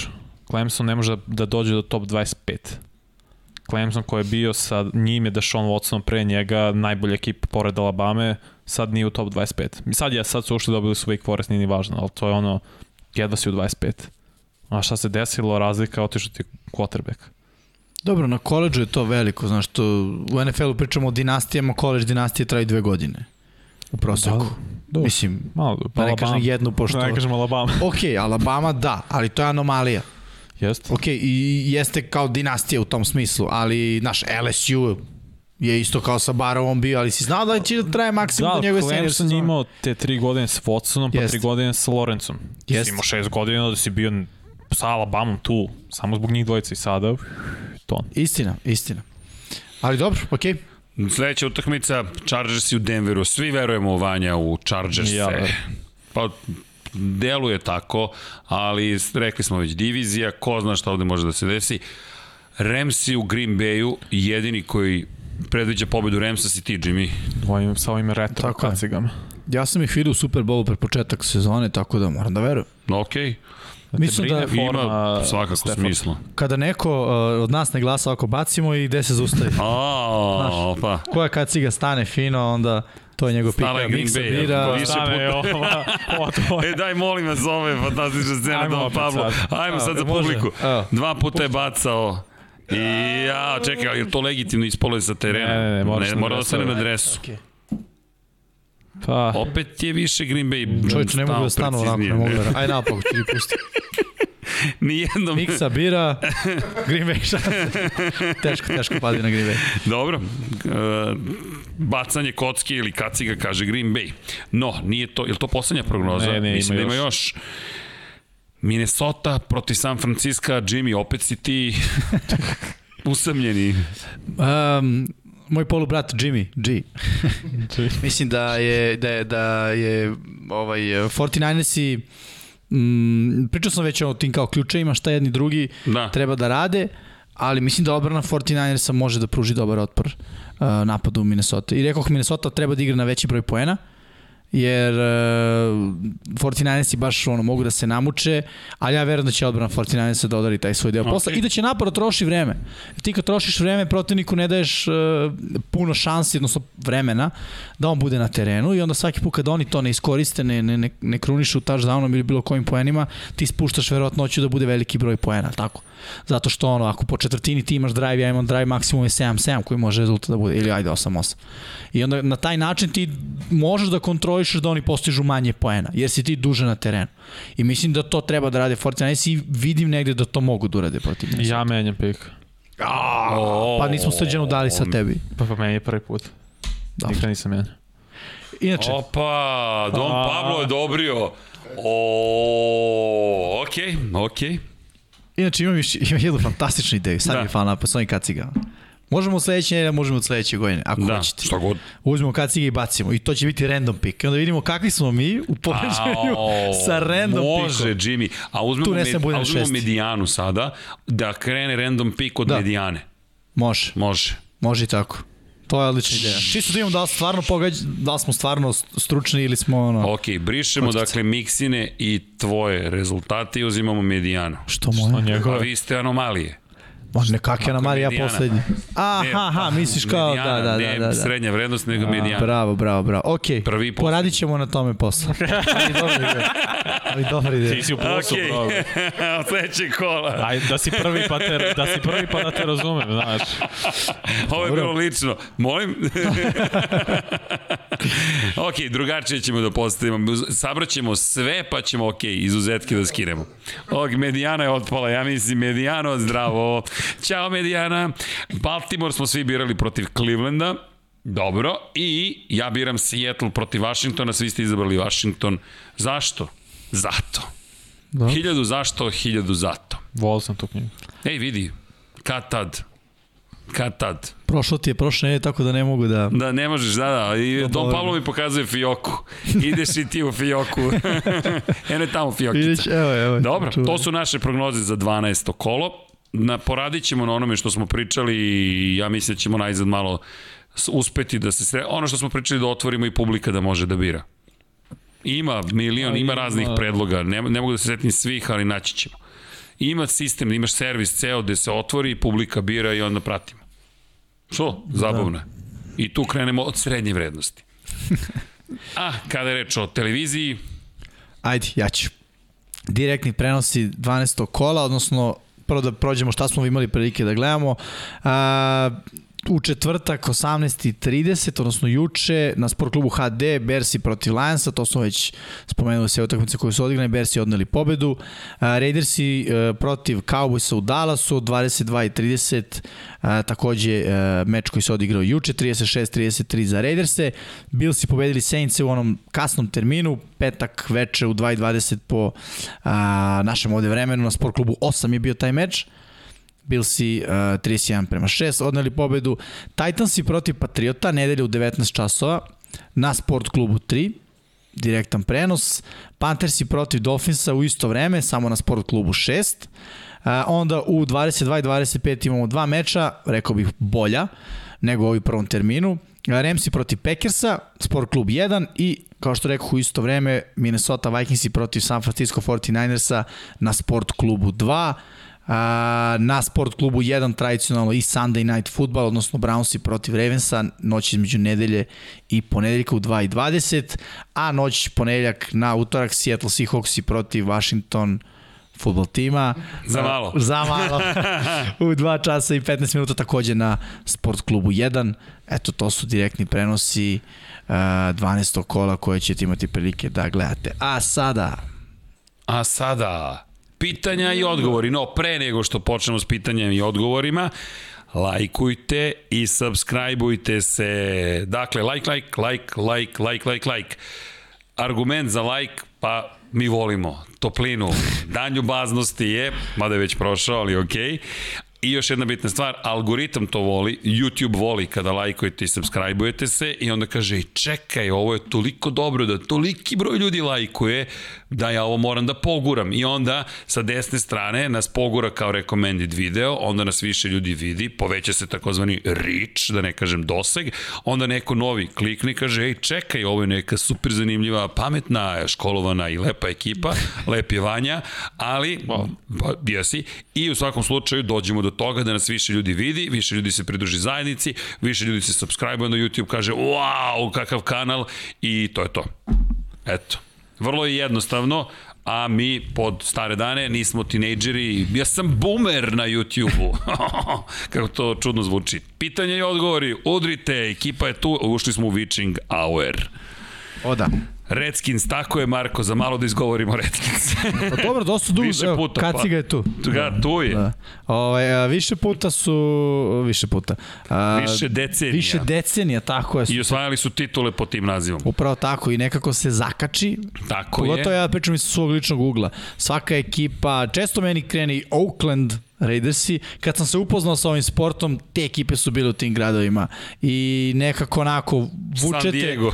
Da, da San, San Diego, Diego Chargers jeste. to je St. Jerry Louis. Jones, jako je kada su igrali i rekao San Diego, očekujemo da pobedimo San Diego. svi kažu San I kao, Diego. LA, LA, Da. ne, San Diego. Aj, Jeste. I ovaj analitičar, svi kažu Da, San da, Diego. San Diego, prosto tako. Recimo, meni bi bilo potpuno ono čudno da kažem Los Angeles Raiders. Tako? A bili su Bili Raidersi su, Los pa Angeles. Raidersi su kao 80. u LA-u su osvojili titulu, je li Da, tako? da, čini mi se jesu. Ja Ili zamisli ovo, Baltimore Colts. Baš zvuči Da, to je baš daleko. E da, ali, Jeste, ali, ali, ali, ali, ali deo istorije. deo istorije, da. Pa, Jeste, neko bili opet Baltimore LA Colts. Raiders su imaju bolji...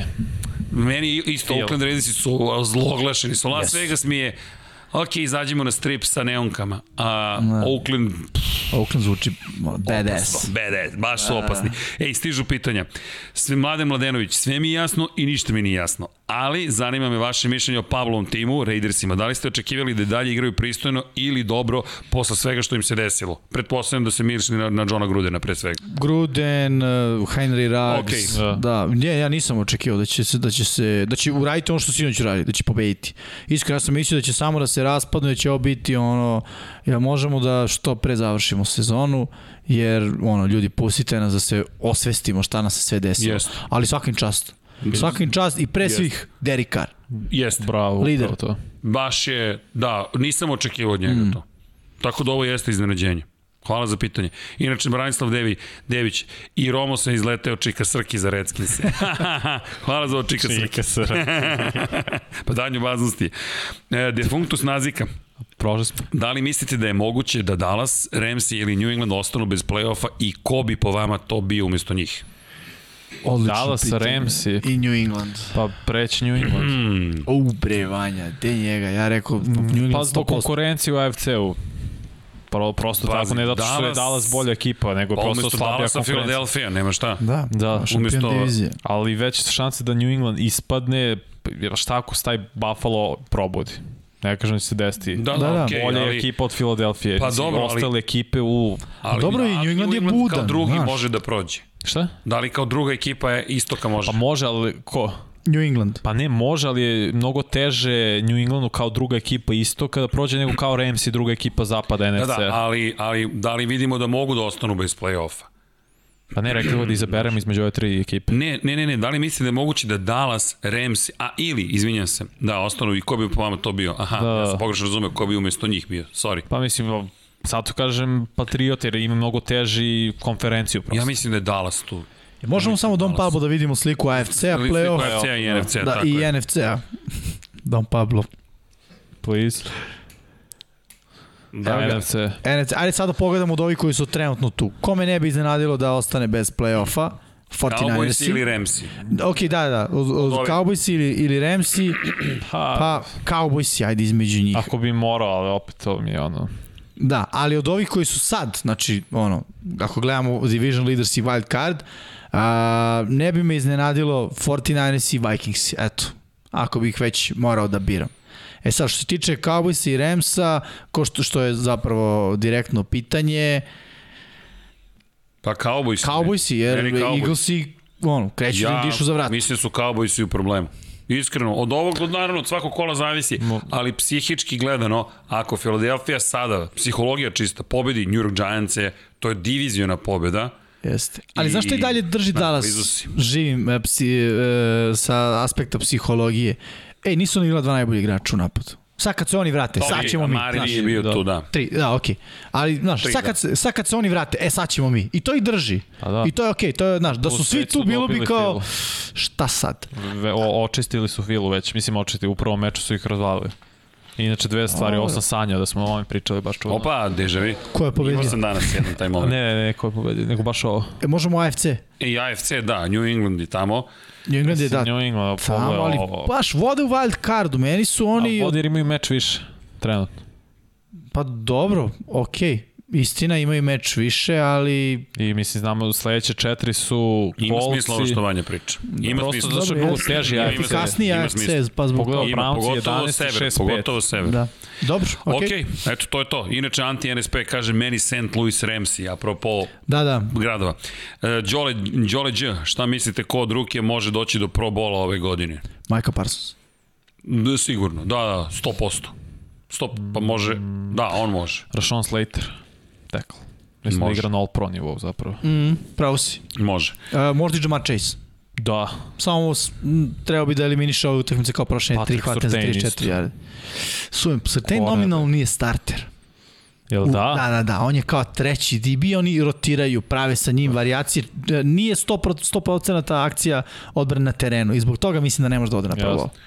E, Inače, Dimitri Đokić kaže samo da mi se zahvali što sam u nekom podcastu preneo ljubav prema Formuli 1 njegove prijateljici što njemu nije pošlo za rukom ili prijateljici da, drugarici koja je počela da gleda Formulu 1 zbog toga. To, još ljudi u Formuli 1.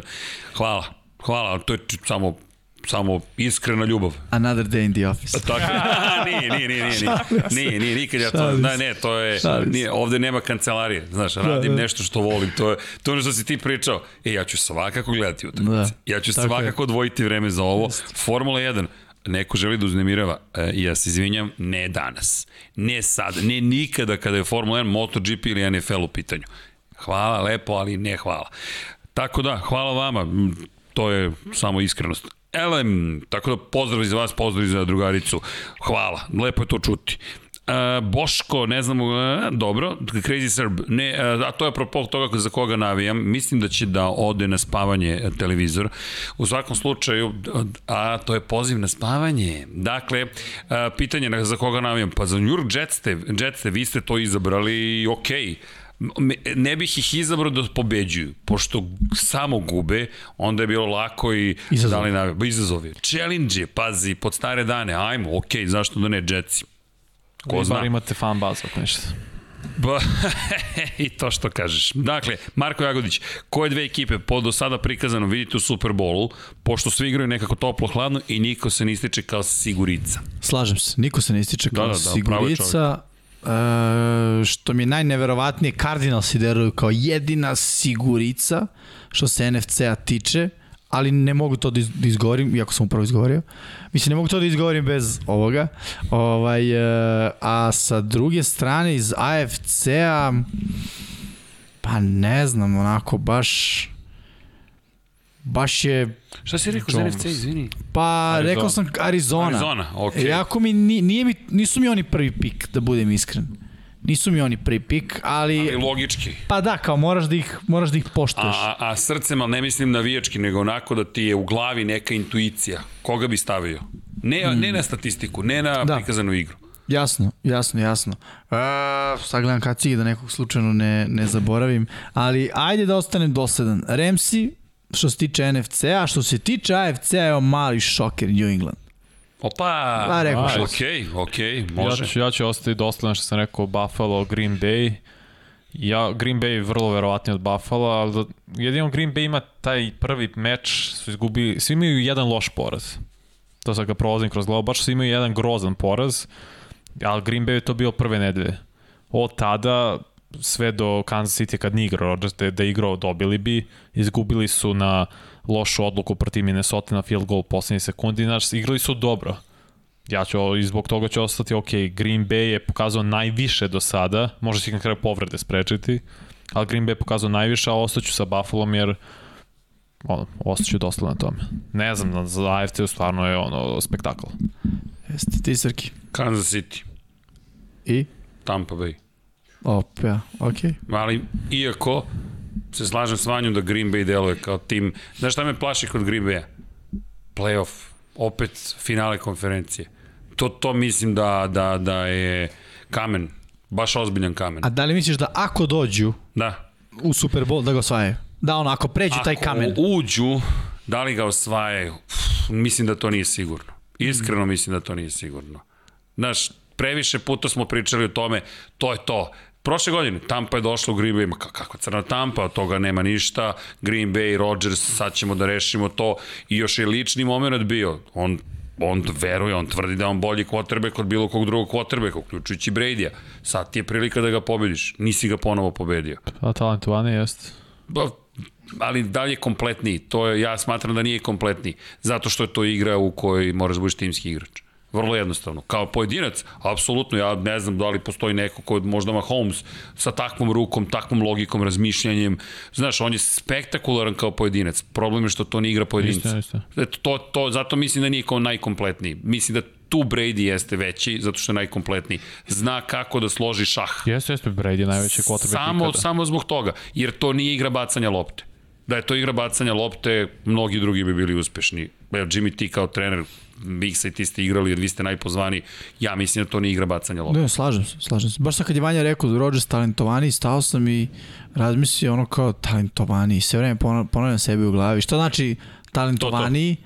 I mislim, došao sam do nekog zaključka u smislu, ja generalno definišem talent kao ono, ja sad, m, ti i ja da radimo istu stvar, ako meni treba 10 ponavljanja da to uradim, a tebi treba 1000, ja sam talentovaniji, jel tako? Iz manje pokušaja ću da uradim nešto bolje. Ali momenta kad ti dođeš do 1000, ja do 10, mi smo jednaki, jel tako? Jer smo na istom nivou. Svako naredno ponavljanje tvoje i moje, nisam ja bolji, zato što se ne multiplikuje, nego jednostavno kad smo do, došli do iste ravni, uh, ako ćemo da budemo i dalje jednako dobri, ako imamo jednak broj ponavljanja, to je to. Ha. Je tako? Znači nije kad sam ja na svom Da, 20, ti moraš da budeš na 2000 Ubaciš i to. novu dimenziju, to nije pitanje samo talenta, već i kapaciteta.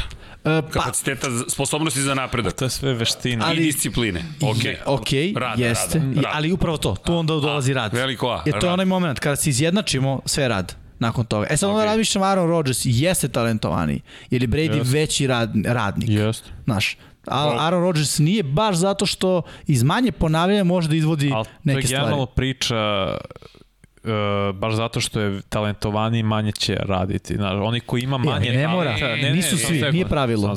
Pa nije pravilo, ali obično je tako. Ne Holmes kažemo je talentovan. Najveći Yes. Ali mnogo radi. Su Pa talentovani radi i Rodgers, ne, ne, ne radi koliko i Brady. Niko ne radi koliko i Brady. Ja bih Ja rekao da... gledam kako ko dodaje loptu, to se vidi, prosto vidiš, mislim, banalno poređenje i sad u poslednje u Herberta ću iz, u isto uzeti. On to baš lepo izgleda. Na, na oko ti izgleda toliko lepo kako dodaje. Lopta ide savršena spirala, ne ubija čoveka kao što Allen na početku zna da te pogodi i jo, prosto ti se odbije od ruke. Koliko jako baci. Ovaj baci nežno, opet ide lopta dovoljno jako. Znaš, to se ono, eye test je to. Znaš ko je Na talentovan, ne oko kad radi? vidiš. Baker. Ne, Baker nije talent. Baker Ne, je talent, ne, vidi, vidi, vidi, vidi, Ne, vidi. ne, ne. Njegov talent U poređenju sa kim? sa bilo kim, njegov talent ga je prodao na koleđžu. To jest tu se završi njegov talent. On je nakon Lincoln- toga što je Lincoln Riley draftovan, Ne, ne, Jimmy. Vidi, uh, on je nakon- Riley je napravio od Jalen Hursta da bude Heisman osvajač. Jalen Hurst nije to bio ni blizu tog kapaciteta na Alabami. Lincoln Riley je ofanzivni guru koji je pretvorio Bakera, Mare je posebna priča, je ultra talentovan i ovo, kako se zove, Hrca u, u, u Heisman osvajače. Baker je išao na drugi koleđ pre nego što je došao na Oklahoma. Walk-off je bio. Jasno. Nije, to, nije toliko talentovan, nije ni blizu. Ja to mislim, se sad vidi u NFL-u. vidi se zato što ne radi. Snima reklame čovjek. Ali nije toliko Bavi se talentovan. nečim drugim. Hoće velik ugovor. I Rodgers Znaš, snima reklamu. Hoće da igra na talent. Pa, pa jeste i zato imaš Rodgersa i jedan Super Bowl. I Jeste, večna, večna imaš- priča o tome da li je ili nije. Dobro, i Brady snima reklame. Ok, ali kad je Brady počeo snima ne, reklame? ali ima nešto drugo. 42. Vidi, godini. Ali Brady je, ako, ako postoji bolji organizator od Brady-a, pokažite mi ga. Taj čovjek je Pa car organizacije Zato što je radnik. Da, da. Jeste. Pa pazi, on je disciplinovan, on i dalje ustaje isto u vreme Tako kao što je. je ustaju i kad ima nula. To je i Ali- Peyton to Manning bio isto. Ceo Jeste. život, da, i ceo život je bio radnik, Brady. I na koleđu. Ali to je zato što uh, i njemu i Manningu je nedostaje taj elitni talent za dodavanje Ali da, lopte. ali nije- Oni pazi, su to nadomestili tu- radom. Pazi, Što je korelacija. legitimno. I Jeste. To je to. to Ali ja samo pričam o talentu u smislu ali- za koga moja pretpostavka je. Uh, znaš, ne možemo pričamo, ti sa Bakera možda voliš i da ne voliš. Čovjek je bio prvi pik na draftu. Ko, ali Čovjek je korelacija osvojio Heisman i trofeja. Bog Lincoln Riley-a. Ali nisu isto korelacija i kauzalnost. E, vidi, postoje oni redki koji su mega talentovani i Upravo veliki radnici ali su to zato se zovu Michael Jordan. Mm. Zato što se dese Tom Brady. jednom. Tako je. I to je to. On je bio ta ljudi, Michael Jordan je na koledžu bio car. Na koledžu je bio car. Ali postoji čuvena priča dok nije počeo da radi.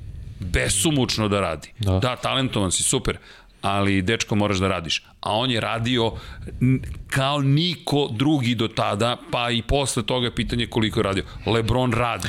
Evo ti primer. radi ili Evo radi? košarkaški primer. Carmelo Anthony, LeBron James.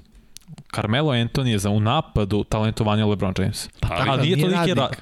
Ne, ne, ne, nije, ali tome uh, vidiš prosto to je opet i vidiš to je na oku se vidi. Carmelo Anthony kako u napadu postiže poen. To izgleda mnogo elegantnije. To ne mogu da ti opišem, to, to je jedna vrsta Ali lepote. Carmelo i dan danas igra na talent. Jeste, i to, ali to, to je ta priča. Lebron je ultra talentovan, možda je malo talentovaniji u napadu od Carmela, ali mnogo veći radnik. I zato je jedan od najvećih igrača ikada. Dobro, pa što? Ja, ja moram, da, da ja sam zamolio, zato Istina, što... odaljili smo se od Znaš, nećemo da. da odemo, nećemo stići sva pitanja da govorimo. Ajde, Ne Vanja ti, si. nego mi svi zajedno. Okay. Nisam mislio odmah Dom Pablo, nego u jednom momentu da nas presečete. Dom Pablo je samo rekao, ej, ljudi, hoću da idem da spavam. Uh, izvini, Vanja, nema veze ni sa tobom, ni sa Jimmym, ni sa mnom, nego je samo da se vratimo na fokus, a to je šta će biti sa mojim Saintsima, kaže Marko Hector, pošto pratim 5 godina NFL, da li da se pripremim za, novi, za prvi re, re, rebuild svoje ekipe. Pa da, delo Da. je tako, da, delo Da, je tako. pazi, pa sve je počelo, vidi, otišao ti je. Ja, bit će bolan rebuild. Pa jeste, Jako bolan. Će početi igrači iz odbrane da idu. ali moraju. Z- Naravno, jedno će ostati samo Moraju. kamera. I onda će on, Ali ja, njega će Pa tradovati. moraju da ga traduju i njemu prolazi vreme, ljudi, a on želi nešto da postigne u svojoj karijeri. Mnogo je teško nadomestiti quarter, Hall of Fame quarterback. To ti treba više pokušaja. Ne, redko ko to radi iz jednog. Mm, ali pogledajmo na sever države i pogledajmo ka državi Massachusetts.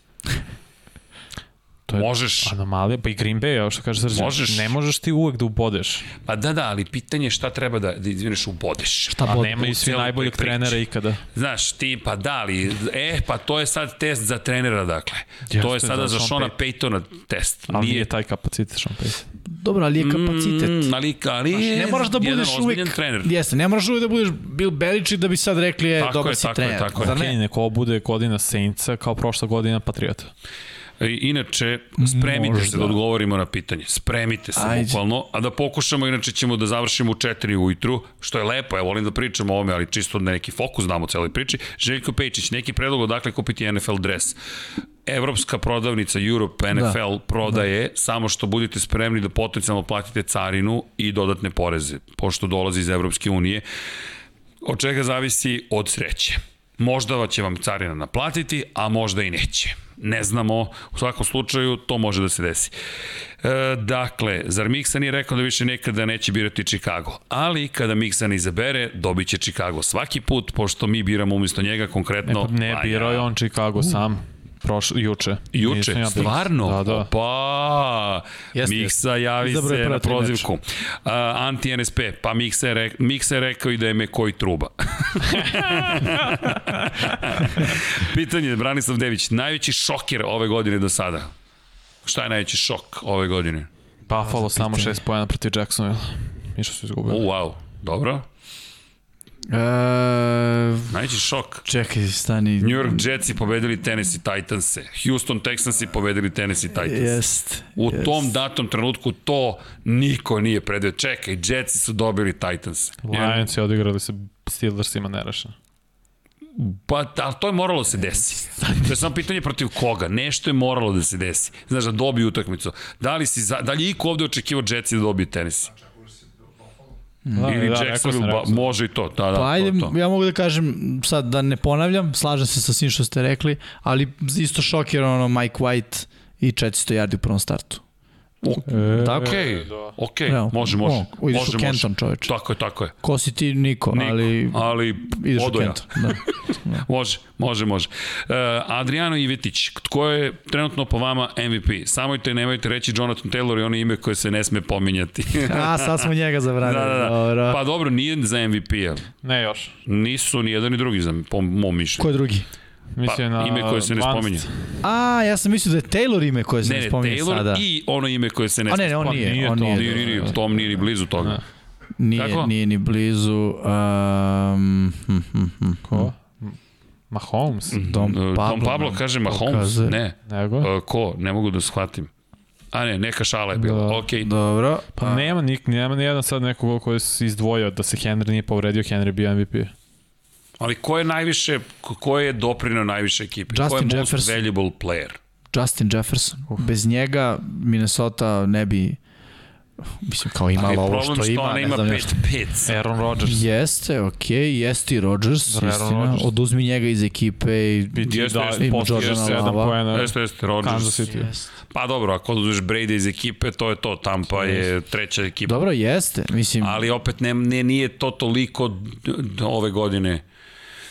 Kyler Murray bi bio da se nije ispostavilo i sa Colton McCoyom. Može se pobeđuje, Da, da, da.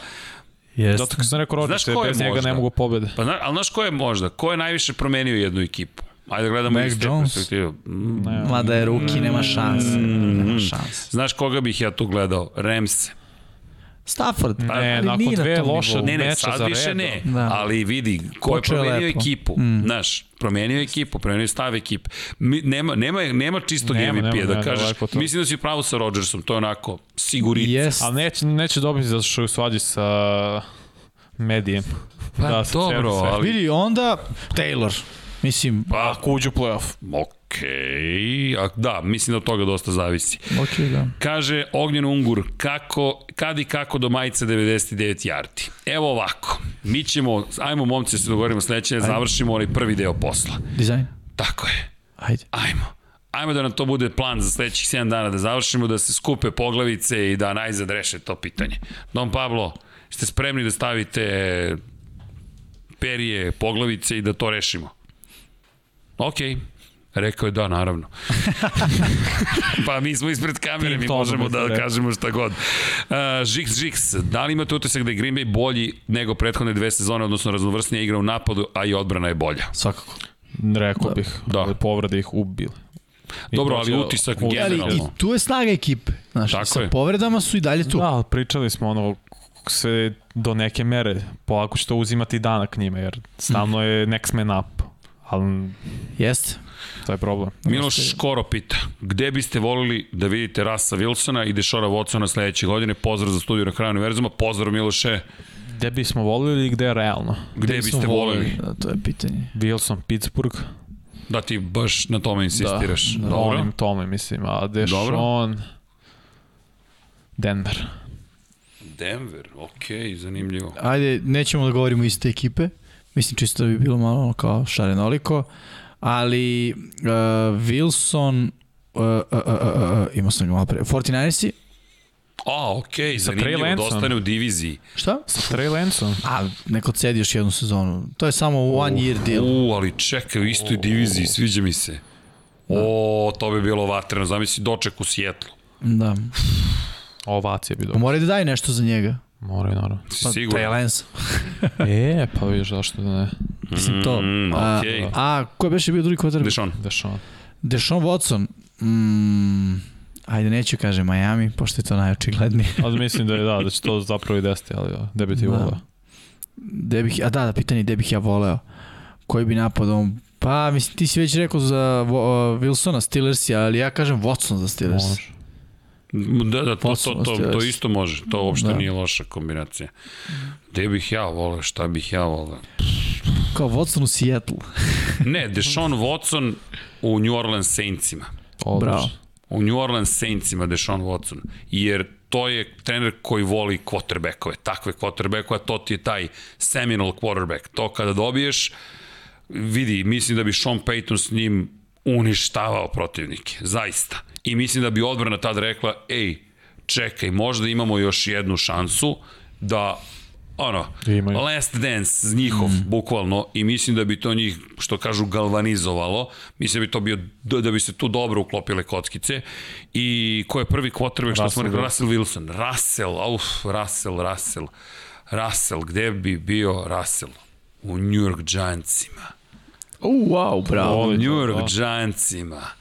Znaš, to je scena, ajmo Russelle. Da, Kiara u New Yorku. Da. Pa vidi, Bravo, bravo. mislim da bi to baš onako se uklopilo.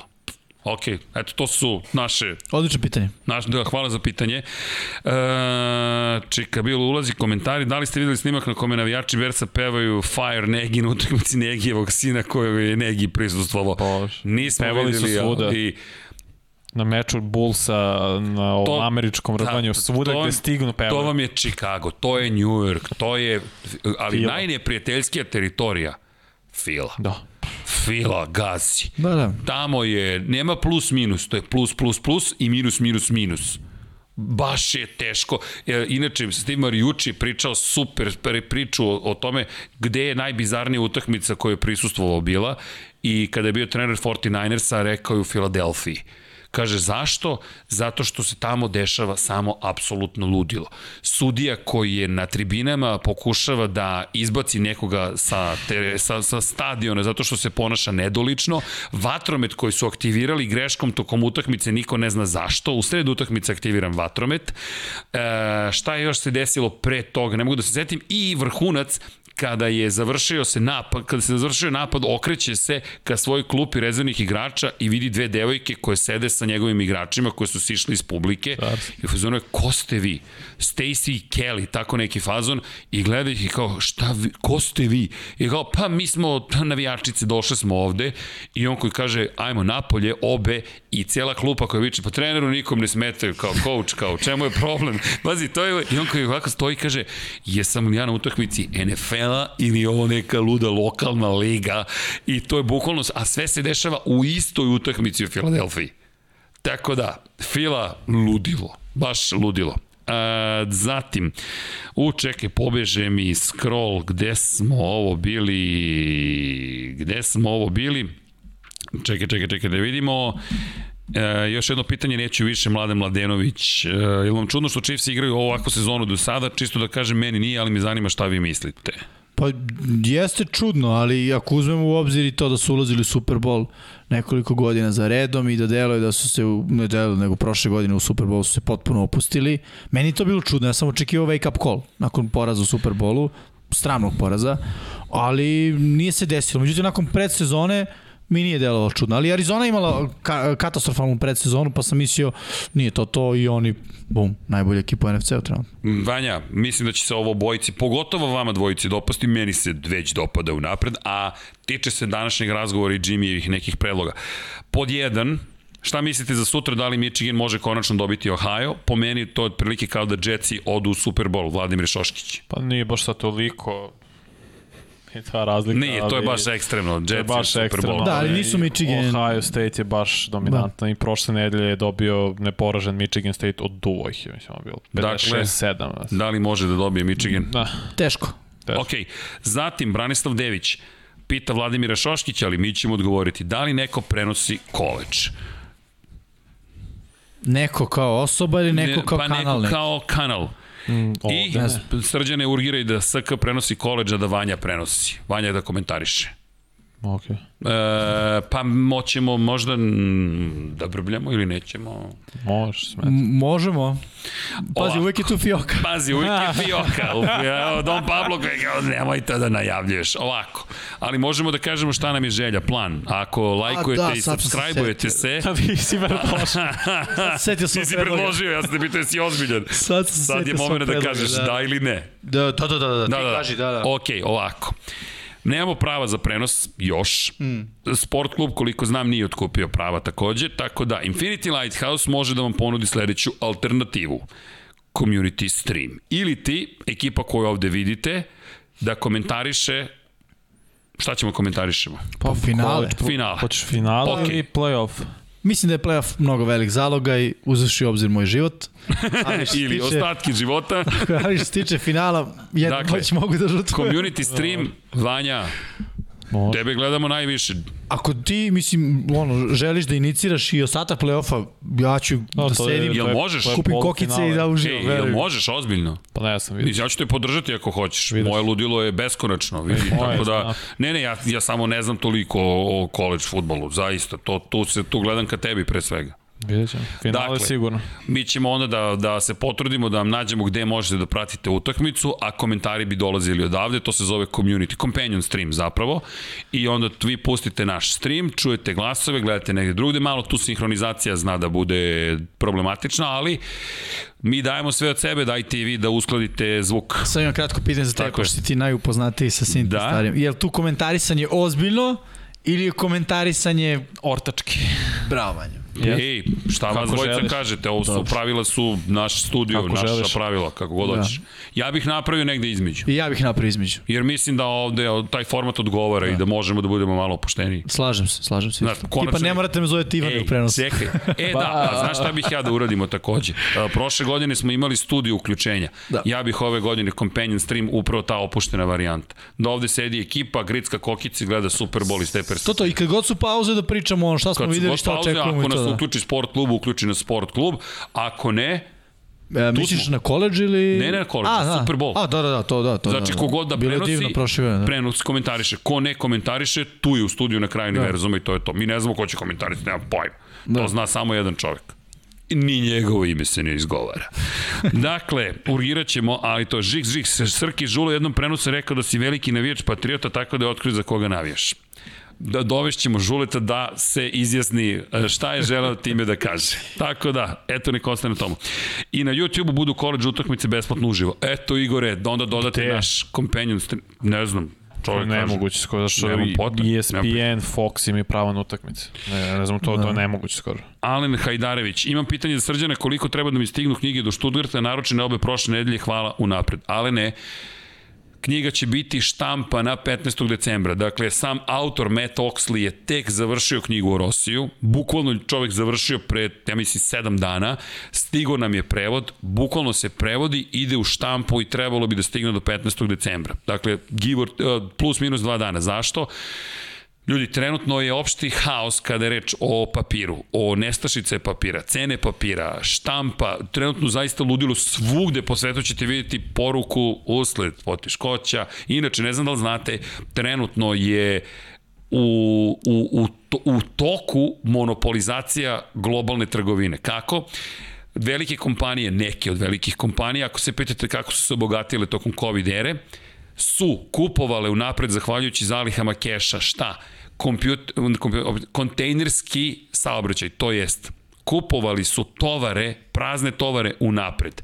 I u momentu kada kompanije koje se bave trg, prosto transportom robe nisu imale brodove koje su uopšte popunjeni ili uopšte u pokretu, velike kompanije sa viškom novca su kupovale sve unapred. I te kompanije sada imaju kupljen prevoz transport robe i šta to znači? Mogu da diktiraju cene na tržištu. Tako da, iz Kine više gotovo da ništa nije jeftino a mnogo toga se uvozilo i proizvodi, proizvodi proizvodilo u Kini i uvozilo i sada nešto što je koštalo X je 5X. Zašto? Zato što je neko kupio unapred i rekao ja diktiram cenu. Tako da, molimo vas samo za razumevanje, ali da znate čim bude knjiga odštampana, već smo spremili ceo plan kako ćemo da dostavljamo, koliko treba do Stuttgarta, naše iskustva se razlikuju od 7 do 10 dana, zavisi, imali smo situaciju inače da u Australiju je stigao paket i nije naplaćena ni carina, ni naplaćen ni dodatni porez. Da li je to pravilo, ne znamo. Jedan paket je otišao u Australiju, ali paketi stižu po celoj planeti Zemlji, samo što zavisi dosta od toga kakva će biti gužva u transportu. Čujte, ne znam pošta Nemački kako će da funkcioniše. Elem, zvonce mi ovde udaraju i, i gledaju me čudno. Tako da nam se sam odgovorio. Spisaću vam svakog petka velikih slojeva. Ukoliko ste iz Niša okoline ili možete želite da se dogovorimo da gledamo za, e, Super Bowl zajedno, možemo da se dogovorimo da gledamo kod mene, živ, živim sam. Mladen Mladenović, eto, ko hoće, neka se javi, mada vidim Milan Niš, 73, cenim da je iz Niša čovek, sad sam shvatio šta znači Milanis. Razmišljam šta je Milanis, a ono je Milan Niš 73. Da. Cool. Igor Ninić, to ime se ne spominje ovde. Šalim se, možda će i konkurencija prenositi, nemamo pojma. Dakle, da ste head coach neke ekipe, Adnan Hasanović pisa recimo Brownsa, kojeg quarterbacka, ali na samo jednu sezonu biste birali Bakera ili Daltona. Je li to jedini izbor koji imamo ili... Daltona. Dokazano je odvoje ekipu play-off više puta. Da, ali ima 40 godina. Dalton A ne, ne, ali kog Daltona stane? Pa dobro, pa sad, sad, sad Dalton, pa sad izao Bakera, ne mislim da priča Daltona i Cincija, ne znam. Ne, ne, ne, Daltona Ako... sad, mislim da je ovo ne, sad ne. pitanje. Ne, sada bi izabro Bakera, ako, ali... U smislu staru slavu ili da. neslavu? Ali ako možemo, ajmo da se igramo, kog quarterbacka bi ubacio u Brownse sada?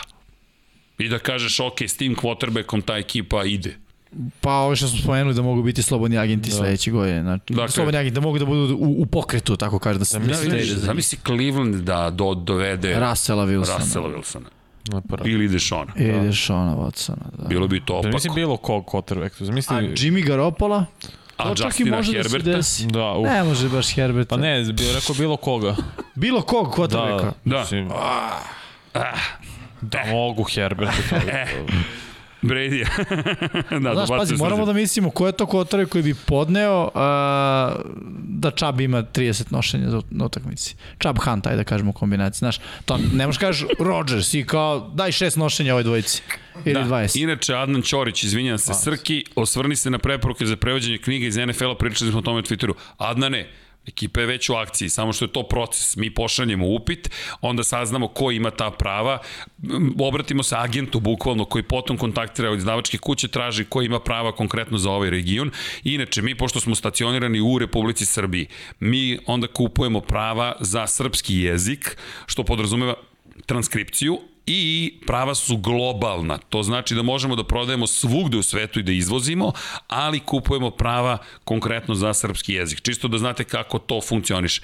Svaki drugi jezik, čak i pismo, moram da proverim, podrazumeva dodatna prava i tako dalje. Ljudi, sve košta. Dakle, prava za tekst su jedno. Onda kupujete dodatno prava za fotografije korišćene u originalnoj knjizi, a onda kupujete dodatna prava za korišćenje fotografije na koricama pošto to, se to smatra komercijalnom upotrebom. I onda, povrh svega toga, kupujete dodatno pravo da to bude za celu planetu. Pa onda plaćate proviziju agenciji koja vas je spojila sa vlasnicima prava, pa tek onda dobijete, kad to platite, tekst, prelom i krećete u akciju. A onda morate da prevedete, pa idete na redakciju, to jest idete na lekturu, pa kad sve to završite, idete kod prelamača da uklopi to što ste vi preveli u ono što ste dobili. Pa onda ide na poslednji quality control, kontrola kvaliteta i onda se šalje u štampariju. Pa onda kontrola u štampariji dalje sve urađeno kako treba, pa onda vam se isporuči knjiga. Eto, to je proces. Tako da, hoćemo, samo što to izgleda mnogo jednostavnije kad knjiga samo stigne, ali to je naš posao i mi uživamo u njemu, samo vas molimo za malo strpljenja i vremena. I like! I subscribe. A možete da postavite i Patreon ili našu prodavnicu. No, vreme je da polako završavamo, ekipa počinje da tone u lagani san, a ja pošto nisam bio tu dve nedelje, kao Big Ben, raspoložen sam. U svakom slučaju, dragi ljudi, ne zamerite ako nismo, a sigurno nismo odgovorili na neka od pitanja, pišite u komentarima, potrudit će se ekipa da odgovori ili u komentarima, mada je Miksa tu najažurniji, to je kritika nama trojici, mogli bismo malo da posetimo tamo komentare. Yes. Miksa, hvala, hvala za, za sve što radiš, nedostaješ, nadamo se da ćeš nam se vratiti sledeće nedelje, a Jimmy se spremio za odjavu, čekaj, vidi kako je spreman Jimmy za odjavu, polako ali sigurno, like. Philadelphia, like Toto, ja, čekaj, jako je, jako je, čekaj. Ok, to je sve sa Hanzaplastom. Da. to je povređeni Herbert. e, ja bude povređen. Nemoj, nemoj, nemoj. ok, ljudi, udrite like, udrite subscribe, iako ne navijate za Jetse, Philadelphia ili LA Chargers-e, nadam se da ste uživali, mi svakako jesmo, makar do ovog trenutka, polako počinje da prelazi u neku drugu fazu celo ovo druženje, ali Budite sa nama i sledeće nedelje, sledeće petka nam će ekipa bi biti u celom sastavu, dakle četiri asa i jedan džoker zvani Dom Pablo, mada imamo još jednog džokera Srđana ovde koji je tu i da ćete se naravno subscribe-ovati, da ćete lajkovati video, posetite našu prodavnicu shop.infinitylighthouse.com. Nadam se da ćemo sledeće nedelje moći da pričamo i o dizajnu majica i još nekih artikala. U svakom slučaju, mazite se i pazite se, vodite računa jedno drugima, budite dobri, uradite nešto lepo. Dan ljubaznosti je prošao, ali ne znači da ne moramo biti ljubazni i u nastavku ove godine, pa i sezone i tako dalje. 917 i 1178 pošaljete na 3030 da pomognemo nekim ljudima. Human 917, Human 1178 na 455 u Švajcarskoj, gde god da ste nešto lepo možete da uradite. Brkove, neki od nas gaje, pokušaj Brkova u svakom slučaju i u nadi da ćemo podići svest o tome da se treba boriti kako osvešćivanjem protiv raka testisa, raka prostate, ode se na kontrolu momci, devojke podržite svoje momke, nema stida, nema srama, nema ni problema kada se to izgovori, dakle razbijamo i tu famu, odete, proverite se, nije ništa, hu, udarite like. Jeste nešto, nažalost, ide se na lečenje. Ukoliko se rano otkrije, može da se izleči. Dakle, potrudite se da budete dobri prema sebi, time ćete i prema drugima i generalno prema drugima i uživajte u životu, ova ekipa svakako uživa i sada ide da padne u nesvest, ali ne i bukvalno da padne. Padom je počelo, padom da se završi, da padnemo u krevet u svakom slučaju. Možemo to da odglumimo, o, pali smo, ali mi vas volimo i šaljemo vam pozdrav iz studija na kraju univerzuma. Ljudi, budite nam dobri i čao svima!